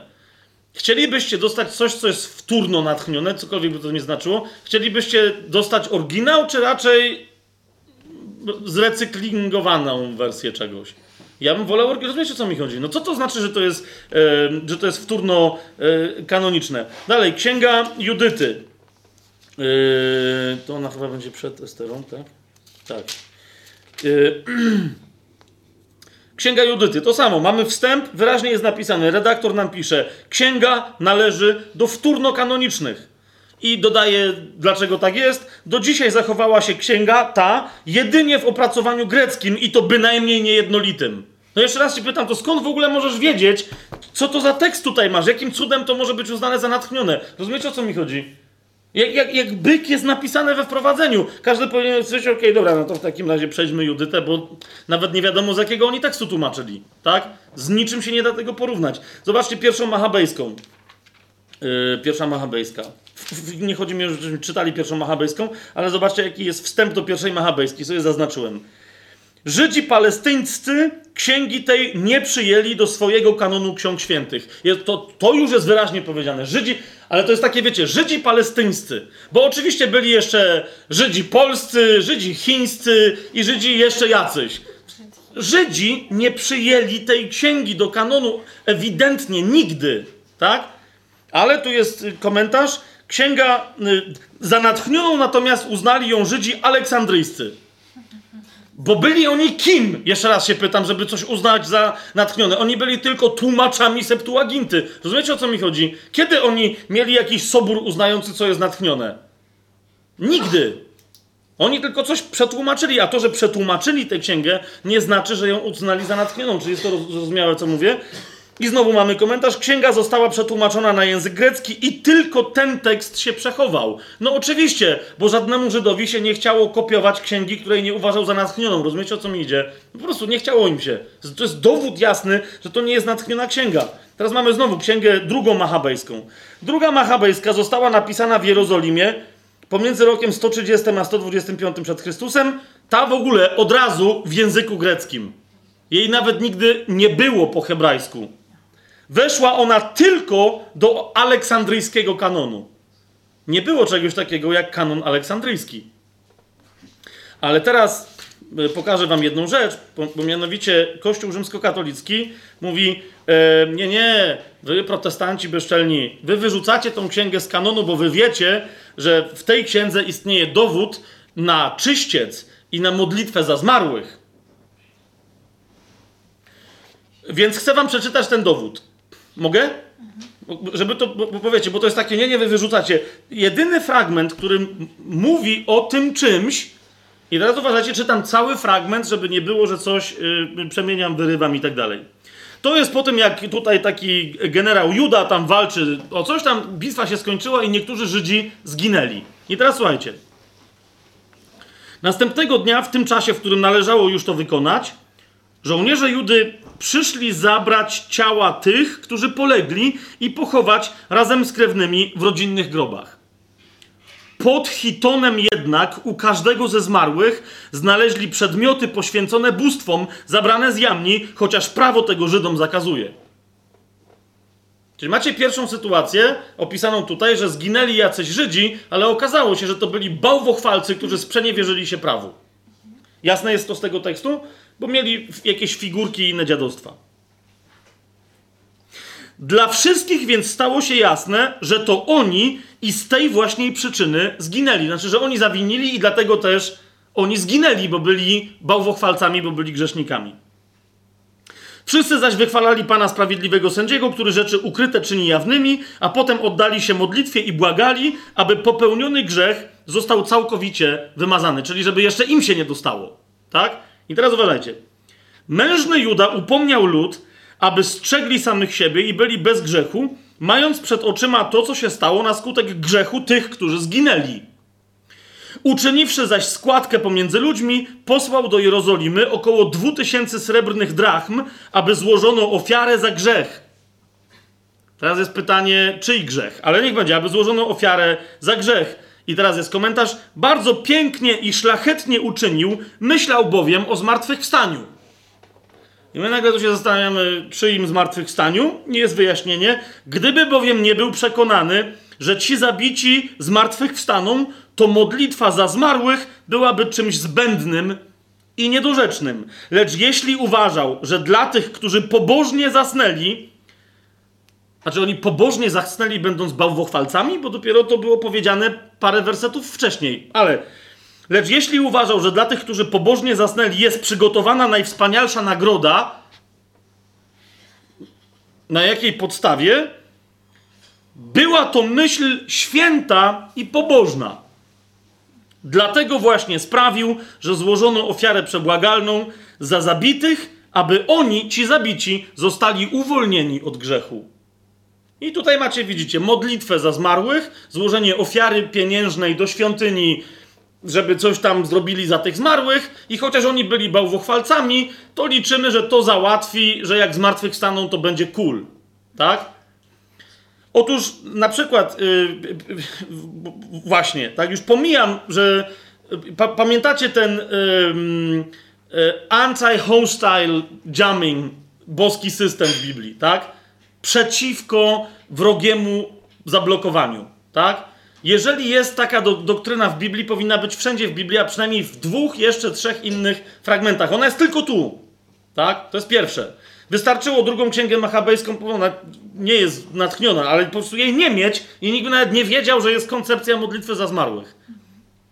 Natomiast chcę zwrócić uwagę na jeszcze jedną rzecz. Załóżmy, że druga księga machabejska jakimś cudem jest natchniona. Jak miałaby być natchniona, skoro się sprzeciwia z myślą wyrażoną w Biblii w wielu innych miejscach, okay? że to, co człowiek zrobi do końca życia, tylko to się liczy, a później nie można nic na to poradzić. Po drugie, że ludzie giną, tak, zwłaszcza w tego typu okolicznościach, na przykład na wojnach, nie w związku ze swoim grzechem bezpośrednio. Skąd o tym wiemy? Ewangelię Łukasza, na przykład 13 rozdział sobie otwórzcie. I zobaczcie, jak Pan Jezus komentuje. Nie tak jak druga księga machabejska, która mówi, że aha, skoro oni mieli figurki, to dlatego Bóg ich zabił w tej bitwie, tak? Tylko zobaczcie, mm, Ewangelia Łukasza, 13 rozdział. Co mówi Pan Jezus? Od pierwszego wersetu, bo tam się dwie rzeczy wydarzyły, tak? W tym samym czasie przybyli do niego niektórzy z wiadomością o, Galilej, o Galilejczykach, których krew Piłat pomieszał z ich ofiarami. Czyli byli jacyś Galilejczycy, coś zrobili, kogoś zabili, bo mieli ofiary, a Piłat wysłał za nimi swoich siepaczy i jeszcze zanim oni usunęli się z tego miejsca, to ich też zarąbał. Tak? To znaczy, że, że Piłat pomieszał ich krew em, z ich ofiarami. Tak? I teraz, odpowiadając, rzekł do nich: Czy myślicie, że ci Galilejczycy byli większymi grzesznikami niż wszyscy inni Galilejczycy, że tak ucierpieli? To jest pytanie Jezusa. Jak ktoś czyta Księgę Machabejską, powinien odpowiedzieć: No tak, gdyż Księga Machabejska nas uczy, że jak ktoś jest większym grzesznikiem, to dlatego właśnie tak zdycha. A Pan Jezus na to mówi: Bynajmniej. Powiadam wam, lecz jeżeli się nie upamiętacie, wszyscy podobnie poginiecie. I jeszcze raz mówi, co do innych przypadków, nie śmierci drastycznej w walce, ale w wypadku, albo czy myślicie, że owych osiemnastu, na których upadła wieża przy Siloe i zabiła ich, było większymi winowajcami niż wszyscy ludzie zamieszkujący Jerozolimę? Bynajmniej, powiadam wam, lecz jeżeli się nie upamiętacie, wszyscy tak samo poginiecie. Wiecie o co mi idzie? Do, jeżeli się nie upamiętacie, a więc nawrócicie przed śmiercią, tak samo poginiecie. I jakie jest rozwiązanie później? Żadne. Pan Jezus mówi, że ale na szczęście mamy drugą księgę machabejską, która mówi, że wojownik Juda wysłał pieniądze za zmarłych. Nie ma takiej informacji nigdzie. Tak? Ale jeszcze raz powtarzam, druga księga machabejska była po prostu księgą dydakt, akurat w tym wypadku uczącą na temat historii Żydów po czasach Malachiasza, a nie była natchniona i nie uczyła niczego na temat, y, po prostu nie, nie, y, na, na temat prawdy działającego Słowa Bożego. Jest to jasne, jest to jasne o czym mówię? Świetnie. Co ciekawe, yy, tłumacz yy, rzymskokatolicki, yy, który tłumaczy z, tłumaczył, zaczął tłumaczyć z języków oryginalnych na łacinę, i to jest też ciekawe, że zaczął to robić dla papieża Damazego. Tego, który został, wiecie, wyznaczony jako jeden z przykładów chrześcijaństwa, obowiązującego chrześcijaństwa katolickiego e, w Imperium e, Rzymskim. Tak? Kojarzycie, czy już jesteście... e, Okej, okay, dobra. To teraz co jest interesujące. Hieronim jak zaczął tłumaczyć i od niego pochodzi cała tak zwana wulgata. No teraz uważajcie. Zaczął tłumaczyć wulgatę potłumaczył Ewangelie, które były w starołacińskim, a potem uznał, że musi się udać do Jerozolimy, bo nie, nie jest aż tak pewny, e, zwłaszcza swojego hebrajskiego. Tak? I pomimo jasnych prikazów, że ma tłumaczyć Septuagintę, wyobraźcie sobie, e, że usunął wszystkie te księgi, o, o których się dowiedział, i od uczonych aleksandryjskich, ale którzy nie byli z tej szkoły gnostycznej i od uczonych e, żydowskich, i od uczonych z Antiochii dowiedział się, że Księga Mądrości, Księga Syracha, Księgi, Księgi Machabejskie, po prostu nikt z nich nie uważa, żeby były natchnione i on też ich nie włączył do kanonu wulgaty oryginalnego. Pierwsze recenzje, pierwsze przyjęcie tłumaczenia wulgaty przez Hieronima było, że Hieronim pojechał na wschód i się stał heretykiem. Tak? To dopiero później, po jego śmierci, do wulgaty zostały łacińskie tłumaczenia tych ksiąg dołączone. Wiecie? I jeszcze raz, mówię to tylko po to, żebyście sobie, żebyście sobie to sami, żebyście to sobie to sami sprawdzili.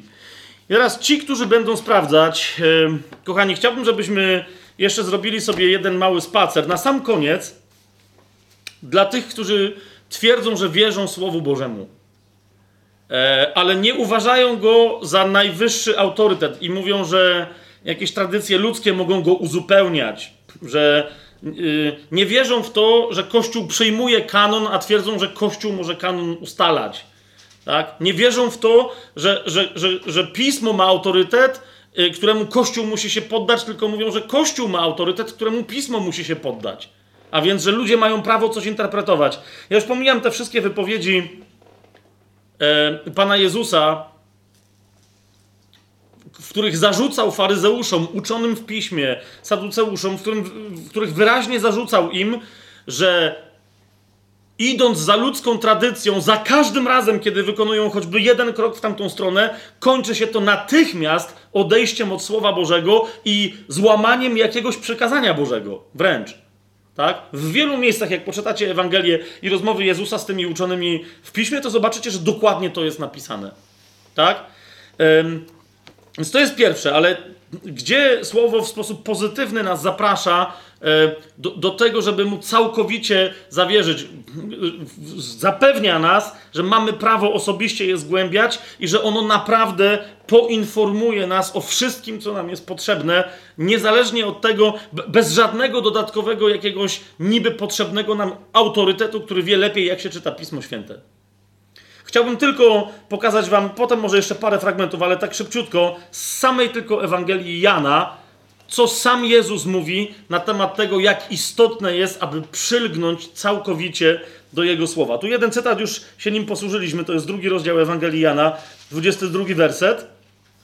Zauważcie, co się stało. Zaraz po tym, jak Jezus został wzbudzony z martwych, przypomnieli sobie uczniowie Jego o tym, co mówił i uwierzyli Pismu, temu, które istniało, tak? Tanachowi, Staremu Przymierzu i Słowu, yy, które Jezus wyrzekł, tak? Oni stwierdzili, to jest istotne, żeby wierzyć w całość, że się tak wyrażę, tego materiału. Teraz piąty rozdział, 24 werset. E, co nam mówi?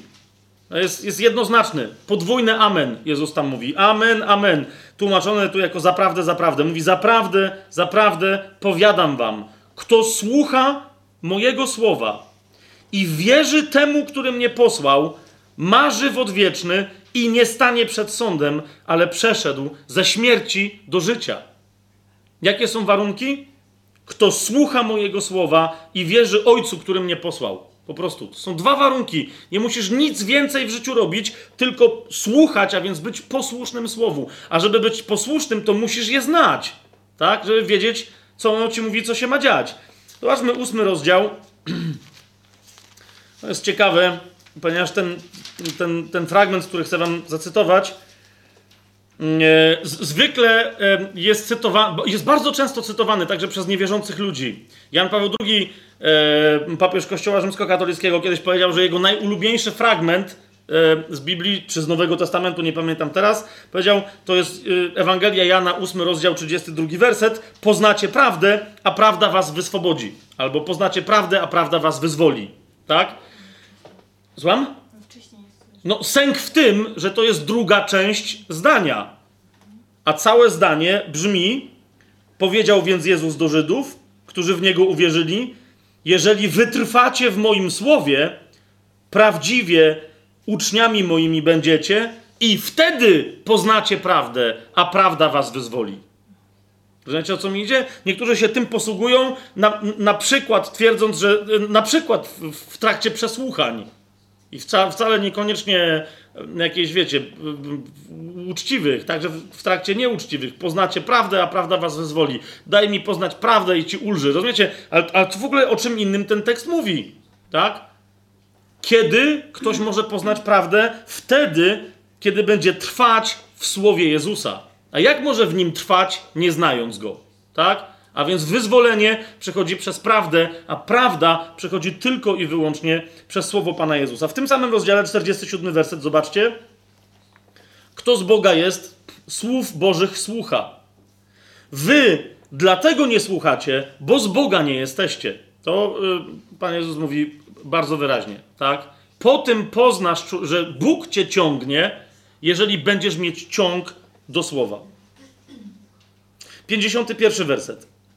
Zaprawdę, zaprawdę, macie znowu podwójne amen. Zaprawdę, zaprawdę, powiadam wam, jeżeli ktoś zachowa słowo moje, śmierci nie ujrzy na wieki. Kolejny raz potwierdzona ta sama obietnica, która była wyrażona w, w piątym rozdziale, tak, w 24 yy, wersecie. Dwunasty rozdział Ewangelii Jana, yy, otwórzcie. 48 werset. Jeżeli, teraz zauważcie, to jest z drugiej strony, Pan Jezus cały czas, zauważcie, w jednej tylko Ewangelii, zobaczcie, jak się upomina o swoje słowo. On mówi wyraźnie, kto mną gardzi i nie przyjmuje słów moich, ma swojego sędziego. Słowo, które głosiłem, sądzić go będzie w dniu ostatecznym. Kto mną gardzi i nie przyjmuje słów moich. To jest y, y, nieprzyjmowanie słów. Nawiasem mówiąc, Hieronim, o którym wspominaliśmy, on mówił, że nieznajomość Słowa Bożego jest nieznajomością Chrystusa. Jak ktoś może twierdzić, że zna Jezusa, znając doktrynę jakiegoś kościoła, a nie znając Biblii? To jest, abstrakcja. Jezus powiedział wyraźnie, mnie nie interesuje, jakie znacie doktryny i ile znacie mądrości ludzkich. Mnie tylko interesuje, żebyście nie gardzili mną, a mną nie gardzicie, kiedy przyjmujecie moje słowo. 14 rozdział sobie otwórzcie, 23, 24 werset. Odpowiedział Jezus i rzekł mu, jeżeli ktoś mnie miłuje, znaczy właśnie to jest to, jak ktoś mną gardzi, powiedział wcześniej, to nie ma mojego słowa. Ale jeżeli tu mówi, ktoś mnie miłuje, słowa mojego przestrzegać będzie. I ojciec mój umiłuje go i do niego przyj- przyjdziemy i u niego zamieszkamy. Kto mnie miłuje, ten słów moich, kto mnie nie miłuje, ten słów moich nie przestrzega. A przecież słowo, które słyszycie, nie jest moim słowem, ale ojca, który mnie posłał. A więc stosunek do Słowa Bożego, i to jest jasne, że albo kochasz Słowo Boże, albo nim gardzisz. Po prostu albo je przyjmujesz w całości, albo jeżeli tylko wybierasz z niego fragmenty, to znaczy, że nie przyjmujesz go. I Jezus wtedy mówi: Mnie odrzucasz. I odrzucasz słowo, które pochodzi, yy, które pochodzi od Ojca. To jest bardzo konkretne ostrzeżenie. 17 rozdział, otwórzcie sobie. Od szóstego wersetu do ósmego. E, Tam się Jezus, to jest tak zwana modlitwa arcykapłańska Jezusa. On się modli do Ojca i zobaczcie e, ostatnie rzeczy, które mówi jeszcze przy swoich uczniach. Co, co uważa za stosowne, żeby wyrazić na głos. Mówi do Ojca, objawiłem imię Twoje ludziom, których mi dałeś ze świata. Twoimi byli i mnie ich dałeś i strzegli Twojego słowa.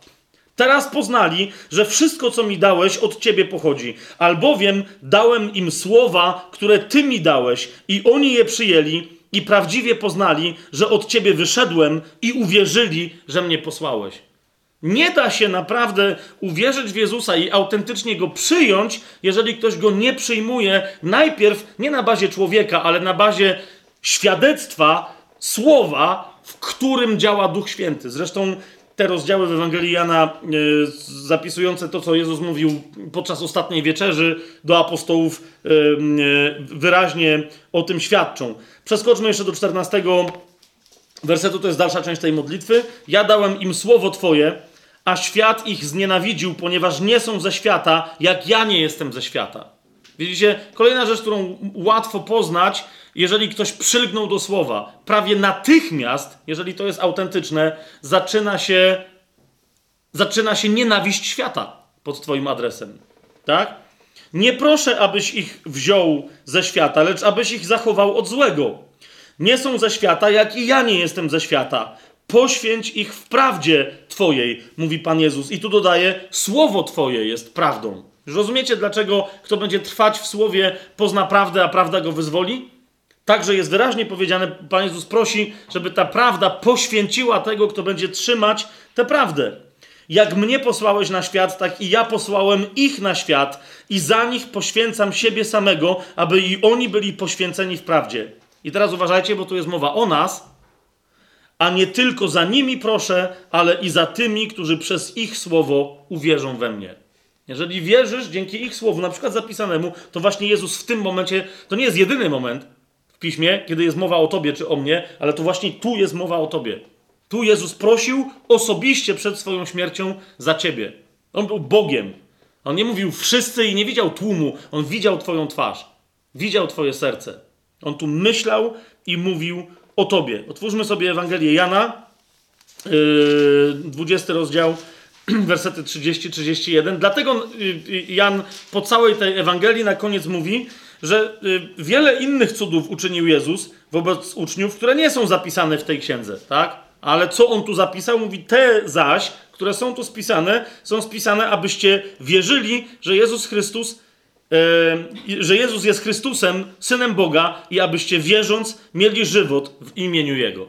Tak? Konkretnie mówi, to, co tu zapisałem, to jest wystarczające, to jest wystarczające słowo. I jeszcze parę cytatów, yy, gdyby komuś było mało, które po prostu chcę, żeby Słowo Boże was zachęciło do tego, żeby mu się naprawdę całkowicie oddać i poświęcić, żeby uczynić go swoim autorytetem i żeby mieć pewność, że jeżeli Słowo Boże coś mówi, nie w jednym wersecie. To nie chodzi tylko o sola scriptura, tylko Pismo Święte i jeden werset, ale chodzi o to, co, co ja sobie nazwałem pasa grafe. Tylko Pismo Święte, ale całe Pismo Święte. Jeżeli gdzieś jest jakiś yy, nakaz, o którym zaproszenie Boże, do, które Bóg wystosował pod Twoim adresem i ono jest potwierdzone przez całe pismo, to nie możesz nie iść za nim, bo to jest źródło życia. O to mi chodzi. Rozumiecie? Zobaczcie, 16, to takie mniej znane cytaty podam. 16 rozdział yy, listu do Rzymian. W 25-26 wersecie mówi o Bogu, który ma moc utwierdzić was według Ewangelii mojej i zwiastowania o Jezusie Chrystusie, według objawienia tajemnicy, przez długie wieki milczeniem pokrytym, ale, pokrytej, ale teraz objawionej i przez pisma prorockie, według postanowienia wiecznego Boga, obwieszczonej wszystkim narodom. No, no więc tu macie znowu kolejny wyraz tego, że nie, nie wolno odrzucać Starego Przymierza, jakoby było nieaktualne, bo już przyszedł Pan Jezus i wszystko pozmieniał, tylko On przyszedł, powiedział wyraźnie, ja nie pozwolę na to, żeby choćby jedna jota, żeby chociażby jedna kreska została usunięta z prawa, aż dopóki wszystko się nie wypełni. Ta jota to jest najmniejsza litera, po prostu jod w, w alfabecie hebrajskim, a te kreski to chodzi o e, znaki, które się robiło w alfabecie hebrajskim, na przykład, żeby zaznaczyć, że dana litera nie tylko jest na końcu wyrazu, ale też, że kończy zdanie. Żydzi nie, nie, stawiali kropek, tylko dawali znak na ostatniej literze ostatniego wyrazu w zdaniu, że, że tu się kończy zdanie. Jasne jest to, to co mówię? I Pan powiedział, że nawet, że nawet coś takiego, że nie pozwoli, żeby to było, yy, to było zmienione. I tutaj widzicie, Paweł się też do tego odwołuje. Zobaczcie list do Galacjan, gdzie po prostu tak od, po prostu z, jakby z całą oczywistością w trzecim rozdziale mówi wyraźnie, e, od, odwołuje się do właśnie Starego Przymierza i mówi, proszę bardzo, przecież to, to było przewidziane w Starym Przymierzu. Co? Trzeci rozdział e, listu do Galacjan, ósmy werset. Pismo przewidziało, że Bóg z wiary usprawiedliwia pogan. I teraz niektórzy mówią, Paweł to wymyślił, tak? To Paweł wymyślił, to Paweł miał to objawienie, a Paweł mówi, Pismo to przewidziało. Teraz to jest Twoje zadanie, bo dosyć łatwo na to odpowiedzieć, gdzie to jest przewidziane, już w Starym Przymierzu, że nie przez wykonywanie prawa, ale przez łaskę, która jest w wypełniającym prawo Chrystusie, Ty jako poganka, czy jako, ja jako poganin, że możemy być zbawieni, tak? Tylko w Nim. Pismo, Paweł mówi, przewidziało, że Bóg z wiary usprawiedliwia pogan. Pierwszy do Tesaloniczan sobie otwórzmy. Drugi rozdział. Trzynasty werset. Przeto i my dziękujemy Bogu nieustannie, że przyjęliście Słowo Boże, które od nas słyszeliście, nie jako słowo ludzkie, ale jak jest prawdziwie, jako Słowo Boga, które też w Was, wierzących, skutecznie działa. Paweł mówi wyraźnie, że wystosował Słowo do Tesaloniczan i oni właśnie rozpoznali w nim natchnienie, przyjęli to Słowo jako prawdziwe Słowo od Boga, a to Słowo w nich działa skutecznie. Słowo ludzkie nie działa w człowieku skutecznie tak, jak działa Słowo Boże. W drugim do Tymoteusza, oczywiście e, znacie ten fragment, ale nie da się go nie przywołać. E, Paweł Tymoteu, Tymoteuszowi w trzecim rozdziale mówi od 14 wersetu: Ty trwaj w tym, czego się nauczyłeś i czego jesteś pewny, wiedząc od kogoś się tego nauczył. I do, na co się powołuje? Mówi, ponieważ od dzieciństwa znasz pisma święte, Biblia, pisma święte, tak? Znasz pisma święte, które cię mogą obdarzyć mądrością ku zbawieniu przez wiarę w Jezusa Chrystusa. Więc nie, nie, tylko chodzi o to, że możesz dostąpić zbawienia, ale, ale to przychodzi z, z, takim poznaniem, to zbawienie, że możesz wszelką mądrość z tego pozyskać. I potem dalej mówi, całe pismo przez Boga jest natchnione i pożyteczne do nauki, do wykrywania błędów, do poprawy, do wychowywania w sprawiedliwości, aby człowiek Boży był doskonały, do wszelkiego dobrego dzieła przygotowany. Chcesz, szukasz doskonałości w Chrystusie, nie znajdziesz jej poza pismem. To pismo to czyni. Mówisz, moje życie wydaje się być bezsensowne, nie wiem, czy jestem przygotowana do dobrego dzieła. To pismo przygotuje cię do dobrego dzieła, do którego Bóg cię stworzył. Drugi Piotrowy sobie yy, otwórzmy, bo niektórzy oczywiście po tym, co tu przeczytałem, powiedzą, że tak, ale Piotr przecież mówi wyraźnie. To jest drugi Piotra, pierwszy rozdział, 19 werset i dwa następne. Piotr się odwołuje do Pisma Świętego i mówi tak: Mamy słowo prorockie, jeszcze bardziej potwierdzone, a wy dobrze czynicie, trzymając się go niby pochodni świecącej w ciemnym miejscu, dopóki dzień nie zaświta i nie wzejdzie jutrzenka w waszych sercach. I tutaj podaje zasadę, na podstawie której niektórzy mówią: O, widzisz, i tu jest napisane, że potrzebujesz jednak jakiegoś autorytetu, żeby ci wytłumaczył, o co chodzi w piśmie. Mianowicie Piotr powiada: Przede wszystkim to wiedzcie, że wszelkie proroctwo pisma nie podlega dowolnemu wykładowi. Albowiem proroctwo nie przychodziło nigdy z woli ludzkiej, lecz wypowiadali je ludzie Boży, natchnieni Duchem Świętym. I niektórzy mówią, nie podlega dowolnemu wykładowi. Nie możesz sobie wykładać jak chcesz. I odpowiadam na to, tak jak za chwilę w tym samym liście odpowie nam e, Piotr. Odpowiadam, że oczywiście, że tak. Tylko, że stwierdzenie, że pismo nie podlega dowolnemu wykładowi, nie oznacza, że, że tobie nie wolno wykładać pisma, ale że nie wolno ci wykładać pisma bez związku z całą resztą pisma. Nie możesz być ignorantem, nie możesz być Aleksandryjczykiem, nie możesz otworzyć objawienia Janowego, zacząć czytać o Wielkim Babilonie i powiedzieć: Nie wiem o co chodzi tutaj z tym Wielkim Babilonem, ale mi się wydaje, że to jest symbol, i zaczynasz opowiadać jakieś brednie. Nie możesz tak zrobić. Musisz sprawdzić, co całe pismo mówi na temat Babilonu i następnie wyciągnąć wnioski, tak? Skąd wiemy, że tak jest? Zauważcie trzeci rozdział drugiego listu e, Piotrowego, 15 e, werset i następne. Tam Piotr kontynuuje, wraca do tej myśli i mówi tak: Cierpliwość Pana naszego uważajcie za ratunek, podobnie jak i umiłowany brat nasz Paweł w mądrości, która mu jest dana, pisał do Was.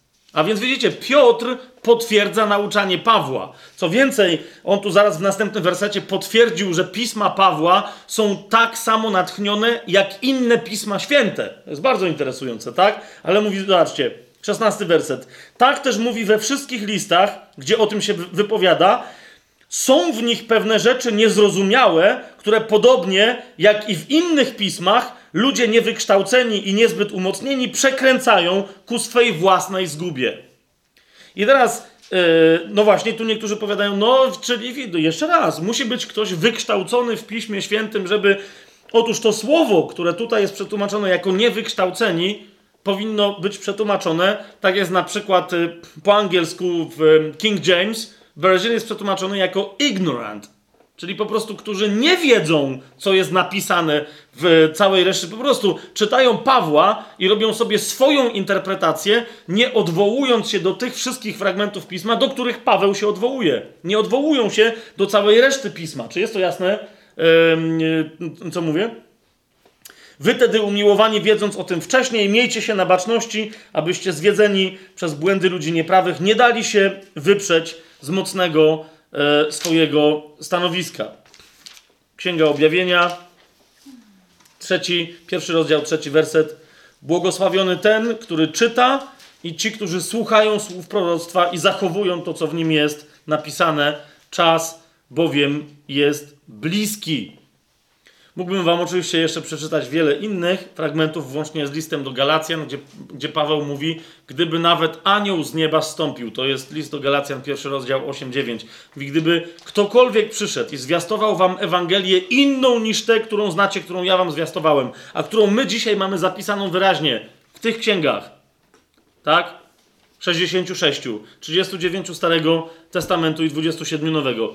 To mówi, to niech będzie przeklęty. Nawet gdyby sam anioł z nieba stąpił i się objawiał i mówi, że Ewangelia wygląda trochę inaczej. Mówi, porównajcie to z tym, co znacie. Tym, co do Galacjan mówi, co słyszeliście, a, a my możemy porównać z tym, jaka Ewangelia była głoszona Galacjanom, Koryntianom i tak dalej, i tak dalej, tak? I mówi, niech będzie przeklęty.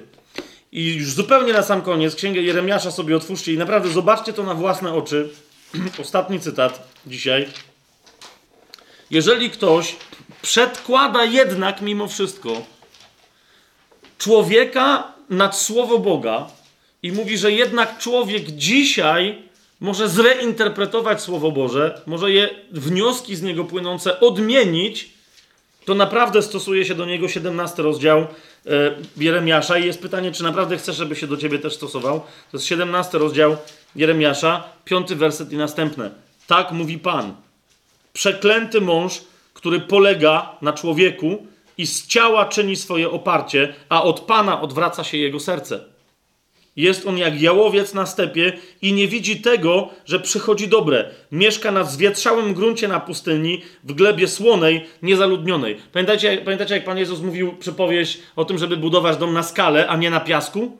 To tu jest wyraźnie powiedziane, każdy, kto się opiera w kwestiach najistotniejszych zbawienia życia duszy, życia wiecznego, na człowiek, nie, nie, nie tylko, ale zwłaszcza w tych kwestiach, tak? Mówi, buduje na piasku i to samo jest tu powiedziane. Jest on jak jałowiec na stepie i nie widzi tego, że przychodzi dobre. Mieszka na zwietrzałym gruncie.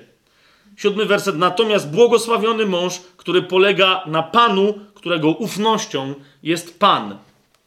Pan nam zostawił tę genialną książkę, e, genialnie spójną wewnętrznie, nieomylną i tylko ona jest nieomylna, bezbłędną i tylko ona jest bezbłędna, co samo w sobie jest cudem. Pan nam zostawił te, te, ten genialny zestaw ksiąg z fantastycznymi proroctwami, których prawdopodobieństwo wypełnienia byłoby żadne, gdyby nie to, że pochodziły od Boga i są prawdziwe z mnóstwem przepowiedni, proroctw, które się tyczą nas, które się jeszcze nie wypełniły, na które mamy prawo oczekiwać, włącznie z genialnym zapewnieniem, że nie pójdziemy na sąd i nigdy nie dostaniemy się pod władzę drugiej śmierci, ale będziemy żyli na wieki. Jak można, poznając całe to słowo, ja rozumiem, że ktoś nie poznaje, ale jak można, poznając całe to słowo, nie rzucić się w zaufanie temu, kto to słowo wypowiada, odstawiając kogokolwiek innego, kto twierdzi inaczej do takiego e, zaufania, nie tylko na podstawie tych słów, które przeczytałem, ale na podstawie całego tego słowa, do takiego zaufania Was zapraszam, a żeby ono się mogło zrodzić i utwierdzić i umocnić, potrzeba poznania całego słowa i to zaproszenie jest też oczywiste. Dzięki.